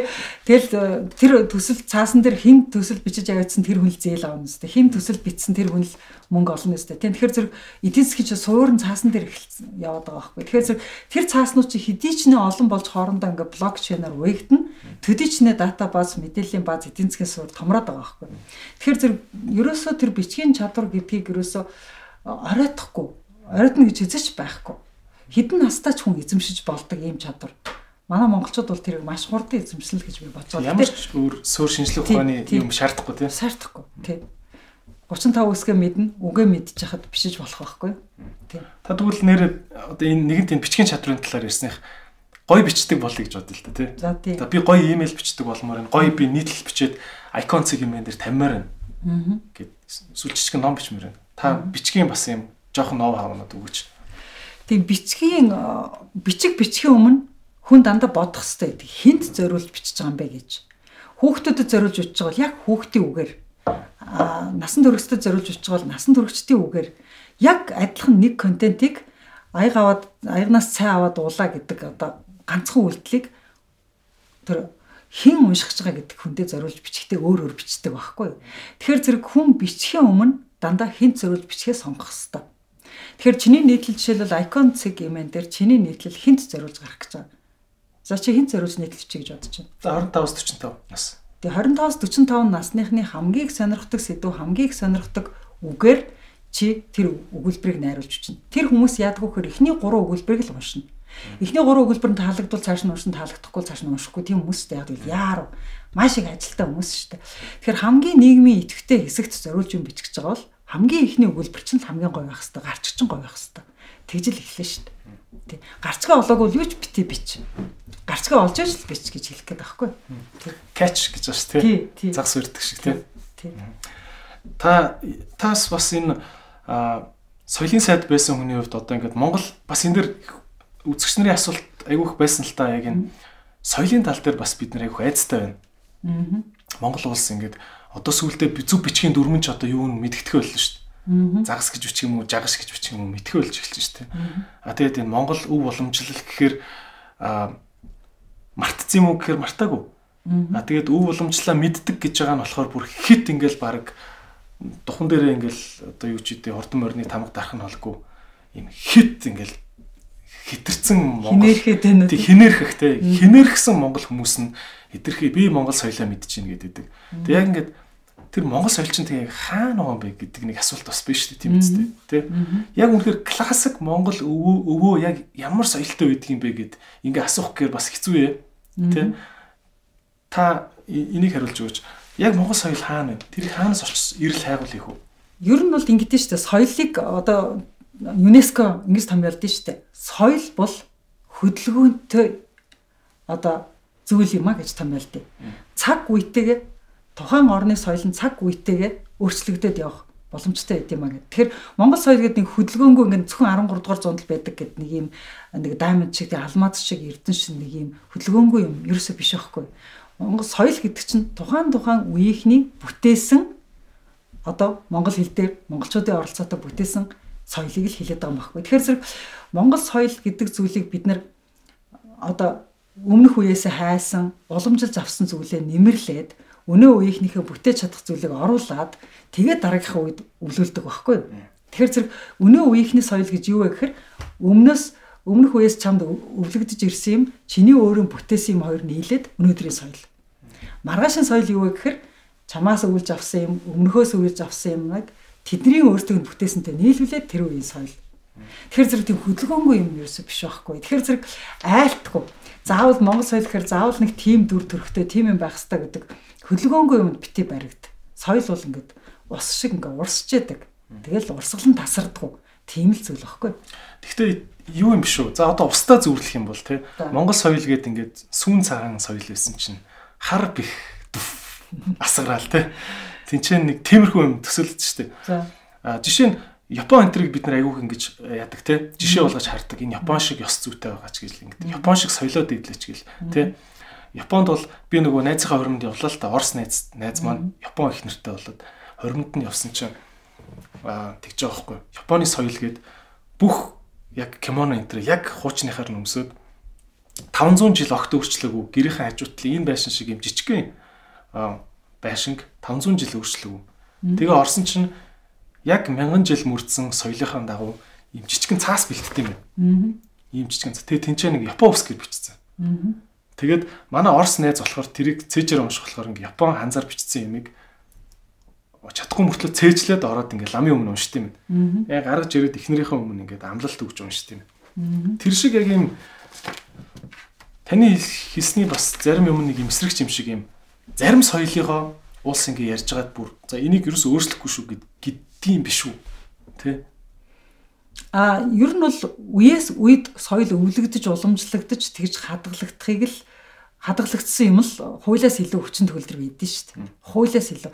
Ер нь хууль бол тэгэл засаг өөрчлөгдөд хууль өөрчлөгдөөл төр өөрчлөгдөд хууль өөрчлөгдөөл яваад идэв. Огт өөрчлөгддөггүй юм чинь ер нь бол соёлын өв шүү дээ. Тэгэхээр зэрэг тэр үе дамжаад өөрчлөхгүйгээ шийдээд аваад үлдсэн цөөхөн идэх юм үе дамжиж явдیں۔ Ихэнх нь бол тэгээд цаг үе нь өөрчлөгдөд явдیں۔ Тэгэхээр зэрэг огт өөрчлөгддөггүй тийм нэг хоёр элемент Монголын соёлд ч гэсэн байгаа л баг. Тэгээд тэр зүйлийг өвлөж уламжилж авч яваал гэвэл өөрчлөгдөхгүй л авч яваад байна. Жишээлбэл нэг дарганг хийцийн мөнгө аяг гэл нэг байдаг шүү дээ тий. Тэр чинь огт өөрчлөгдөөгүй хээ. Огт өөрчлөгдөөгүй одоо зураг төсөл загвар яваад байгаа гэсэн үг байхгүй юу? Даргангийн хийцийн одоо одоо Батнаруу хийцэн имэйл гэлдэгдэг тий. Тэгэл Батнаруу гэдэг газрын л тэр тэр Батнаруугийн хавийн кластерынхны л хийдэг байсан одоо имэйл гэсэн үг шүү дээ. Тэгэл тэр чинь огт өөрчлөгдөөгүй л явж гэнэ гэсэн үг. Яг бол тэр хийцийг яг тэр чигээр нь авч үлдээ гэсэн хүмүүс л тэр чигээр нь уламжлаад явж байгаа байхгүй. Манай Монголд одоо огт өөрчлөгдөөгүй зүйл Монгол гэрийн дизайн шүү дээ. хичнээн мянган жил болсон мэдгүй яг л өөрчлөгдөхгүй өвлөгдөөл яваад байдаг. Тэг яг өөрчлөгдөхгүй ингээ өвлөгдөд яваад байгаа чинь цаг үеийн тэсэл дараа дараагийнх нь үеийг авч үлдээл ер нь бол үе одоо хүмүүс нь үе үеийн хүмүүс нь дараагийнхаа үед өвлүүлж өгсөн зүйл тасрахгүй өвд тооцогддог байхгүй. Тэгэхээр бас цуур цуур хөгжмийг жишээлбэл соёлын сайд байхдаа нөгөө ЮНЕСКОгийн соёлын өвд бүртгүүлж ирсэн. Цуур хөгжим чи ерөөсө 3хан нүхтэй байхгүй. Тэ нэг ерөөсө ингээд зэгсэнд 3хан нүх хийцэн юм шиг тэг үү гэл ингээд дуу гардаг. Тэгээд амдаа ингээд завжинтаа ингээд агүй барьж байгаад ингээд агүй сонирхолтой ингээд салхины дуу гаргаж байгаа юм шиг ингээд хөгжимддэг тийм одоо 1500 жилийн өмнөх хөгжим багхгүй. Тэгээ тэр соёлын үеийг би жишээлбэл дэлхийн үед бүртгүүлэхдээ өргөдөл дээр нь юу гэж үчээсэн бэ гэхээр 1500 жилийн турш өвөөгөөс аавд ааваас хүүд энэ хөгжмийг зааж өгчээж л өвлөгдөх боломжтой. Зааж өгөхгүй нэг үе тасрахтал яаж хөгжимдгийг хинч мэдэх боломжгүй. Өөрөлд 1500 жилийн турш тасралтгүй өвлүүлсэн өв өв учраас энэ үеийг одоо дэлхийн өвд бүртгэж өгөөч. Энэ өв одоо тасрахын ирмэг дээр байгаа учраас энийг хамгаалтанд хамгаалцаж өгөөч гэж өргөдөл өччихсэн байхгүй. Тэгэхээр өөрөг нэг үеийнхний таслагдахгүй авт үе үеийнхний таслагдахгүй авч ирсэн өв гэдгийг чинь л одоо өв уламжлал одоо хамгийн одоо өндөр настай өв уламжлал гэж үзнэ. Зарим соёл бол нэг хоёрхан үеийн соёл байж болно шүү дээ. За дараагийн асуулт хөдөө орон нутгийн талаар асуулт үзэгчээс ирсэн байна. Хөдөө орон нутгийг хөгжүүлэхийг гэвэл та та за одоо та ингэж танд бүх эрх мэдэл нь гэж бодъё. Та юу их байсан бэ? Топ 3 юм гинэ. За манай хөдөө орон нутгийн хамгийн номер 1 тулгамдж байгаа асуудал ажилгүйд л байна шүү дээ. Тэгэхээр ажилгүйдлийн асуудлыг шийдэхэд нь түрүүнээс хойш кластер гэж нэг юм яриад байгаа шүү дээ. Тийм тэгэхээр зэрэг мэдээллийн технологиг нэвтрүүлээд мэдээллийн технологиор хөдөөнийхэн Улаанбаатар руу Улаанбаатараас хөдөө рүү а хөдөөнийхэн бас хоорондоо ажлын байрыг бий болгох тэр IT-жүүлэх, кластержуулах гэдэг ажлыг бол эхний ээлжинд хийх болов гэж бодож байна. За хоёр дахь манай одоо орон нутгад тулгамдж байгаа хамгийн том асуудал бол бидраас хамаарахгүй дэлхийн дулаарлаас голдоо хамаарж байгаа бэлчээрийн одоо цөлжилтийн асуудал. А цөлжилтийн асуудлыг нэмж мутгаж байгаа юм бидний одоо нөгөө малын тооны хязгааргүй өсөлт болчиход байгаа шүү дээ. Тэгэхээр зэрэг малынхаа тоог яах вэ? Бэлчээрээ яах вэ гэдэг дээр орон нутгт дээр одоо нөгөө дөрмжүүлнэ гэдэг ажил бол нэлээд том ажил болох лоо орон нутгт хийх ёстой. Нэлээд том ажил болох лоо гэж бодож байна. За гурав дахь нэг асуудал нь бол хөдөө орон нутгт хүн амьдрахад тогтоо тухтай орон сууцны шийдлүүдийг одоо бид нар чинь гаргаад эхэлчихэж штэ тий. Яг тэгж хөгжүүлсэн одоо шийдлүүдийг хөдөө орон нутагт нэвтрүүлэхэд маш хурдан замыг засч өгнө гэж бодож байна. Тэгэх юм бол уулын аманд амьдарч байсан ч, говьд амьдарч байсан ч, сумын төвд амьдарч байсан ч адил тог тухтай нөхцөлд хүн амьдраад ирэхээр одоо хүний амьдралын чанар нэмэгдэнэ. Тэгэхээр хөдөө орон нутагт бол амьдралын чанарыг нэмэгдүүлэх зайлшгүй шаардлага нь юу харагддаг вэ гэхээр хүмүүсийн нөгөө нэг насжилт богинохон болчиход байдаг.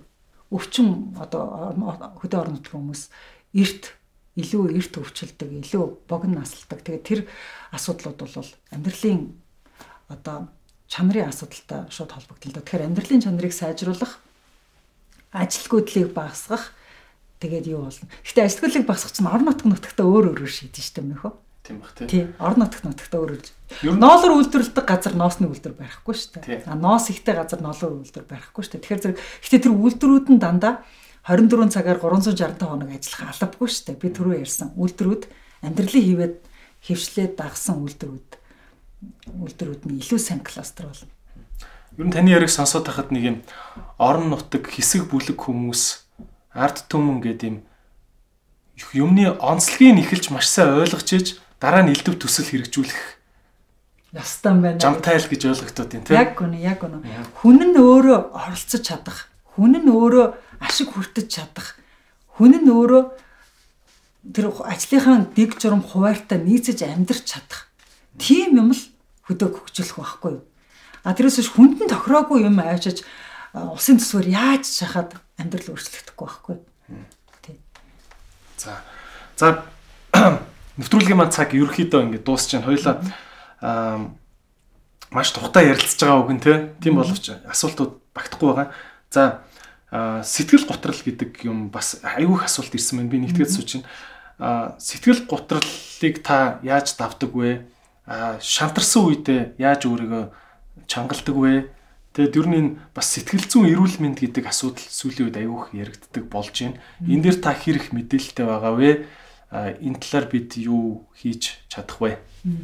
За сэтгэл гутралын асуудал бол хүүхэд насанд тохиолдно дөнгөж амьдрал эхэлж байгаа одоо эцэг хийхэн халамжаас дөнгөж гарчаад өөрөө мөнгө төгрөгөө олж амьдралаа зохицуулах байгаа үед болдно би гинт муудсан гинт гинтийн шокын эрүүл мэндийн асуудалтай үед тохиолдно.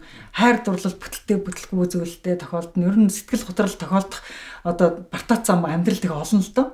А тэгээд тэр болгонд хүн яаж давн туулж чадах вэ гэхээр зэрэг сэтгэлийн хат буюу тэр сэтгэлийн дархлааг одоо өөртөө бий болгож ижил даван тулж гарна. Тэгэхээр сэтгэлийн хат гэдэг юм өөртөө яаж бий болгох юм бэ гэхээр нэг би одоо ингэж ийм бэрхшээлийг ингэж давах хэрэгтэй гэдэг урдчлан бэлтцсэн байхаасаа илүү амьдралд ямарваа нэг юм тохиолдоод надад ингээ хүчин мөхс санагдвал миний хийж чадах алхам бол тим тим тим алхам юм а гэдэг алхамаа л мэдчих хэрэгтэй гэдэг.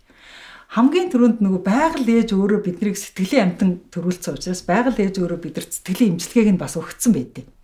Номер 1 бидэрт өгсөн имчилгээ бол нойр. Байгаль өөрөө бидэрт өгсөн. Бид нар тэр имчилгээг л ашиглаж чаддгүйгээс болоод нойроо хасчаад байдаг болохоос хамгийн сайн сэтгэлийн имчилгээ бол нойр. За хэрвээ энэ нойрыг э, эдэлж чадахгүй нойр багсаад сэтгэл гутралд нь хамт ингээд нойр чинь бас хямрагдаад тэгвэл хамгийн сайн бас нэг сэтгэл гутралыг арилгадаг зүйл бол нулимс. Яг тэгвэл хүний сэтгэлийг өмүүлээд идэг юм чинь гормон байхгүй. Зүгээр нэг таны сэтгэл хямраад байгаа чинь хин нэгэн хүний бурууч биш, таны бурууч биш, тийм субъектив юм биш. Яг объектив таны дотор байгаа сэтгэлийг гутруулад байгаа юм чинь гормон баггүй. Тодорхой хэмжээний стрессний гормоны үйлчлэл. Тэр стрессний гормоныг маш хурдан биенээс зайлуулдаг гол зүйл бол хөлс, нулимс хоёр багхгүй.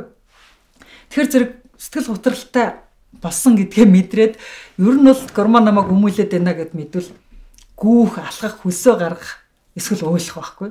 За би бол миний хамгийн сайн хийж чаддаг сэтгэл готрлоос гардаг хамгийн сайн миний хийж чаддаг ажил бол ерөөсөө уйлах. Ээж нь бол та нарт нулимсаа нэг харуулдгоо. Гэхдээ уйлвал миний нулимсаар баахан стрессний гормон гарна гэдгийг мэддэг учраас би бүр ингэж амаа ангааж агаад нүрээ дарж агаад аа аа гэж агаад уйлдаг. Тэгээ бол аягүй сан гормон гардаг. Тэгээ ерөөсөө ер нь тайвширдаг. Тэгэхээр зэрэг тэр бодтойгоор өөрийг чинь тайвшруулж чадах шинжлэх ухааны аргыг хэрэгжилж стресснээс гарна. Тэр стрессний гормоныг гаргасныхаа дараа ном уншина. Гаргасныхаа дараа кино үзэн. Тэрнээс биш хямралтай байгаад тэр кино үзэхгүй. Хямралтай байгаад тэр ном уншихгүй. Яг бол ном уншаач толгойд ч орохгүй. Тэгэхээр дотор ч ингээд чамаг өмүүлээд байгаа хэдэн гормоныг бол яг механик аргаар гаргана. Хөлсөө гаргана, нулимсаа гаргана. Тэгээд онтно. Ерөөсөл химийн шинжлэх ухаан явчлаа шүү дээ. Биохими. Биохим баггүй. Биохимээ ойлгочих юм бол ямар гормонууд чамааг өмүүлээд байгааг ойлгочих юм бол тэрнтэй яг механик аргаар эхлээд тэмцдэг байхгүй. Тэгчээ дараа нь толгой жоохон цэлмэд ирэхээр гяс дараагийн сэтгэл готролд орохгүй тулд гяс шинэ ном унших хэрэгтэй байхгүй. Эсвэл шинэ кино үзэх хэрэгтэй байхгүй. Эсвэл шинэ найз нөхдөд олох хэрэгтэй байхгүй. За сүүлийнхээ асуултыг асууя. За түрүүн хүүгийн асуултаас энэ одоо охины асуулт байх шүү нэ. А охиндоо та юуг амжилж захидаг вэ? Аа. Эмэгтэй хүүхдэд та юу юу гэж хэлдэг вэ? Гэтэ бас нэг өөр холбоотой асуулт. Ер нь хүүхдээ асуулт юм чи асуучих гэж бодлоо. Аа хүүхдүүдтэй та одоо нэг э, өвдөх цагт им шиг, яах цагт, өсөх цагт хоол шиг үг ч үлээ те нэг юм гой үгнүүд өгдөө шүү те. Та танд тийм жорны тийм авдрын үгнүүд байдаг уу? Тэ хилдэг гой үгнүүд байдаг уу гэсэн асуулт нь. Тий охинд бол би ингэж хэлдэг. За чамд идрээ хахаас чи өөр нэг юм байгаа шүү гэж хэлдэг. За идрээ бол сулуун одоо сулуун замаар амьдарч байгаа эрэгтэй хүн. Чи эмэгтэй хүн учраас миний үг бол сар болгон өөмүүлж бужигнуулж яадаг хэдий юм байдгийг шүү. Тэр бол одоо эмэгтэй хүнд одоо сар болгон итгэвчжээдэг гормонууд. Одоо эмэгтэй хүн чинь нөхөн үрчгөн насанд байх үедээ шовтон сар болгон гормоны одоо ямар нэгэн дарамтанд орж идэг. За төрөх юм уу хүүхэд хөвхөлж явах үед бол маш их гормоны дарамтанд орно. Дараа нь цэвэр шиг үед бас их гормоны дарамтанд орно. Тэгэхээр зэрэг эмэгтэй хүний биед явж байгаа биохимийн процесс эрэгтэй хүнийхээс хэдэн зуун дахин их байдаг учраас тэр болгонд сэтгэл ингэж ингэж дандаа ингэж дагаж ингэж хувьсах гээд байдаг. Тэгэхээр зэрэг миний хүү гормоны үйлчлэлд орж байгаа үедээ витамин ууж гормоны үйлчлэл орж байгаа үед хоол ундаа сайжруулж. Гормоны үйлчлэл идэвчээд ихсэн үед хүнтэй муудалцахаас өмнө гадаа гарч гүйж. Уйлж. Хөсөө гаргаж. Тэгсний дараагаар хүнтэй ярьж гэж хэлдэг л дээ би. Тэгээд ер нь бол одмоо утгаар бол одоо ингээд хоёлаа ингээд амар хөөрхөн ойлголцдог шүү дээ. Утгаар ингээд за ээж би өнөөдөр яатай биш шүү. Одоо үйлчлэлтэй биш шүү те. Надтай өнөөдөр бити мэрээр гэхээр л би за за миний охиныг өнөөдөр гормон зоогоод байгаа юм байна гэж шууд ойлгодог байхгүй. Тэгэхээр зэрэг э, эмэгтэй хүн био хэмээ ойлгохгүй бол сэтгэлээ удирдах чадахгүй. Био хэмээ ойлгохгүй бол хүнтэй ингээд нөгөө эрэгтэй хүнтэй юм шиг ингээд эн тэнцүү ингээд харьцаж чадахгүй дандаа ингээд эсвэл төрүүлж уулчих гээл эсвэл төрүүлж ууралчих гээл эсвэл хүнтэй өнгнөөс хүчих гээл гэдэг байхгүй. Тийм учраас эмэгтэй хүний хамгийн сайн мэдих ёстой зүйл бол үйлчлэлээ мэдэх. Сарын тэмдэг хизээ ирэх үү, миний гормон хизээ идэвчих үү, би хизээ ямар ааш замтай байдаг үлээ гэд. Одоо ч би ингээд яг амар ингээд ууртай өдрөө хүмүүс дандаа хэлдэг шүү дээ. Миний PMS, predmenstrual syndrome менструацны өмнөх синдром хөдөлсөн байгаа шүү. Айтайхан байж байгаараа. Би өнөөдөр буруу үг хэлчих гээд байгаа шүү. Надтай бити мэрээрээ гэж шулуухан хэлчихдэг. Тэр бол одоо гормоно ойлгоод харилцаагаа зохицуулж яах гэсэн үг шүү дээ. Тэгэхээр би охиндоо бол гол захидаг юм. Биохимиа ойлго, гормоно ойлго. Чамааг удирдах байгаа юм чинь бодит юм байгаа шүү. Тэр бодит юмыг бити ингээд шал өөр нөхөр мөхөр шал өөр найз майзтай бити хартаад байгаа гэдэг байхгүй юу. Тэгэх юм бол хүн айгүй зөв харилцаатай болдог. За хоёрдугаар яг зүгээр ээж уснаас нааш захидаг гол юм. Би бол ээж байхдаа та хоёрт те өвдсөн үед нь шууд очиод одоо эмч шиг үйлчлдэг байх хэвээр. Зовлон үтсэн чахамц шиг бүхмийг одоо мэддэг, хариулдаг тим ээж байхыг хичээдэг байсан. Тэгэхээр зэрэг эрүүл мэндийн мэдлэгтэй бол а дээр нь хүүхдээ ингээд уйлж одоо хүчин өгсдөгт нь очиод тэрвэрэд авчээ Хүнийг ер нь ээж хүн тэрвэрх, ер нь эмэгтэй хүн тэрвэрх гэдэг бол муухай имчилгээнээс дээр гэдэг байхгүй юу? Сэтгэл зүйн имчилгээ талаас аач тэр одоо биеийн имчилгээ талаас аач тэр ерөөсөө тэгээд сайхан тэрвэрж авч хүүхдээ сайн тэрвэрчээ гэж тэгжэл зөвлөдөө шүү. Аа за тэгээ хүүхд нөө түрүүний асуулт нь хоёр асуулт хамт хөвжсөн. Хүүхдүүдтэй одоо би ч энэ асуулт ярилдаг. Уг нь би мэдчих хэвээр.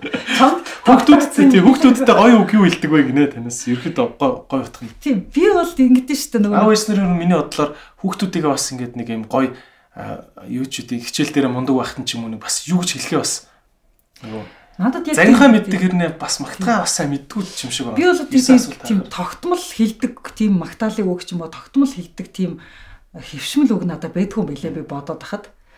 Би харин яг та хоёрыг ингээ амжилт гаргахад ч юм уу та хоёрыг яг үнэн сэтгэлээсээ сонсоод үнэн сэтгэлээсээ реакцлал баярлуул үнэн сэтгэлээсээ баярлал бахархуул үнэн сэтгэлээсээ бахархал инээвэл үнэн сэтгэлээсээ инээгэл миний одоо яг ингээд ээж хүний ингээд чамтай харьцаж байгаа үнэн сэтгэлээ харилцаал хамгийн сайн урам өгдөг харилцаа юм болоо гэж би боддtiin би одоо бодоод хад нэг таарт ингээл ингээл таар ингээл өнгөрөөгөл хилжээс үгээр санаа поп ээж байгаагүй юм тий. Байгаагүй шүү дээ. Тий. Чи одоо санаж байна уу? Одоо би харин нэг сайн санахгүй байна. Одоо надаа ямар мундаг үг хэлээд тэр нь одоо миний амьдралыг өөрчилчихлээ гэсэн чи. Тэгвэл чамаг ер нь ингээд л амжилт гаргаад ирэх чинь нээж ингээ баярлдаг үстэй. Баярлал яг үнэн голос л пөөх тгийвэл бол сонсдог үстэй. Тийм. Тэг миний бодлоор бол тэр ээж хүний тэр нэг үнэн сэтгэлийн харилцаа. Хүүхдэд надад манай ээж бүрэн анхаарал тавьж гэн гэдэг айгүй хүүхдэд чухал нөлөөтэй болоо. Би ингэж боддتي. Би нөгөө улс төрд яваад би айгүйх ингээд танараас тусдаа ингээд айгүйх амьдрдаг шүү дээ тий тусдаа номоо бичээ суучин тусдаа ингээд улс төр хийгээ явчин тусдаа хурал зөвлөгөөгөө явчин. Та нартай ингээд өнгөрөөдөг цаг маань айгүй бага байдаг гэхдээ нэг цаг өнгөрөөхдөө би их чанартай өнгөрөөд юм болоо гэж боддог. Орооны хоол хамт идэхтэй ч юм уу нэг өдөр хамт байхдаа ч юм уу би их чанартай байгаад нөхөн төлбөр өгдөг. Сэтгэлийн нөхөн төлбөрөө их сайн өгдөг юм болоо гэж боддог. Тийм тэгэхээр зэрэг ер нь бол өөрөө анхаарал тавьж чадахгүй ингээд олон цаг хоол явцсан бол нэг цаг ч юм уу нэг хэдхэн минут ч юм уу хүүхдтэйгээ харилцахтаа яг үннээсээ чанартай ингээд өөрийгөө ингээ бүтэн зориулаад ивэл наадах чи одоо орчин үед юу гэж нэрлэдэг байгаа гэхээр content density гэж нэрлэдэг байгаа шүү дээ. Аа тийм үү. Энэ болохоор контентын одоо тэр өгөөжийн нэгтаршил гэж байгаа. За одоо хуучин бол 5 минутын юм үзсэн мөртлөө нэг хоёрхан юм хоёрхан юм дээр аа аа гэ инээдэг байсан бол одоо 1 минутын турш бүр илгээ өршлөө нөх хоёр чинь шал өршлөө тий. За. Тэр нь сүүлийн үеийн контент бүтээж байгаа хүмүүс нэг тим юм номлоод байгаа байхгүй. За. Density дээр анхаараач. 5 секунд тутамд хүнийг инээлгэж гин үү? 10 секунд тутамд хүнийг ингэж сорталцуулж гин үү тий. Тэр ингэж чангарахаар яг юм таны яриад байгаа шиг юм шиг л байна л та тийм үү. Би бол та нарт чанартай анхаарал тавина гэж угаасаа анханасаа зоригтой анхаарлаа тавьдаг. За энэ хүүхэд намайг дуудаж байна. Би очихтаа ингээд яг асуултыг бүрэн сонсно. Яг үнэн сэтгэлээсээ хариулна. Гэт ингээд та нарт ингээд ингээд анхаарал тавихтаа би яг ингээд зоригтой анхаарал тавьдаг. Тэгвэл тэр зоригтой үнэн сэтгэлээсээ хандж байгаа яг ингээд ажил хийж байгаа юм шиг та нартай харьцаж байгаагаа би ажил хийж байгаа юм шиг хандж байгаа нь эргээд та нарыг ингэж урамшуулсан болов уу гэж боддоо шүү дээ. Ээжиг чи одоо яг магадгүй ингээл миний нас масн дээр байж хахт бас ингээл шинэ жилийн баяр маяр яаж явдаг байсан те. Ааха. Нэг ээж амдрын найр гэл яагаад дандаа гэрте паритад идэв гэсэн те.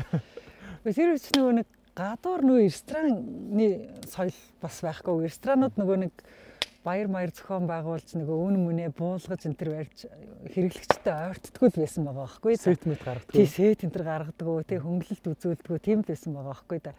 Тэг бүгд л нөгөө нэг айгүй хатуу үнэтэй. Тэгээд тэр хатуу үнийн дийлж чадахгүй. Тэгээд төлбөрийн чадвартаа нийцүүлэл гэртээ ширээгээ засаад гэртээ өөртөө салаатаа хийгээл тэгэл тэмдэглэдэг гэсэн байгаа байхгүй. Нэг найз нар гээл ингээл ээж аав нарын найз нар гээл нэг том өрөөндтэй бүгдээр суугаад. Цаг цаг үеийн шийдэл бол ерөөс тухайн цаг үеийнхэн төлбөрийн чадвартал нийцсэн шийдэл байдэн шүү дээ. Тэгэхээр зэрэг тухайн үед их л гоё ялк болдог байсан. Би одоо ерөөсө муухай ялк тэмдэглэжсэн шинэ жил ерөөсө сандгүй шүү дээ. Бүгд л айгүй гоё байсан. Жил болгон л яг тухайн нөхцлөө тухайн нөхцлөө одоо энэ жил гिचнэл гадуур ямар ч ялк болохгүй. Гэхдээ яаж гэрийнхээ ялкыг гоё ихүү гэж бодоод эхэлж байгаа байхгүй юу? Тийм тэгэл гэртээ илүү гоё мод засаал илүү хөгжилтэй бэлэг задал зохион байгуулалтын энэ дэргээ бодоод эхэлж байгаа байхгүй юу? Гиснээс тэр миний хүү шинжлэр ирж бэлэг задлаа шүү. За. Ирээрээ. За тэгээд ээжээс үзэгчдийн асуултыг асууж дууслаа. Тэгээд нэвтрүүлгийн цаг өндөрлж байна. Тий.